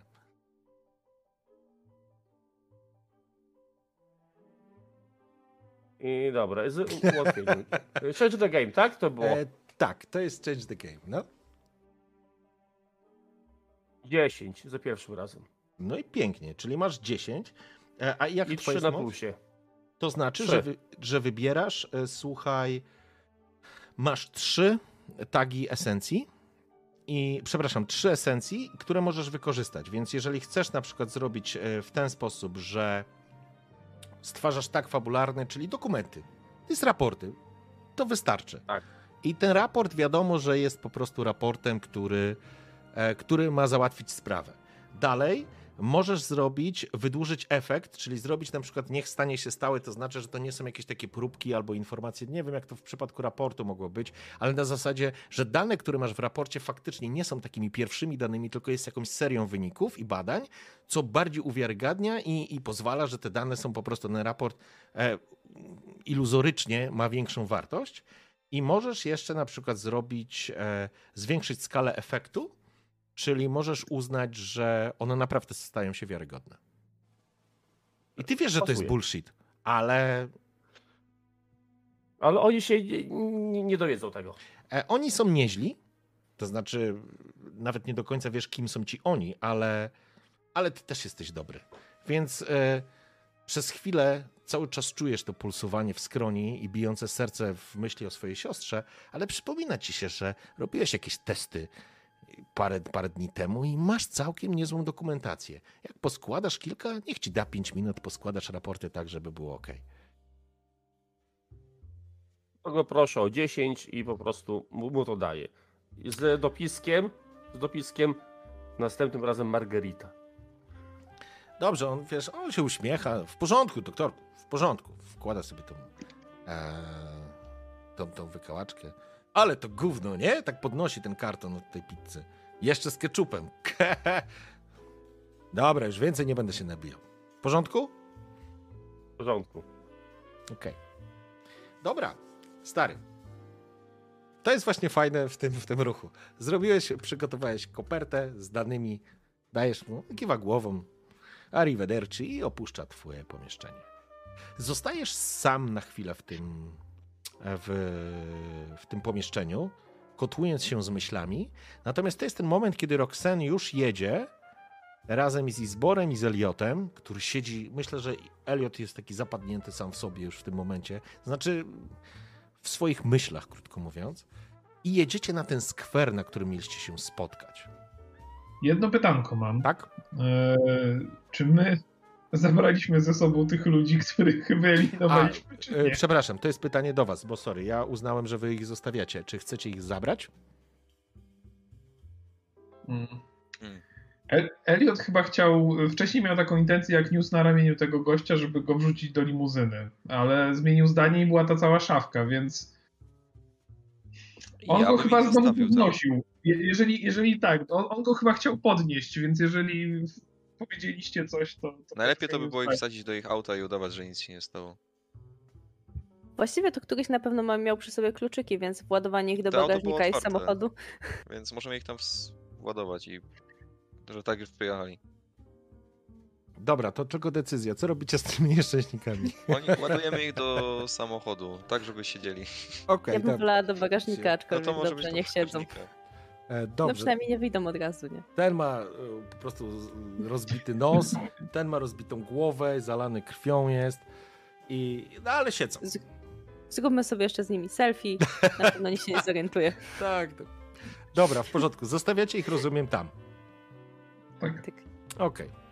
Czy możemy teraz przeskoczyć do y, tego parku, czy tam tego skweru? Tak, myślę, że Ja jeszcze go w międzyczasie z, labo, z, z, la- z laboratorium zabieram coś, co się może przydać, czyli jakieś różne rzeczy. Co, co tam są? Do tej torby uzupełnię ją. Ja kawa, zakładam, że, zakładam, że tak. Kawa, na- amfetamina to, to, to jest ważne, e, a resztę sobie poradzisz. Nie, a tak zupełnie szczerze, masz jakąś tam torbę medyczną, więc zakładam, że masz tam po prostu jakiś taki podstawowy sprzęt lekarski, jakieś antybiotyki, czy coś, co jest potrzebne, nie? Więc coś takiego masz. E, dojeżdżacie i czekacie przy skwerze tak naprawdę. y, Jest już ciemno, jest już 21, tak jak się umawialiście. Jest niewielka fontanna z takim amorkiem, któremu odtrącono jedną rękę, więc ten łuk trzyma w jednej i niby ma strzałę, ale już jej nie ma. I z ust leci mu woda, tak pluska. Do środka jest kilka drzewek. Jest to całkiem uroczo byłoby, gdyby nie to, że jest już po prostu ciemno. Fontanna jest pomalowana mm, w jakimś tam wulgarne słowa. Jacyś ludzie gdzieś tam łażą. Trochę Hauser się spóźnia, bo ja bym jeszcze chciał się zapytać, panie doktorze, co robisz ze swoją siostrą? Czy zostawiasz ją tutaj? Zostawiam. Okej. Ponieważ jak ją, jak ją zabiorę, no to cała przykrywka od razu spali. Okej. I, i, I to jest dla mnie po prostu jasne. Okej. Dobrze, w porządku. Y, zostawiasz i idziesz w kierunku e, w kierunku umówionego skweru, tak? W miejsce spotkania. Dokładnie. Że Dobrze. po, po drodze się troszkę maskuję, żeby jakby to tak łatwo mnie nie poznali. W porządku. Y, Słuchajcie, zatem e, przeskoczmy to po prostu. Mhm. Spotykacie się. Widzicie, jak Hauser dochodzi do miejsca spotkania. Wy stoicie, wy siedzicie w samochodzie.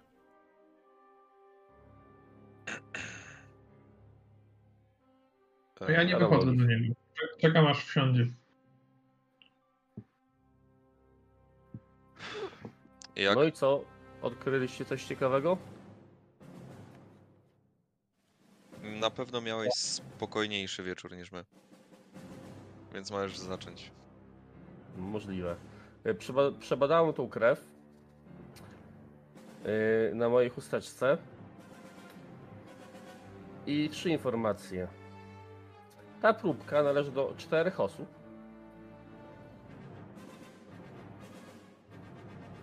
Mhm. Z tego dwie udało mi się zide- zidentyfikować. Yy, s- ale nie wiem skąd pochodzi pier pierwsza z tych osób, ponieważ ta krew należy do mojej siostry, która jest we ś- śpiączce od kilku lat. I się z laboratorium jego nie rusza. A pozostałe? Yy, Druga próbka jest od bliskiego krewniaka Eliota. Mm. Okej, to nas Yy. przybliż. No. prawdopodobnie od jego brata. Dwie pozostałe są nieznane.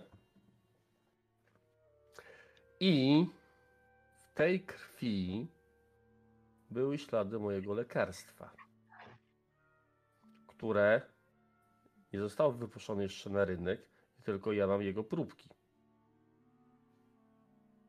W krwi brata Eliota. Nie, w krwi tych czterech osób. A ogólnie we wszystkich. Tak, bo to była jedna próbka. Tak, nie jesteś w stanie określić, Mhm. gdzie ten lek był, to znaczy lek, no nazwijmy to lekiem, e, przy której z tych próbek, bo to się wymieszało, ale obecność tego znalazłeś. Dostarczasz komuś ten lek? Czy robisz go we własnym zakresie? Chcesz go kiedyś wydać? Y, czy już ten lek testowałem na swojej siostrze, czy nie? Tak. Tak, to On jest. jest robiony dla, dla mojej siostry. Czyli jest tylko do użytku, że tak powiem, własnego. Jeszcze nie był produkowany masowo. On jest w fazie eksperymentów jeszcze. Mhm.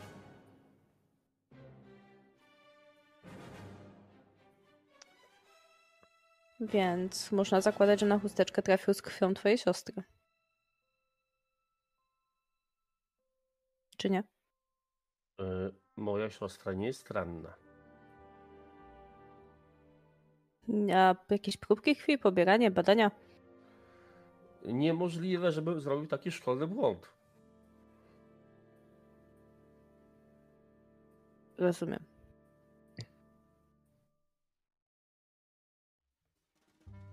No, czyli masz chustkę, na której jest krew Adama, mojego brata.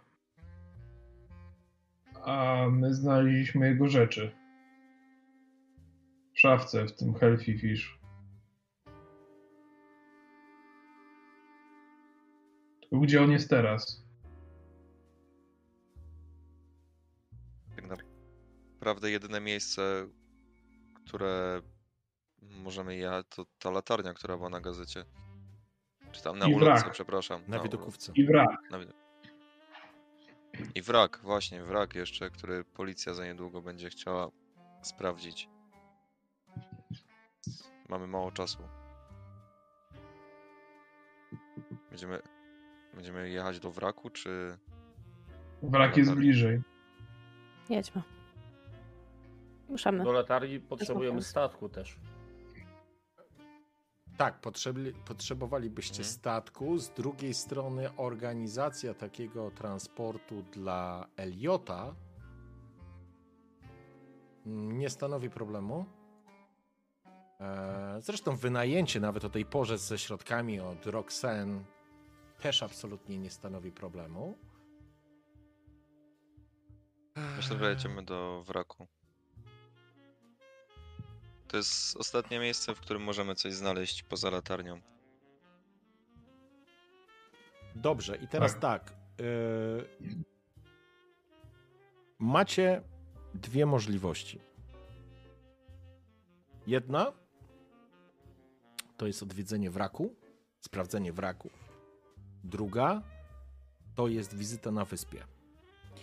Teraz tak, Elliot, na pewno ty będziesz musiał podjąć decyzję i będziesz miał krytyczny wybór.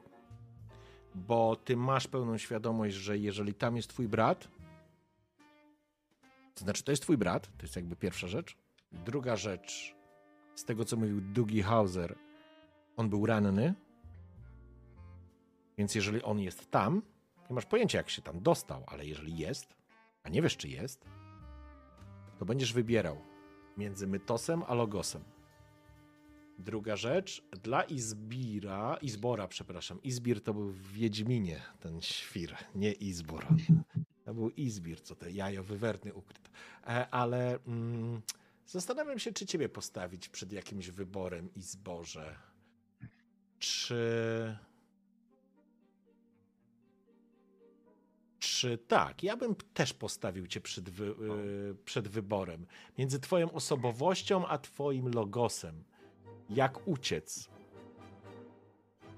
Być może czujesz wewnętrznie, że zbadanie wraku może dałoby ci jakąś wiedzę na temat tego, co się wydarzyło i może by pomogło temu czemuś w tobie zdobyć jakąś wskazówkę. Z drugiej strony jesteś cholernie wścibski i ciekawski, a historia o zaginionym od dwóch lat, właściwie uznanym za nieżywego gościu, którego normalnie to byś, wiesz, to jest jakiś tam typek mało istotny, ale teraz już tkwisz w tej historii po uszy, więc e, będziesz musiał się zdecydować. Przejdźmy teraz do Roxen. Roxen, gdzie jest Roxen? Co Roxen ma? E, myślę, że Roxen będzie miała podobną sytuację, gdzie mamy tutaj. E...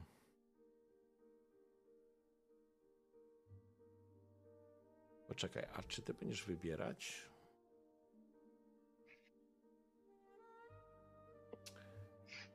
Nie, ty nie będziesz wybierać, bo tu nie masz sytuacji z ojcem ani dorobkiem. Chociaż.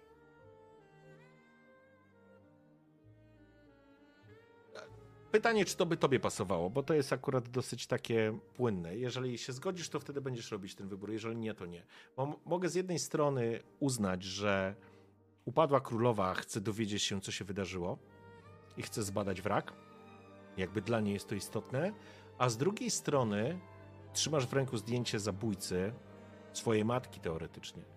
I to znaczy teoretycznie, wiesz, że to ten człowiek i on był pozwiązany z Micheletami. Micheletowie szukali brata Greya z jakiegoś powodu. Więc e, możesz być wiedzona takim poczuciem, że powinnaś, że idąc tropem brata Greya dowiesz się czegoś o Micheletach. Idąc tropem e, statku, ruszysz w kierunku królowej. Więc to będzie pytanie do ciebie. A Dugi, Dugi, Dugi, co u ciebie będzie? Mamy coś? Mogę was trochę poszantażować emocjonalnie? Ja miałem w laboratorium więcej tego. A, miałeś, jest przepraszam. Ty miałeś. No. Okej, zgadzam się. Dobra, w porządku.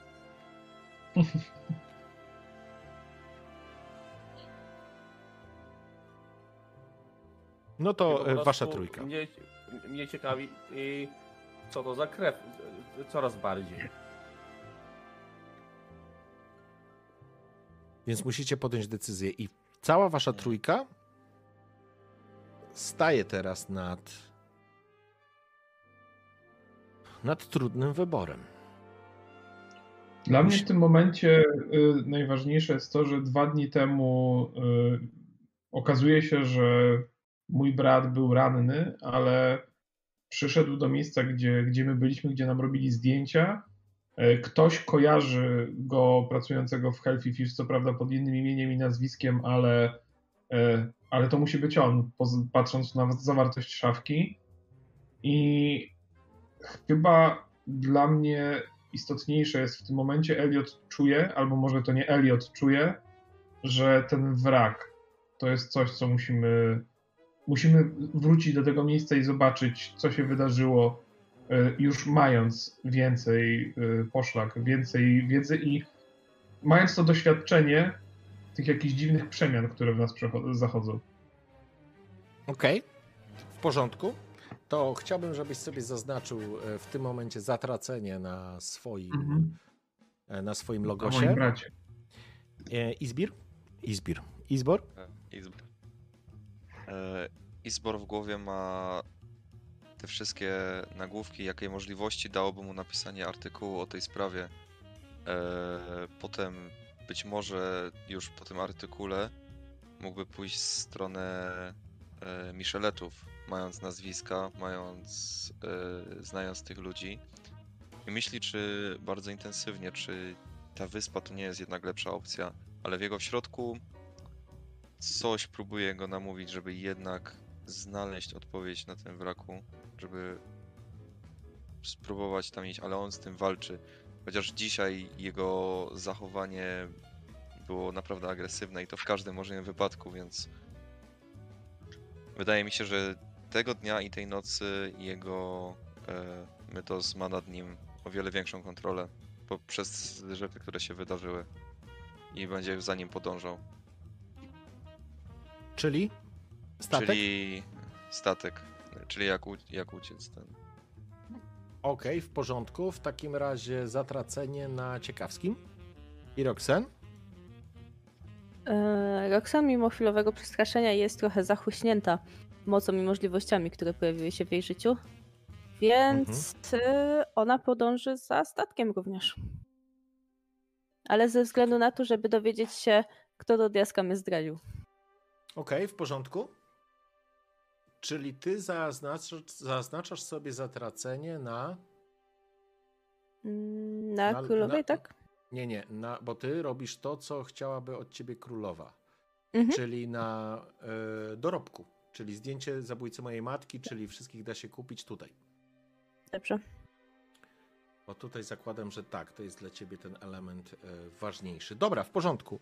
Słuchajcie, Eee, taka krótka tylko pauza. Czaty, ja naprawdę nie mam pojęcia, jakim cudem teraz na Twitchu nie może napisać, bo przecież ja podczas sesji tego nie zmieniałem. A sam fakt, że subskrybująca osoba może mieć możliwość pisania jest logiczne, bo nie chciałbym, żeby każdy miał, bo to bez sensu, tylko że przez całą sesję te ustawienia były dokładnie takie same. No przecież Twitch chyba nie zmienił. Nie wiem. Zobaczymy na następnej, następnym streamie. Dobra, mm, kochani. Ruszacie w takim razie w kierunku. Dalej jesteście oczywiście w południowej części miasta i ruszacie w miejsce, w którym ma znajdować się okręt, okręt, właściwie okręt, y, złom, e, wrak tego, co zostało po królowej Adenie.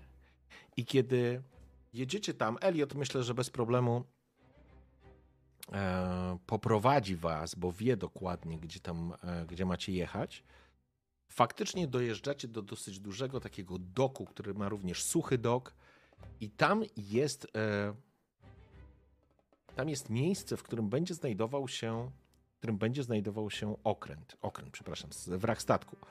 Zatrzymujecie się na ulicy i to, co przykuwa waszą uwagę, to fakt, że bliżej mm, brzegu rzeki czyli miejsca, w którym teoretycznie ten wrak został wyciągnięty, są również takie żurawie, które mogą podnieść. Tam jest rozpalona cała masa świateł.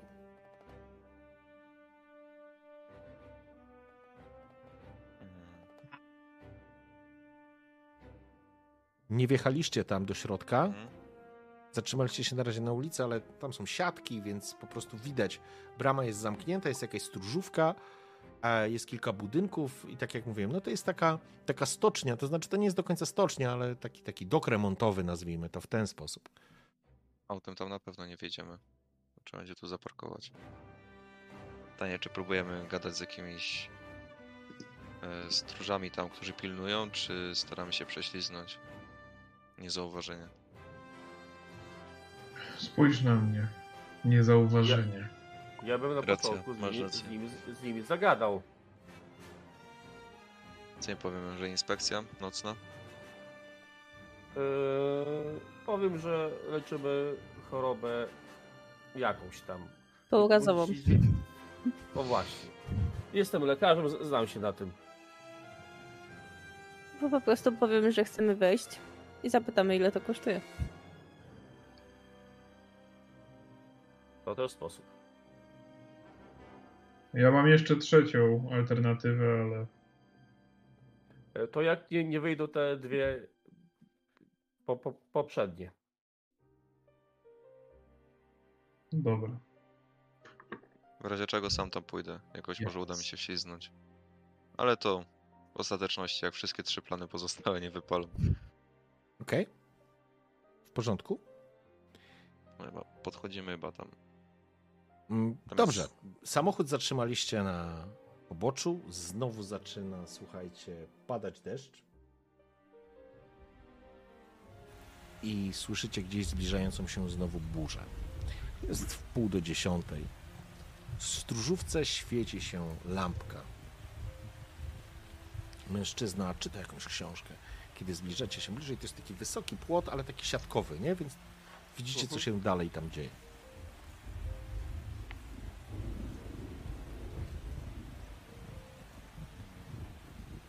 Pod, podchodzę, pod, podchodzę do gościa po prostu. Okej, okay. podchodzisz do bramy, szlaban jest opuszczony, mężczyzna odkłada, poprawia takie połówki, okulary, starszy facet. W czym mogę pomóc? Yy, potrzebujemy przejścia na, na dalszą część tego portu. O tej porze? A tu szaleliście? Nagły przypadek me me medyczny niestety. Poka pokazuje mu legitymację lekarską. Pewnie coś, coś takiego mam. Masz na pewno. E, ale jaki przypadek medyczny? Nikt mnie nie informował, nie wzywaliśmy pogotowia. E, leczę stres urazowy z tego wypadku, z, z tego parowca przez dwa dni temu był. Mruży teraz oczy i on teraz poznaje. Ocaleńcy! Niech mnie kule... Naprawdę? I to spogląda na... Cała czwórka? O Boże, ale Tak, wam się cała udało. czwórka. Ale wam się. Jak wam się to udało w ogóle? Ludzie, opowiadajcie. Y. Idmor, masz aparat? Sobie? Chyba nie mam w Tak? tym momencie. Wydaje mi się, że wydaje mi się, że nie mam. Ale co ja mogę powiedzieć? I tak nic nie pamiętam prawie przez szok. No ale to. Dacie wiarę, że tam zginęło ile? 40 parę osób i jeszcze załoga i wasza czwórka? Ale ten kocioł wybuch, co? Ale tam musiało być piekło. No niech. mnie- No ja bym was wpuścił, ale, ale słuchajcie, no, no nie mogę was wpuścić. No kurde, o tej porze przyjdźcie rano. To w porządku, no to. Ale tak to. Ale nie możemy do rana czekać, bo i, i stan się mocno pogorszy po prostu. Ale kogo? No, całej tej trójki. Już się jestem z tym uporałem na szczęście, a oni muszą to na nowo zo- zobaczyć, z, cze- z czego u- uszli życie po prostu, bo inaczej nie wytrzymają i z dachu skoczą. Będziesz miał, miał ich na sumieniu. Dobra, w porządku. Okej, dobra. I to, I to jest teraz perswazja. Teraz e, gramy w perswazję i to jest e, ruch. E, jeżeli weźmiesz, przeko, e, przekonujesz, możesz, słuchaj, e, właśnie nałożyć mu status. To znaczy, wbijesz go w poczucie winy. Jeżeli on was nie wpuści, to będzie miał poczucie winy, że jeżeli coś się wam stanie, to on będzie faktycznie za to odpowiedzialny. E, dobra, to w takim razie e, jakie, jakie rzucasz, e, jakie, jakie używasz tagi mocy? Niespotyka, niespotykany autorytet. Okej, Y, Ulecz chorobę, wyimaginowaną, ale będzie. Bo on będzie wierzył, że będę ich leczył. okej, Uspokajająca aura, żeby go uspokoić do tego. no, Yy, czytanie w myślach, bo wyczuwam jakie ma obawy. To masz, czyta, to słuchaj, masz czytanie w myślach, to widzisz, że jego największą obawą jest utrata pracy. On wie, że jeżeli was wpuści, to jeżeli ktoś to zauważy, to poleci. A to oznacza, że się przekłada na minus 4 modyfikator. I to ci nie da, to ci da wiedzę, ale nie da ci, e, nie da ci Aha. e, atutów. Yy, co tu jeszcze mogę dać? Wejście w skórę drugiej osoby. Okej, Yy, oko do szczegółów? no tu nie bardzo. Nie. Dobra, chyba wszystko. Mam jeszcze pytanie, bo może skorzystać z naszego grupowego tagu, jako że jesteśmy podziwianymi ocaleńcami? Oczywiście, to jest jak najbardziej wasz, e, Dobry. wasz tag, który możecie skorzystać, czyli waszego, waszej grupy. To jak to dodać? Po prostu dajesz plus jeden, a proszę, żebyście na karcie zaznaczyli, bo on jest jednorazowego użytku na, na, na, na, sesję. Motyw ekipy, nie? Może coś tam Tak, jeszcze z tak. tego motywu ekipy jest. No i plus to, że jestem lekarzem dla niego. Eee, To też, też mam- mam ta, ale to jest tak. tak mocy? Masz tak mocy lekarz? O Tak. tym mówisz? Tak. Okej. Bo się na to po, powołuję, że ich leczę cały czas. Dobra, w porządku. To zestawiasz to z tym y, i masz do tego. Ile masz wszystkich tagów? Raz, dwa, trzy, cztery, pięć. Dobrze, i masz minus 4, bo facet się boi o pracę, masz na plus 1.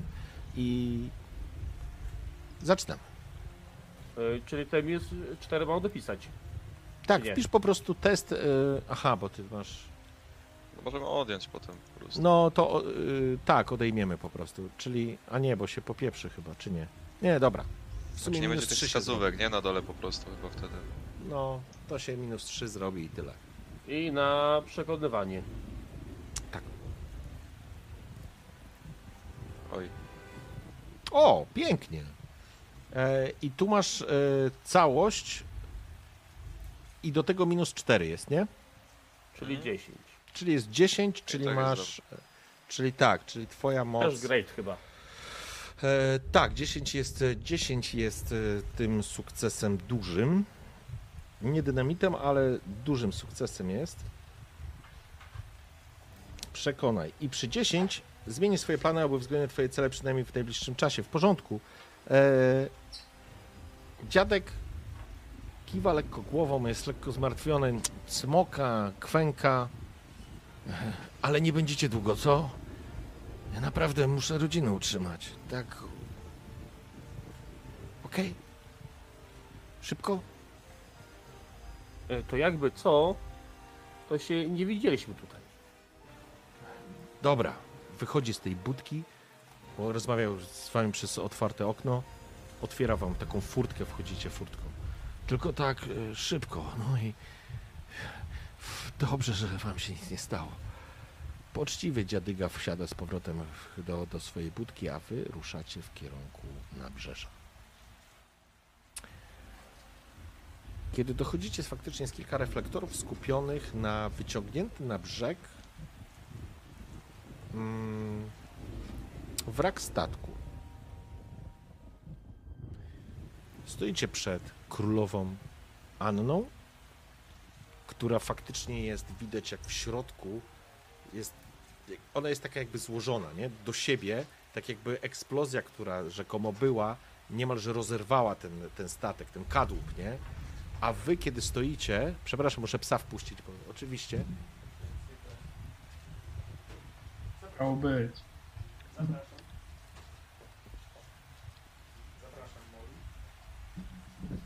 tradycyjnie. Kiedy stajecie przed tym statkiem, spoglądacie się w górę, te promienie Jupiterów oświetlają, czujecie rosnącą gulę w gardle. Bo pamiętacie, gdzie byliście, w których miejscach. Elliot, widzisz się przy burcie razem z z, z, tym, z tym wieńcem, który jak idiota miałeś ze sobą, a, a przecież okazuje się, że Adam żyje. Dogi, Dogi, siedziałeś oparty, tak naprawdę wracałeś do domu, czy do laboratorium, to już nieważne. Chciałeś chwilę odpocząć, właściwie byłeś nieświadomy tego, co się dzieje dookoła ciebie. Izbór? Byłeś tu, bo miała być akcja. Miała być jakaś akcja tu miała być jakaś ważna osoba, jakieś szemrane interesy i ty byłeś gotowy do robienia foto. Ale albo się ktoś rozmyślił, albo cynk był trefny. Ale później zobaczyłeś panienkę Buff i uznałeś, że to to może być jeszcze coś do wyciągnięcia. I Roxanne. Płynęłaś statkiem. Nietypowy sposób podróżowania dla ciebie. Może taki kaprys? Może chciałaś się zbliżyć do. do zwykłych ludzi? No ale oczywiście płynęłaś w tej części dla VIP-ów. No bo jakże inaczej. Stoicie i czujecie, że pod waszymi głowami kotłują się informacje. Macie wrażenie, że macie coś jakby na końcu języka, macie coś na wyciągnięcie ręki, ale nie jesteście w stanie sobie przypomnieć szczegółów? Ale macie taki tak grupowy, prawda? Nazywa się Przebłyski. przebłyski. Przebłyski wspomnień. Mhm. Przez chwilę w szumie tego deszczu, tych Jupiterów, gdzieś w tle dźwięków i świateł miasta, spoglądacie w zniszczony okręt. Pod waszymi powiekami pojawia się obraz wielkiego, łuskowego cielska, jak węża jakiegoś gigantycznych rozmiarów, który owija się dookoła królowej Anny, zaczyna zgniatać ją. Coś pęka. Długi widzisz, że coś pęka, kogoś uderza. Leżysz. Elliot, spoglądasz. Dziewczyna, która ma tak dziwne oczy. Idzie w towarzystwie, dziwne oczy, spoglądają się. Znasz to spojrzenie? Fotilo z aparatem, spoglądasz na to, co się dzieje, i nagle dostrzegasz, że jakąś ważną personę? Dziwne, ona idzie, to jest jakaś, jakaś dziewczyna, ale w towarzystwie jakichś mężczyzn, jakby ochroniarzy. Ona spogląda się na ciebie, to spojrzenie było. Ktoś krzyczy do ciebie. To nie ja! To nie ja! A potem szczęk metalowych elementów. Roxen? Spoglądasz ze swojej takiej wygodnej kanapy na falujące na falującą rzekę Dark River i, i też dostrzegasz dostrzegasz mężczyzn, którzy tak znajomo wyglądają. Masz wrażenie, że rozgrzał ci się twój wisiorek, ale to może tylko, może tylko spojrzenie i później ta dziwna dziewczyna, która, która pojawia się i spog... Ona patrzy, ona, ona krz... Nie wiesz, szczęk metalu zgniatanego, krzyk, panika ludzi. Spoglądacie, jesteście już teraz, za, za, zapomniałaś, zapomniała, ty, myślę, że nawet jeżeli miałaś tą parasolkę Roxanne, to w tym momencie ona po prostu opadła. Stoicie w tych strugach wody, bo deszcz się wzmaga. Spoglądacie na okręt, który został zniszczony, na tą jednostkę. Spoglądacie się po sobie, byście chcieli się podzielić swoimi myślami, a ale macie wrażenie, że każdy z was ma dokładnie takie same myśli. Macie wrażenie, że pamiętacie, a nie pamiętacie. Jest to na wyciągnięcie ręki. Musicie sobie to przypomnieć. Jesteście przekonani, że to jest niezwykle ważne, albo może najważniejsze, żeby poznać, co tu się właściwie wydarzyło. I nagle, kątem oka, dostrzegacie, jak pod bramę podjeżdża samochód. Jeden, drugi. Snopy światła wpadają przez bramkę. Wy jesteście oświetleni dalej, troszeczkę odsunięci, więc wy widzicie, jak snopy światła ciemność rozpraszają, ale wy jesteście w blasku, więc, więc teoretycznie jesteście widoczni, z tym, że z tej odległości możecie czuć się bezpiecznie. Niemniej jednak ktoś wjeżdża do doku naprawczego. I na tym skończymy dzisiejszą.